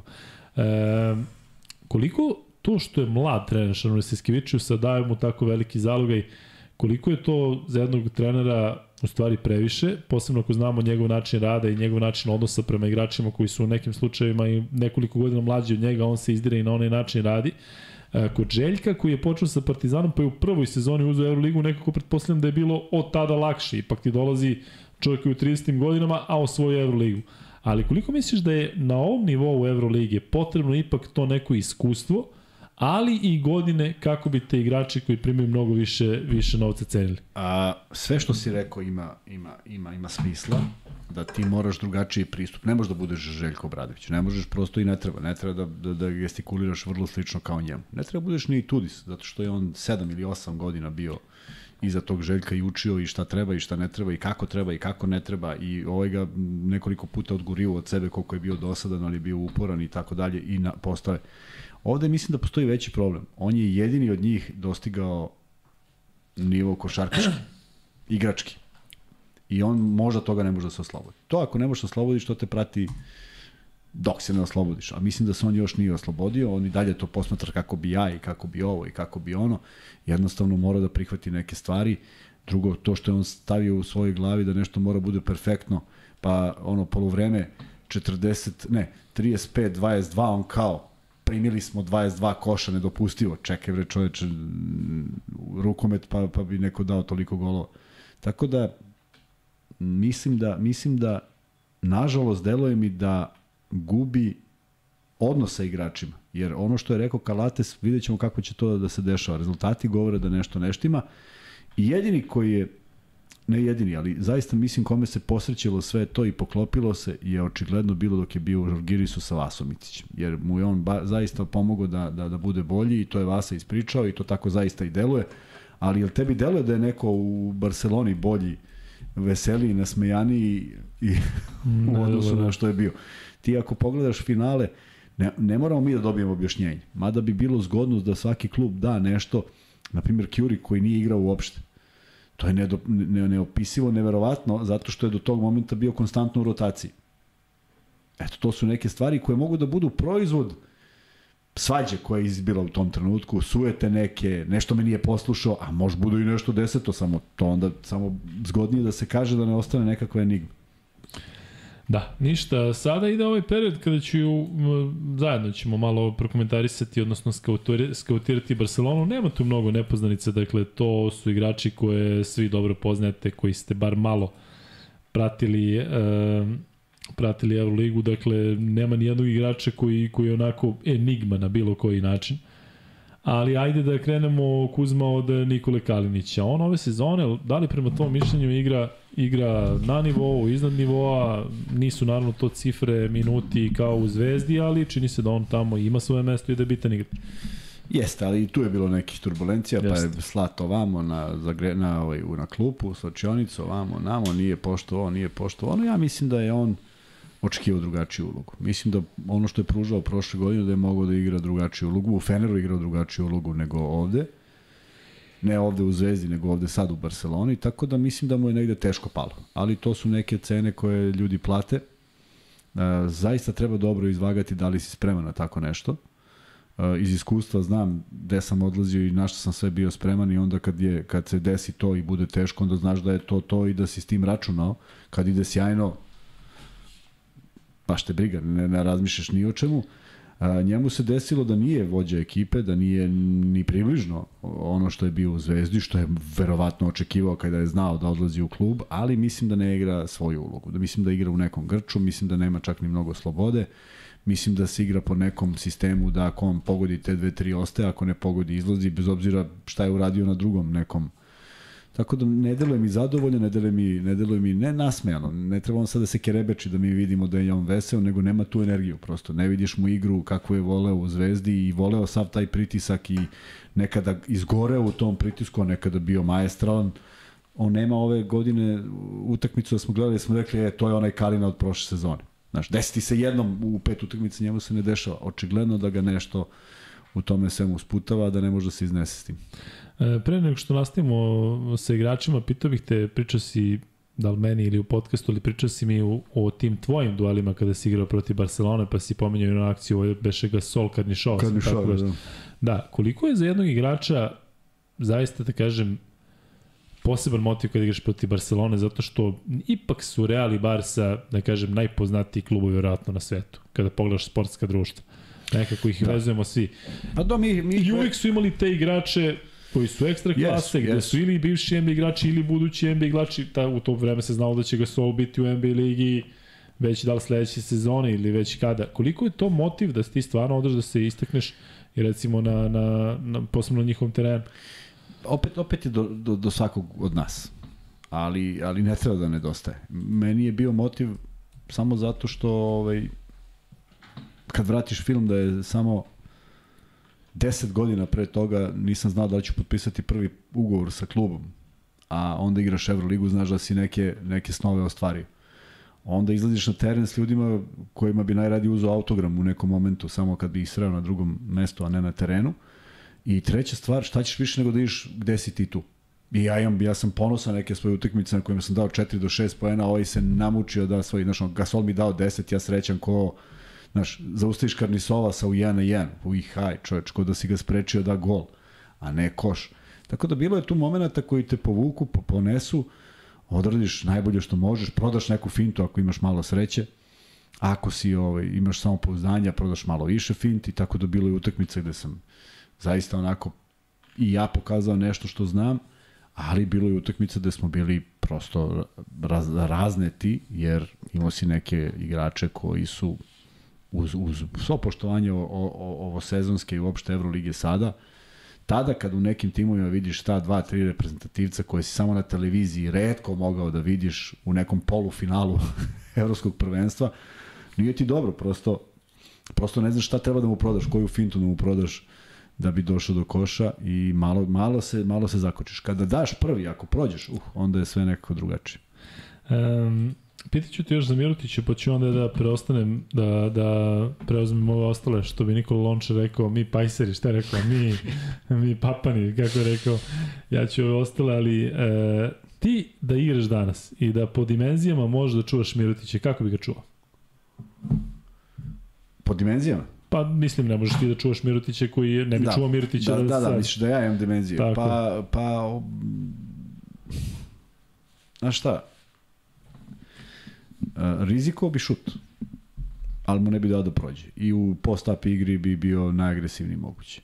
Vidio bi da li bi mi neko pomagao na udvajanju, da li on da se oslobodi neke lopte, vidio bi koji u petorci, vidio bi koji pas smem da mu dozvolim, gde je najtanji. Naprimjer, ako ja Busele na otvoren na, na trojici, voli da ih šutira, ne pogađa ih često u tom velikom broju, zna da pogodi, ali nekada i, i podbaci potpuno. Našao bi ko je taj na kojeg mogu, pa bi baš odatle pravio rotaciju. Kalates kada je bio u Barceloni, onda rotiraš prosto po inerciji sa njega. Da li je to pas sa, sa, sa linije dodavanja ili sa suprotnog, Eto, tako bi gledao nešto, ali Mirotić će samo da, samo da ne igra svoju igru leđima, onaj jako je nezgodan, i da mu se ne oslobodi. Ne bi mi nikad bio sam, makar imao samo čoveka zaduženog za njega. E, još dva pitanja pre nego što ću da te pustim da malo ovaj, ne da pauziraš, nego jednostavno ja ću onda da preuzem ove igrače Barcelona, a posle ćemo pričati o NBA-u. Tako da za kraj, prvo pitanje, e, pa ti poveži. Da je moguće ovo tehnički o čemu smo pričali tokom podcasta, da li bi volao da vidiš Nikolu Mirotića u reprezentaciji Srbije i drugo, da li bi volao ponovo da vidiš Kalinića u Zvezdi? Pa znaš šta, ja bi, najiskrenije volao bi vidim Milutića u reprezentaciji Crne Gore. Majke. Zato što mislim da Neko im je... prirodnija. Ne, ne zato što, ne, ne, ne, ne, ne vezano to, nego ako bi postojala opcija, zato što im takav igrač nedostaje. Sad zamisli dođu Milutić i Jokić. I Bogdanović. I Vasa Micić. Znaš, mislim, ne treba peti, ne. Pa to ne, ne treba, treba peti, ali već je mnogo, razumeš? Yes. I to je problem uh, što, što, što, što su to maj, majstori. Ali da ne ponavljam šta milion puta kažem, još još tu ubaciš još jednog i stvarno ti nije dobro koliko je to koliko je to moćna reprezentacija. A dobro, to što si rekao baš po pozicijama se uklapa. uklapa niko se, nikog pa tu je, ne, niko ne... nikoga, nego šta, znaš, neko neko neko trči levo desno. Da. Bolje trči onaj ko treba da trči levo desno nego da trči Mirotić.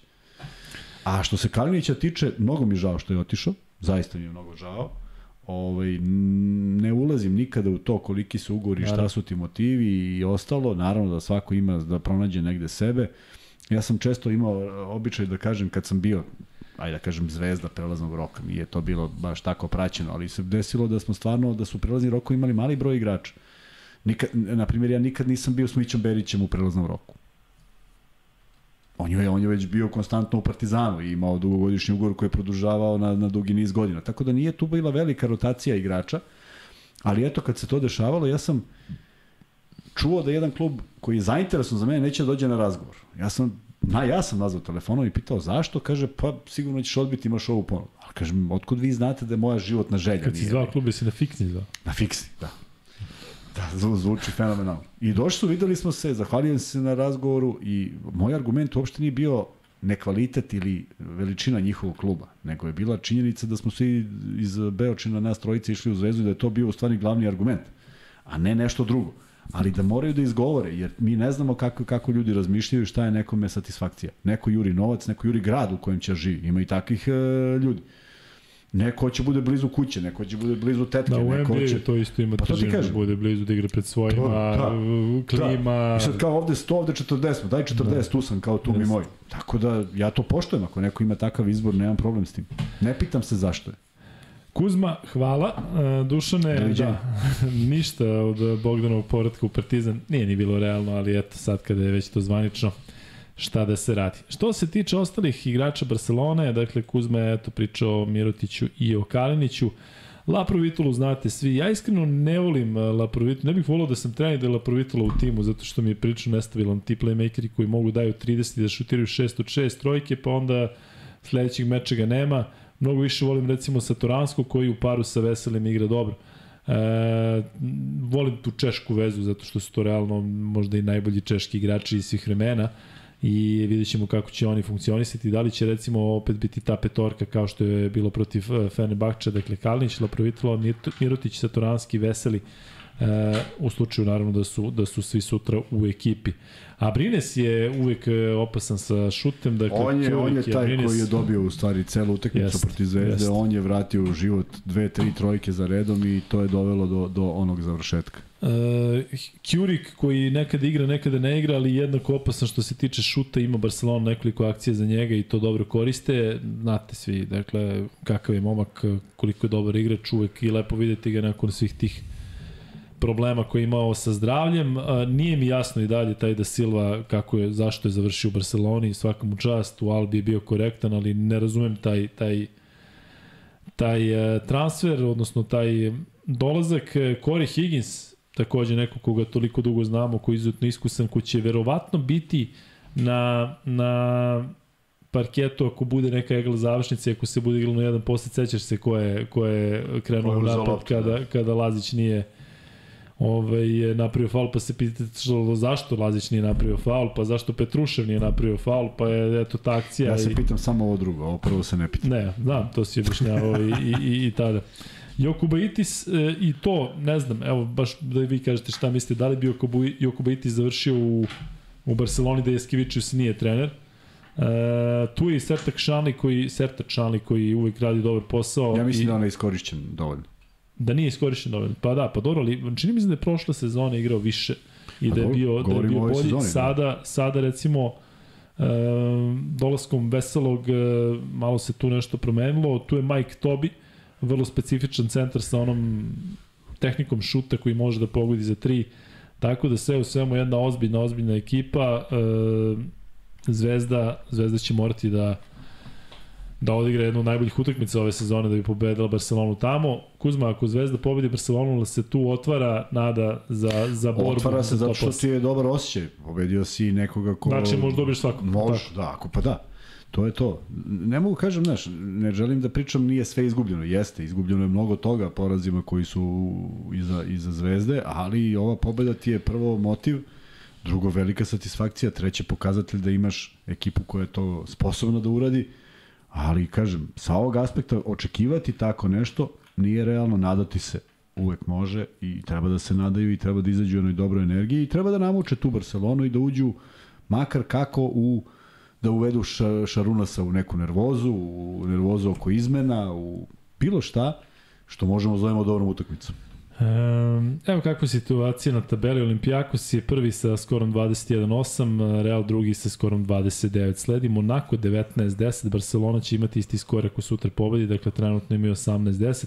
Fenerbahče posle ovog poraza pada na peto mesto uh, što znači da nemate prednost domaćih terena u top 8, 17-11 nakon uh, ove izgubljene utakmice protiv Valencije. Uh, Makabi je šesti uh, sa skorom 16-13, toliko ima i Partizan koji je takođe Dakle, posle ove pobede na ukupno 16. Baskonija je osma, 15-14, koliko imaju i Žalgiris. Valencija 14-15, Efes 14-15. E, mislim da nije realno da sva četiri španske kluba budu u top 8, tako da vidjet ćemo Baskonija bliža toj opciji nego Valencija. E, Virtus 13-16, Armani i Zvezda 12-16, mislim da je Armani ovim porazom Ništa, i posle pa je te to, serije da je, da je tu priča završena. Pa i oni teoretski, šest utakmica do kraja, nije, Jeste. nije to nemoguće, ali to mora se poklopi stotine rezultata, mislim. Da. Hiljad, Baš stotina, hiljad, stotina rezultata, generalno da se onako... da. hiljad, pa da, sve zvezde da se poklopi. E, Bayern e, 15, 11, 17, Panathinaikos 10, 19 nakon dve vezane pobede. Prva protiv Zvezde i ova danas e, protiv e, Asvela. Asvel je na toj predposlednjoj poziciji na tabeli e, 17 i Alba je 18. Ja stvarno ne bih imao ništa protiv da Asvel i Albu ne gledamo više u, u, u Euroligi, jako ćemo ih gledati.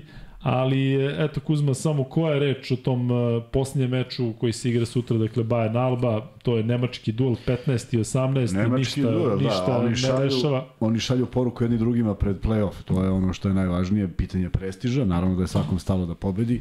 Bayern je mlađi klub, košarkaški, Da, da, oni su dugo i svaka ta pobeda se računa. E, da se kladiš, šta bi poručio kladioničarima u tom meču? Ima ono plus minus, kec dvojka. Plus četiri. Šta plus? Plus četiri za neko. za neko. E, da, pa to bi vjerojatno moglo da bude opušten meč, tako da mu potencijalno veliki, veliki broj poena. I tu bih stao sa Euroligom, obećali smo da ćemo malo prokomentarisati dešavanje u Eurokupu. E, poraz e, budućnosti u Trentu, Da, potpuno. Da, neočekivano. neverovatno. I evo sad su šesti. I sad su baš u teškoj Pa situaciji da imaju prednost domaćih. da, ali Te- U teškoj si situaciji da imaju prednost domaćih terena, a u ovakvom formatu Evrokupa, da li bi to značilo išta? Pa makar si kod kuće, mada u njihovom slučaju niko ne bi gledao. Možda Da. će tamo da ih gleda više ljudi. E, tako da ne znamo šta se tu desilo. Mada Trento zna tako kada, kada više nema šansu da, da dešavalo se to i prethodnih godina, da onda kao iznenade nekoga u, u Evrokupu. Nažalost, to je bila budućnost. Pitao sam Kuzmu u, prošle, pro- u prošlom podcastu da li misli da budućnost može da, da iznenadi u Evrokupu i da se možda uključi u, u i da možda osvoji Evrokup ovakav. On je rekao svoje, a ja ću reći da ja stvarno se nadam da bi budućnost mogla da uradi nešto ove sezone. Ima tu ekipa koje su koje su onako e, onako na tacni favorit. Juventud, Gran Canaria, vidite da igra Prometi dobro. E, timova koji su koji su ispred ispred budućnosti u svakom pogledu, ali eto, ja nekako znate vi moje maštanja, volio bih recimo u budućnosti igra finala Evrokupa i da ja i Kuzma otputujemo na taj meč i da, da pratimo budućnost i da onda odjednom se otvori kao Euroliga Ima, ima kako. budućnosti. Niko ne, zna, niko ne zna ono što si rekao, da li ta Euroliga donosi nešto, ali kada pogledao sam danas roster, e, baš sam ušao u roster da vidim, ima tu zaista zanimljivih igrača, imate i strelce, imate i dobre defanzivce, imate tog Jagodića Kuriđu koji radi šta radi, imate Alfa Kabu koji je pristojan centar, imate pristojan backup centar, imate dobru kombinaciju, da kažem, i tih nekih domaćih igrača, Drobnjak i ostali, ali fali recimo, fali još nekoliko uh, igrača crnogorskih, da to bude dobro, dobar trener, nekako mi je ovaj, čudno kako, mada u ABA ligi su, se, su dosta dobri u poslednje vreme, tako da biće zanimljivo pratiti budućnost do, do kraja sezone. E, Miksa, jesi pri mikrofonu ili bi malo da pričaš o NBA ligi, pa da odradimo treći free bet, pa da e, preporučimo šta imamo i da posle više od 3 sata završimo podcast. Sam namestio, se čujem, ne čujem se. Ja te ne čujem. Miksa je voljan da priča o NBA ligi, to je ovaj to je vest, samo da, da prikači sebe. ala. Uskoro počinje duel između Detroita i Denvera, a? Jeste?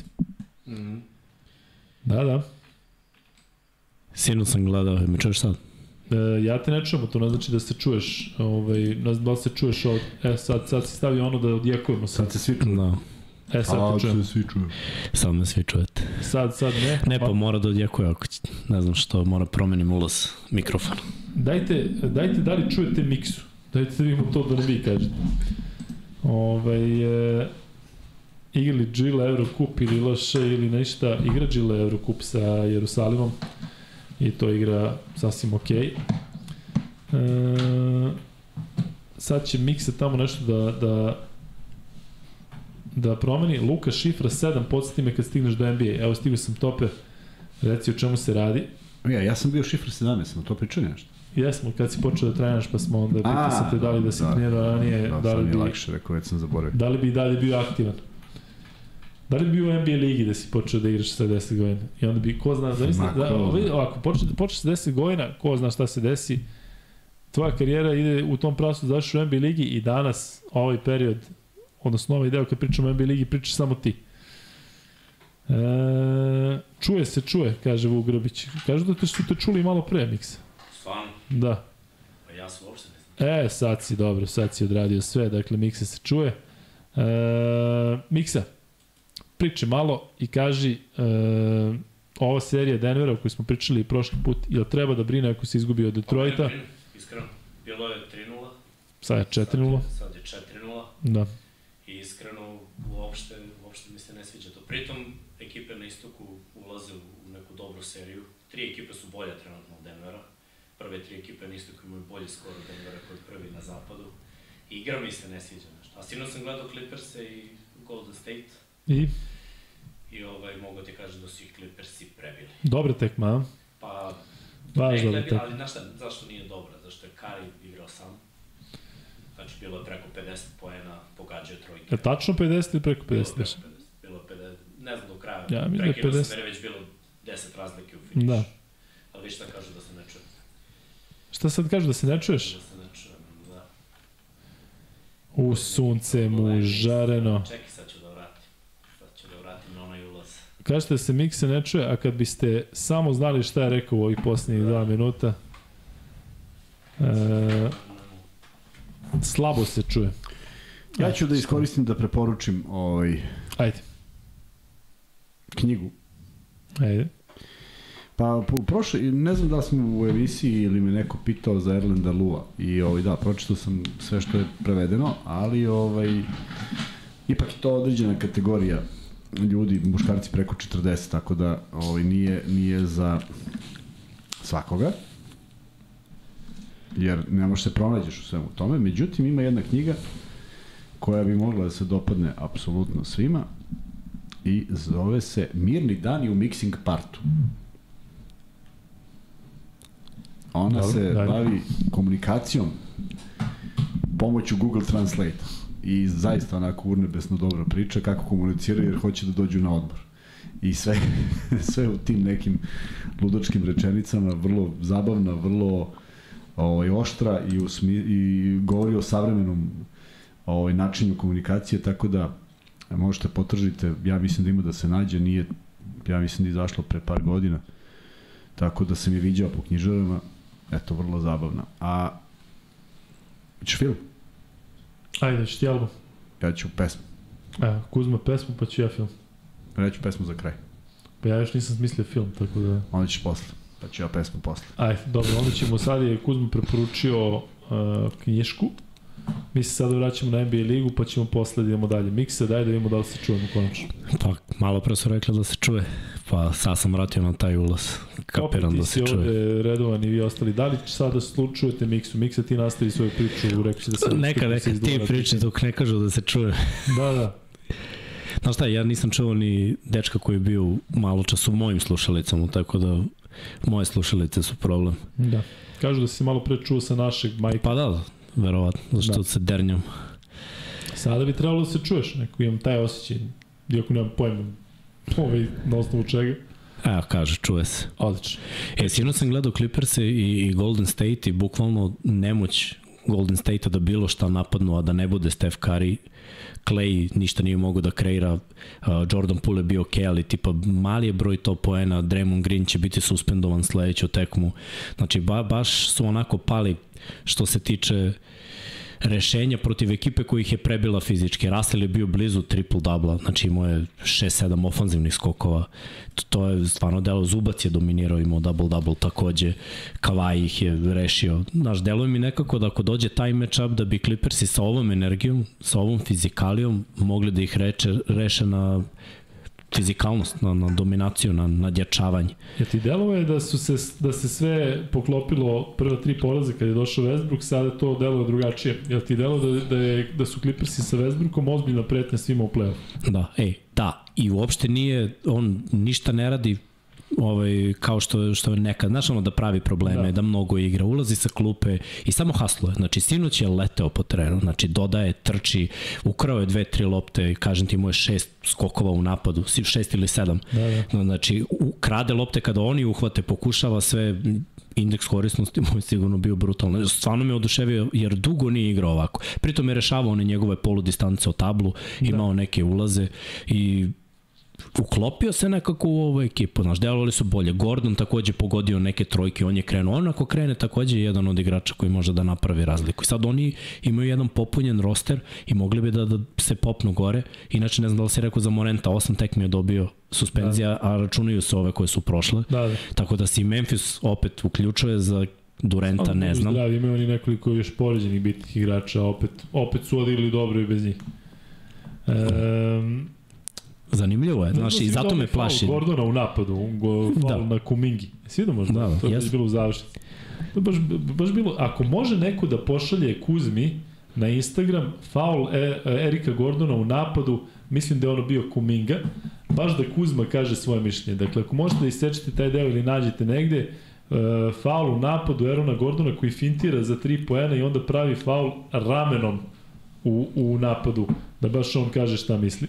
E, Miksa, mi da se vratimo na ovo dešavanja na, na zapadu, inače počeo meč između Detroita i Denvera i Denver vodi 10-6, eto u ovih, mislim da će biti završena prva četvrtina kad završimo podcast, pa ćemo ispratiti malo i statistiku Jokića, ali da se zadržimo na Denveru. Dakle, e, rekao si šta misliš da, da ova, ova serija ti se ne dopada. Pa ne, znaš, E. još je na istoku. I još je protiv ekipa koje su play-in ekipe ili Da. nisu u play-offu. Znači, ne možeš da gubiš četiri utakmice u nizu od takvih ekipa. Drugo je da nalete tipa Milwaukee, Boston, Fila, pa kažeš izgubili tri, ali mislim, ovo su lošije ekipe, slabi. Chicago je možda da tu najbolja ekipa. Neko na prvoj poziciji, što znači da ću ja morati da se oćelam, ja sam siguran da će da, da nema šanse. Više, Memphis i dalje ima pet pobeda manje, Ovaj, tako da e, čini mi se da Denver ne juri ništa, jednostavno trenutno nije to sad kao ulazimo u neki gubitnički mod pa će odjednom da, da nas to, da je nas to. Mislim da zaista sada kalkulišu i da ispucavaju Mareja i, i Portera, a. Jokić onako drži neki, neki svoj nivo, tako da u NBA ligi kada si tako prvi i kada imaš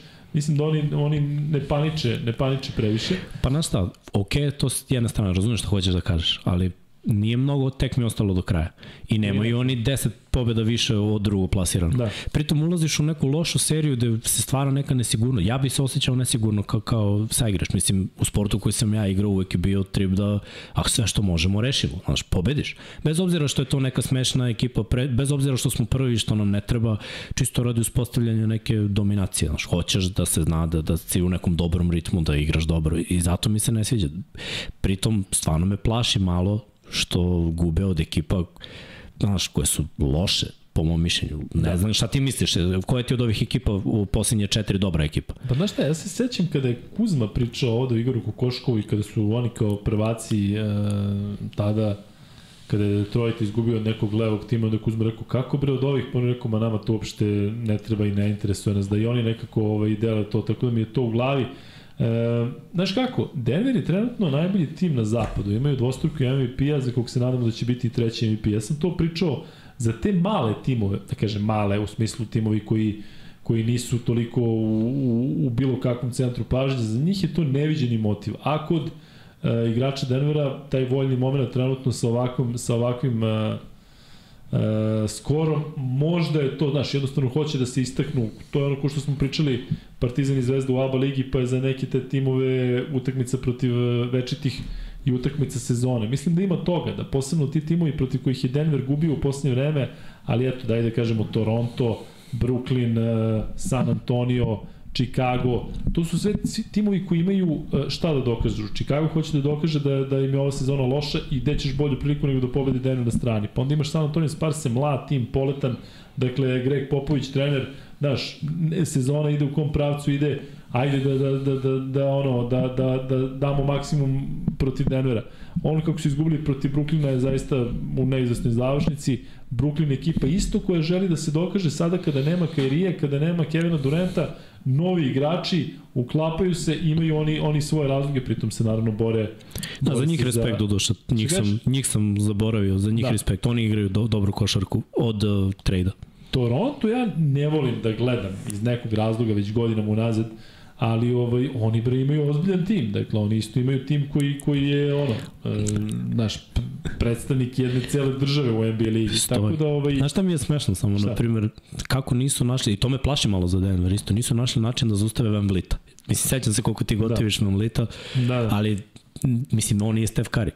Ako si imao problema sa Van Vlitom, Kakav ćeš problem imati sa ovim bekovima kojih ima na zapadu protiv kojih yes. ćeš igrati? Ko će njih čuvati? Ko je u stvari igrač koji može da čuva bekovsku liniju? Ko je taj koji zatvara bekove u ekipi Denvera. Da, Defanzivno, da, ne, ne gledamo napad koliko poena postojiš. Ko, ko je lik koji zatvara bekove u Denveru? Defanzivno je Denver problem, dakle ima tu zanimljivih defanzivnih igrača, meni se sviđa ovaj mali Christopher Brown koji je ruki, ako se ne varam.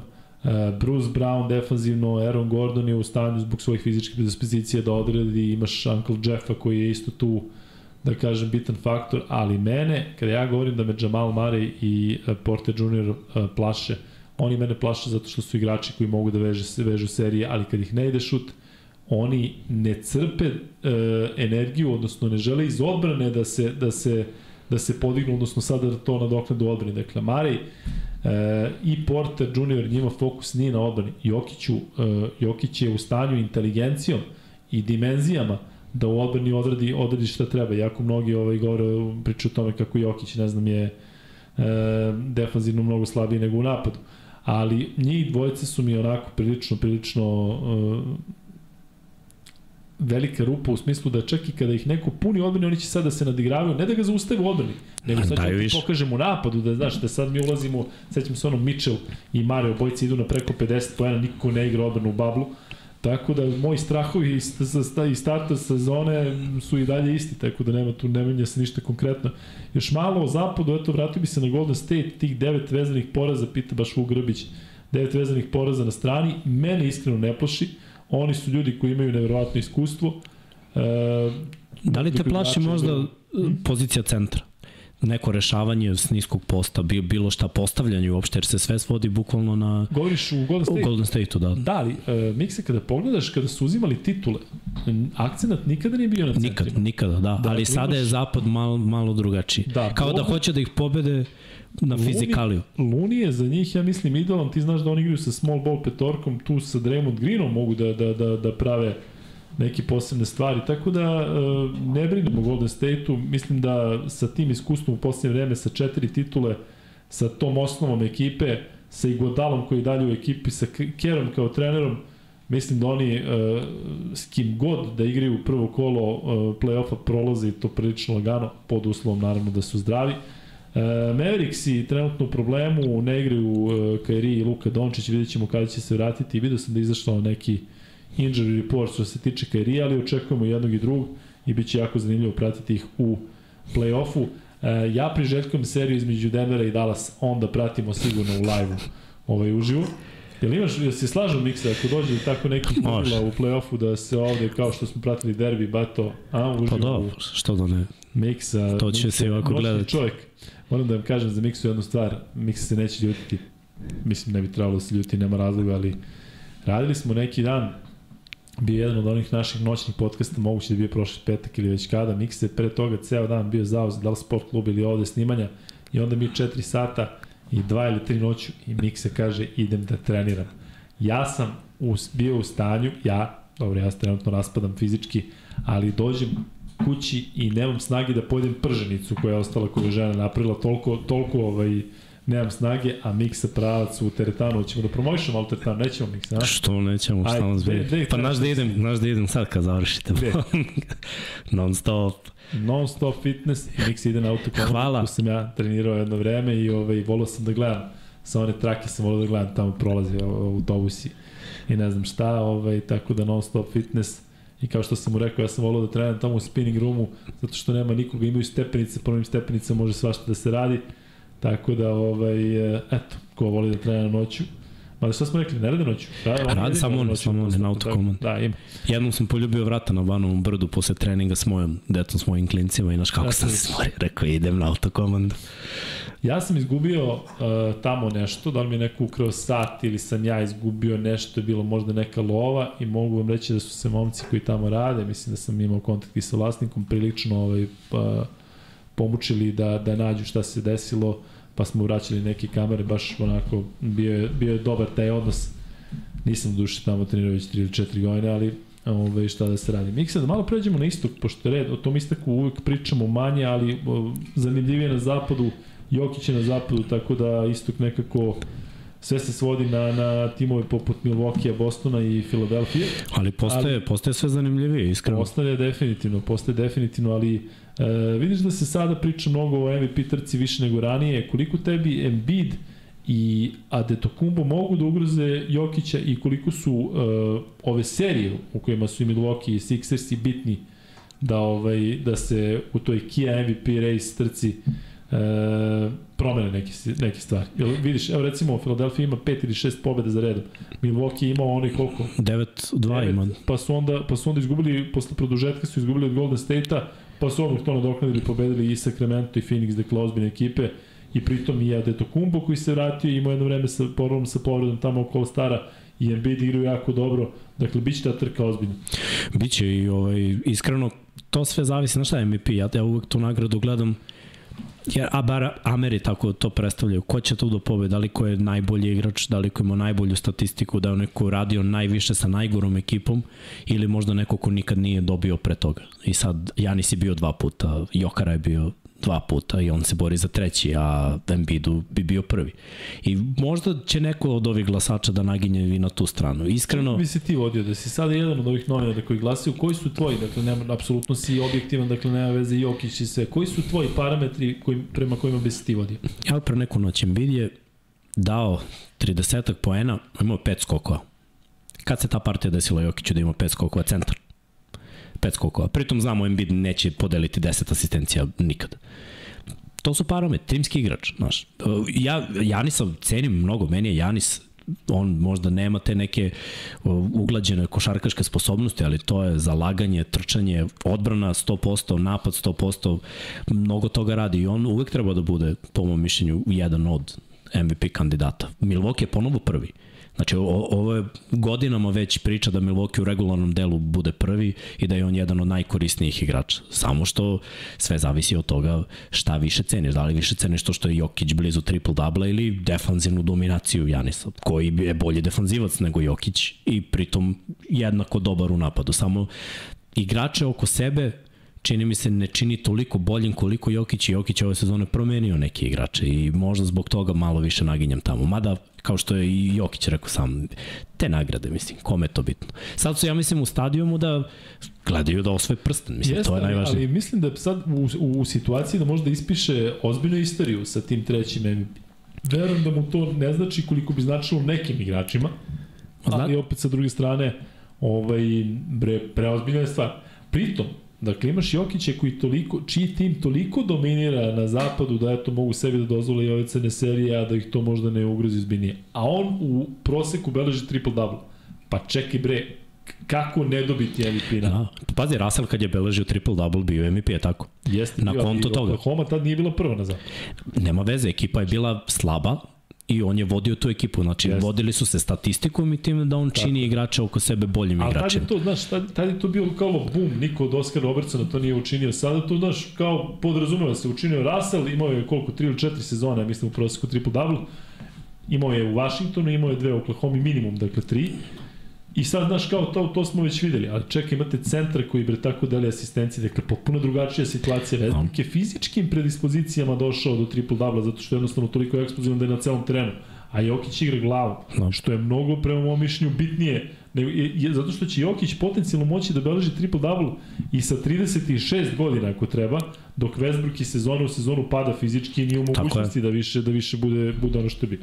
Baš to i mislim, ovo što Jokić radi to pomera neke granice i sigurno će biti zapamćen i njemu će rok dana značiti, znaš, samo trenutno ne znači jer ima Da. pravi sistem vrednosti, znači nje, ono što on vrednuje trenutno su pobede tima, bolja timska igra i timski uspeh, znači to stavlja ispred svog individualnog učinka. Sad ja verujem da Embiidu bi više značilo da bude MVP, da dobije to individualno priznanje, ali iskreno, da li ti vidiš da Fila može da reši Milwaukee ili Bostonu? Pa znaš kako, Harden mi se čuva. Znaš, ja volim mnogo i Tobiasa Harrisa, mislim da Embiidu je ovo sada najbitniji moment da se dokaže. Uh, biće to jako zanimljivo. U, u, okrenuti smo svi zapadu i play-offu, međutim, uh, u, na istoku će play-off sa Chicagom ako prođe play-in, sa Majamijem, sa još nekim ekipama. Playoff na istoku će biti možda ne jednako zanimljiv, ali malo možda pocenjujemo istok i tamo će biti ono ozbiljnih serija koje se igraju verovatno u nekim, u nekim situacijama i na, na svih sedam utakmice, tako da moram priznati da ja da čekam playoff. Ali kada smo kod istoka, jedna ekipa koju nismo pomenjali i koja ove sezone igra možda, u stvari ne možda, nego i definitivno igra ispod svog proseka, pritom je tu još jedan takav veliki srpski igrač, to je Atlanta. Nekako oni kad im pogledaš sastav, kada vidiš ko sve tu igra, taj Dejonte Mari, naravno Trey Young, koliko imaju Huntera, Kolinsa Bogdanovića, Kapelu, to deluje baš onako kao ekstra popunjene ekipe kada su oni prošle godine tradovali za Dejonte Mari, ja sam mislio oni će na istoku sada postati sila. Nisu sila, očigledno nešto ne funkcioniše, Bogdan je tu potpisao taj novi ugovor, ali da li je tu miksa prema tom mišljenju do Treja Younga, da on ovakav kakav je možda nije u stanju da vodi ekipu e, na, do, do nekih onako najvećih, najvećih e, dometa, najvećih granica. Kad kažem kakav takav je jedan taj play koji, koji troši toliko lopti, koji je kari u, kao ne kopija, ali kao kari e, Atlante, ali nema nema popunjene te igrače kao što ima kao što ima Golden State. No, pa pazi, znaš koja je prosečna visina u NBA? Trenutno. Ovo, ovo 2-0-1, no? pa 6-8 je, znači Pa, to je 2 2-0-3. Ovaj, koliko je visok Trejang? Kako će on u preuzimanju nekoga da čuva. Mislim, to je meni prva mana Atlante. On ofanzivno, ok, nekad preuzima odgovornost kad niko drugi ne sme, tu mu dajem respekt i, stvarno rešava neke situacije, ali defanzivno, mislim, on nema šta da traži tu. Eventualno diščačka neku loptu, ali on ne može nikoga da čuva. Pa čak i dominantnije bekove, zato ja mislim da su doveli Mareja koji je 6'5 ako se ne varam. Da. To je 1,95 6 koji ima i duge ruke i, i može da čuva. igrač. Da. I to im je bila neka šansa, ali me, meni se ne sviđa kako igra Atlanta, iskreno. I mislim da baš zbog toga što, što je ponekad uh, Trae Young show, da zbog toga ništa neće ni uraditi. E, Ja volim ovog malog Okongua, e, koji je bio na onom činu Hillsu zajedno sa Lamelo bolom i potpuno u drugom planu, a isticao se zakucavanjima, tako da meni je drago da on igra jako dobro. Evo sad protiv Kuzmini Minnesota imao učinek od 16 pojena i 14 skokova, on ako se navaram ima 21 ili 22 godine, tako da navijam, navijam za njega, njegova priča je isto interesantna, životna, tako da E, pratit ćemo Atlantu. E, Miksel, imaš još nešto možda u vezi NBA lige, pre nego što samo kažemo koji se meče igraju trenutno, odnosno koji se igraju ove noći?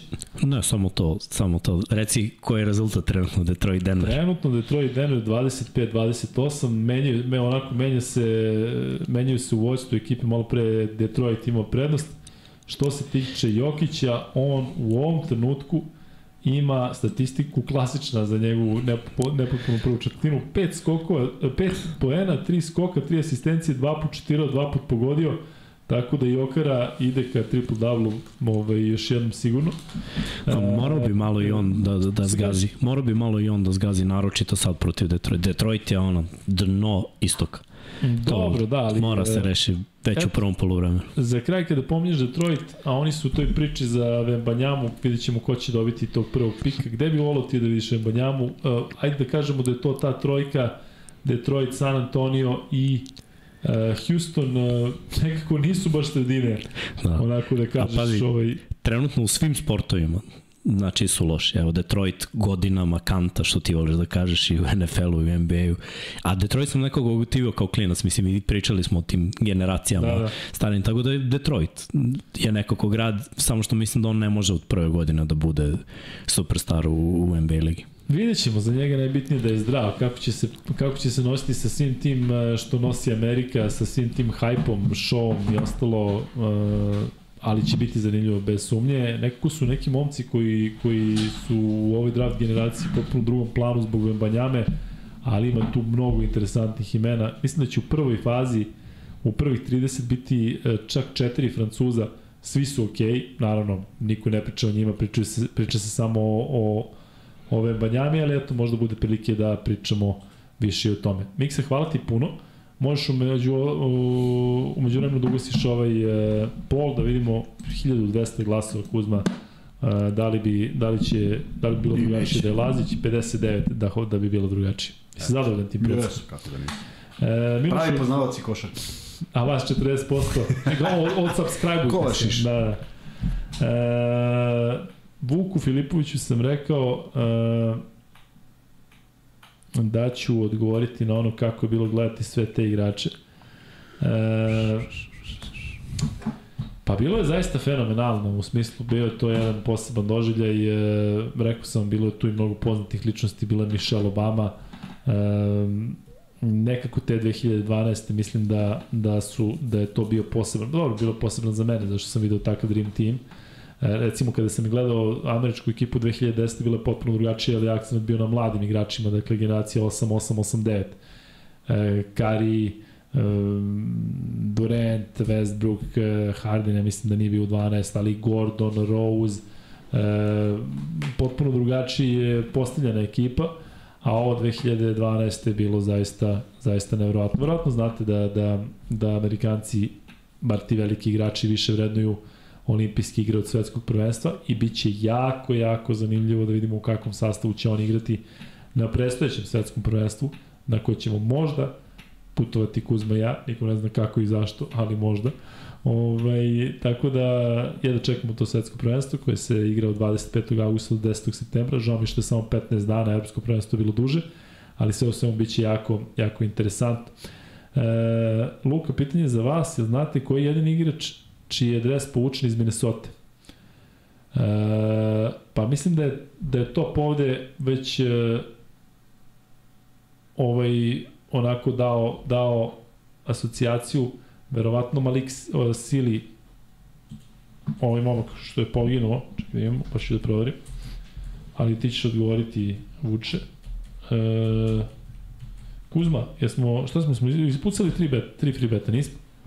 Šta već moramo da, da kažem? Nemam pojma, ja ću samo da muziku, a ti treba film. Da, Malik Sili je poginuo sa, sa 30 godina, ali piš, piši vuče da li, sam, da li smo pogodili. Da, evo i ovde vi sad povidite Malik Sili. E, dajte neka teže pitanje. Luka, reci Kuzmi da ti pokaže ono, molim te, tope, ajde kad se završi podcast, a? Pa ne mogu sada, da. Da, da, pokazat će sigurno. E, Luka, jesi vidio kako je juče Joe Macula ušao na teren i nije dobio tehničku? Nisam, ali znam da je lud, da tamo udara rampe igračima, da, da ima nevjerovatnu energiju. E, ne znam šta se dešava sa Udokom, bilo bi lepo vidjeti njega ponovo. E, Bogdan se zakuca u Atlanti i upropasti se. Nije, nije isključeno da će ga tradovati jako brzo.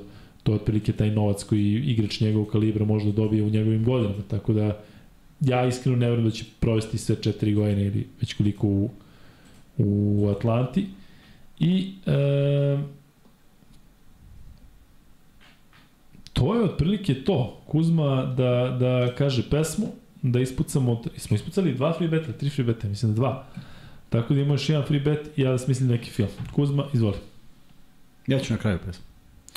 Kako me, ovo, kako me sad stavlja namerno da ja smislim Pa vidjet neki ćeš film. čega. Da, aha, A koji će ima nešto. E, ajde ti film pa ću ja film. Nije, niko nam ne brani da imamo da, da možemo da film. moramo. E, ja ću da preporučim film koji se zove Američki kurs X.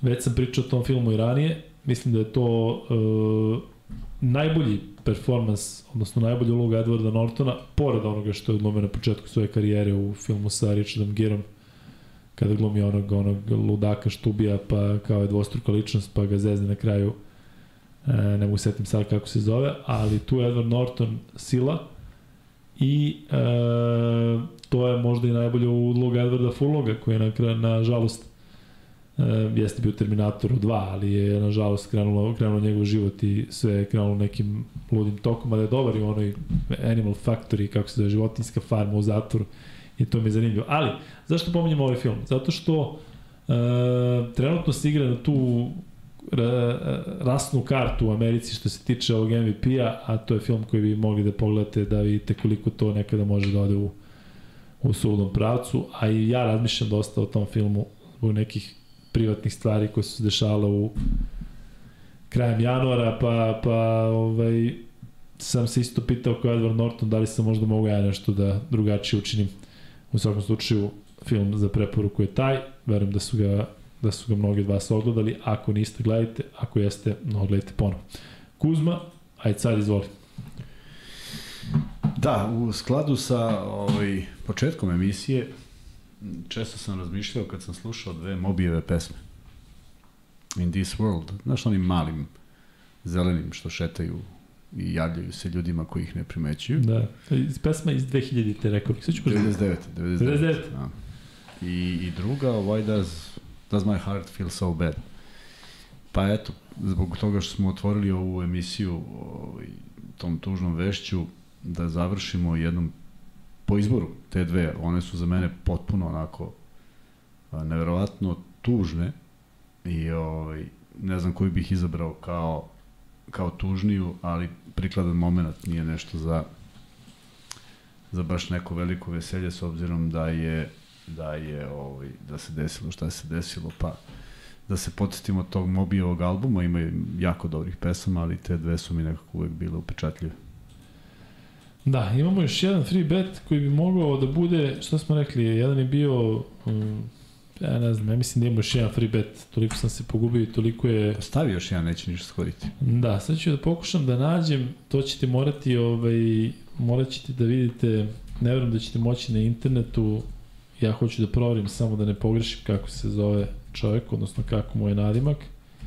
E, ali ovako, dakle, e, omiljena e, Kuzmina ekipa u NBA ligi je omiljena, dakle ekipa o kojoj priča Minnesota. Kakav je nadimak gospodinu koji je igrao na tribinama svoje vremeno, pa je čak morao i da napušta tribine, pa se onda vratio sa dva klinca i igrao ponovo na povratku Kevina Garneta koji mu je overio ovako, to je jedan od najzanimljivih klipova što se tiče Minnesota. Dakle, kakav je nadimak tog čoveka koji je tada već bio u godinama, ali skinuo je dres, pisalo je Welcome Back KG, tu su bili sinovi i to je jedan od, često prave taj show Amerikanci, ono Kiss Cameo, to je meni jedna od najzanimljivih najzanimljivih detalja, dakle kako se zove odnosno kakav je nadima gospodinu koji je igrao davno dok je Kevin Garnett bio u ekipi, pa je Kevin Garnett otišao u Boston, Brooklyn, gde god i onda se vratio i pozdravio ga na isti način. Dakle, to će biti e, pitanje za free bet. Nemate, mislim, vremena da stignete Jiggly Boy, Milan Jovanović. Milane, svaka ti čast. E, Jiggly Boy je, dakle, tačan odgovor. Jesi vidio ti klip? Nisi. E, u svakom slučaju, uh, Jiggly Boy i Milan Jovanović dobiju treći free bet, šalješ na Luka i Kuzma at gmail.com. E, nismo nismo, ja mislim, ništa propustili. Vreme je da završavamo. Propustili smo free bet, ali ne mogu sada, zaista. Free bet? Da, bit će prilike. Sutra ako budemo radili. Kako mi free bet? Ma ne free bet, nego fantasy. Propustili smo fantasy, da. E, dakle, razmišljamo da radimo ako Zvezda pobedi Barcelonu. Onda ćemo verovatno raditi od pola 1, zato što ima smisla ako Zvezda izgubi od Barcelona. Ne, ubije nas taj termin od pola 1, ali taj podcast, ako ga bude večeras, najavit ćemo ga na, na, na, u trenutku kada Zvezda dobije, verovatno ćemo ga najaviti na Instagramu i svuda. Da. Negde oko pola 11, ali momci rade 99 yardi, tako da ovaj, e, pola 1 nam je otprilike taj termin. Tako, nik se nemate o čemu da pričate sutra do 1-2, ne, a? Uvijek ima. Jok nema. Sad je haos, brate, sad ima. haos? Da, pa free agency. Da, da, tradeovi, da, da, ima ih milion. Pola 1-1. Daj, daj da najavimo za Barsu. Pa, sad. E, ali ako taj podcast e, bude, bit će broj 149 i po, u svakom slučaju 150 podcast je u ponedljak i bit će nam biti vrlo važno da tada budete sa nama od 9 ponedeljak. A ovaj 149. podcast e, koji je trajao skoro 4 sata je upravo završen. Počeo je jako tužnu vešću e, da je preminula Maja za koju smo svi zajedno se toliko ovaj, toliko smo se nadali da će da se neće završiti tako, ali nažalost jeste. Tako da eto nek to ovaj bude razmislite o tome kada imate neku tešku situaciju ili kada ovde ljudi pišu svakakve gluposti, koliko sve to nema smisla kada se tako neke životne stvari dese i sa time bi završio. Kuzma, ako nemaš ništa protiv. Dijende, 149. podcast, upravo završen.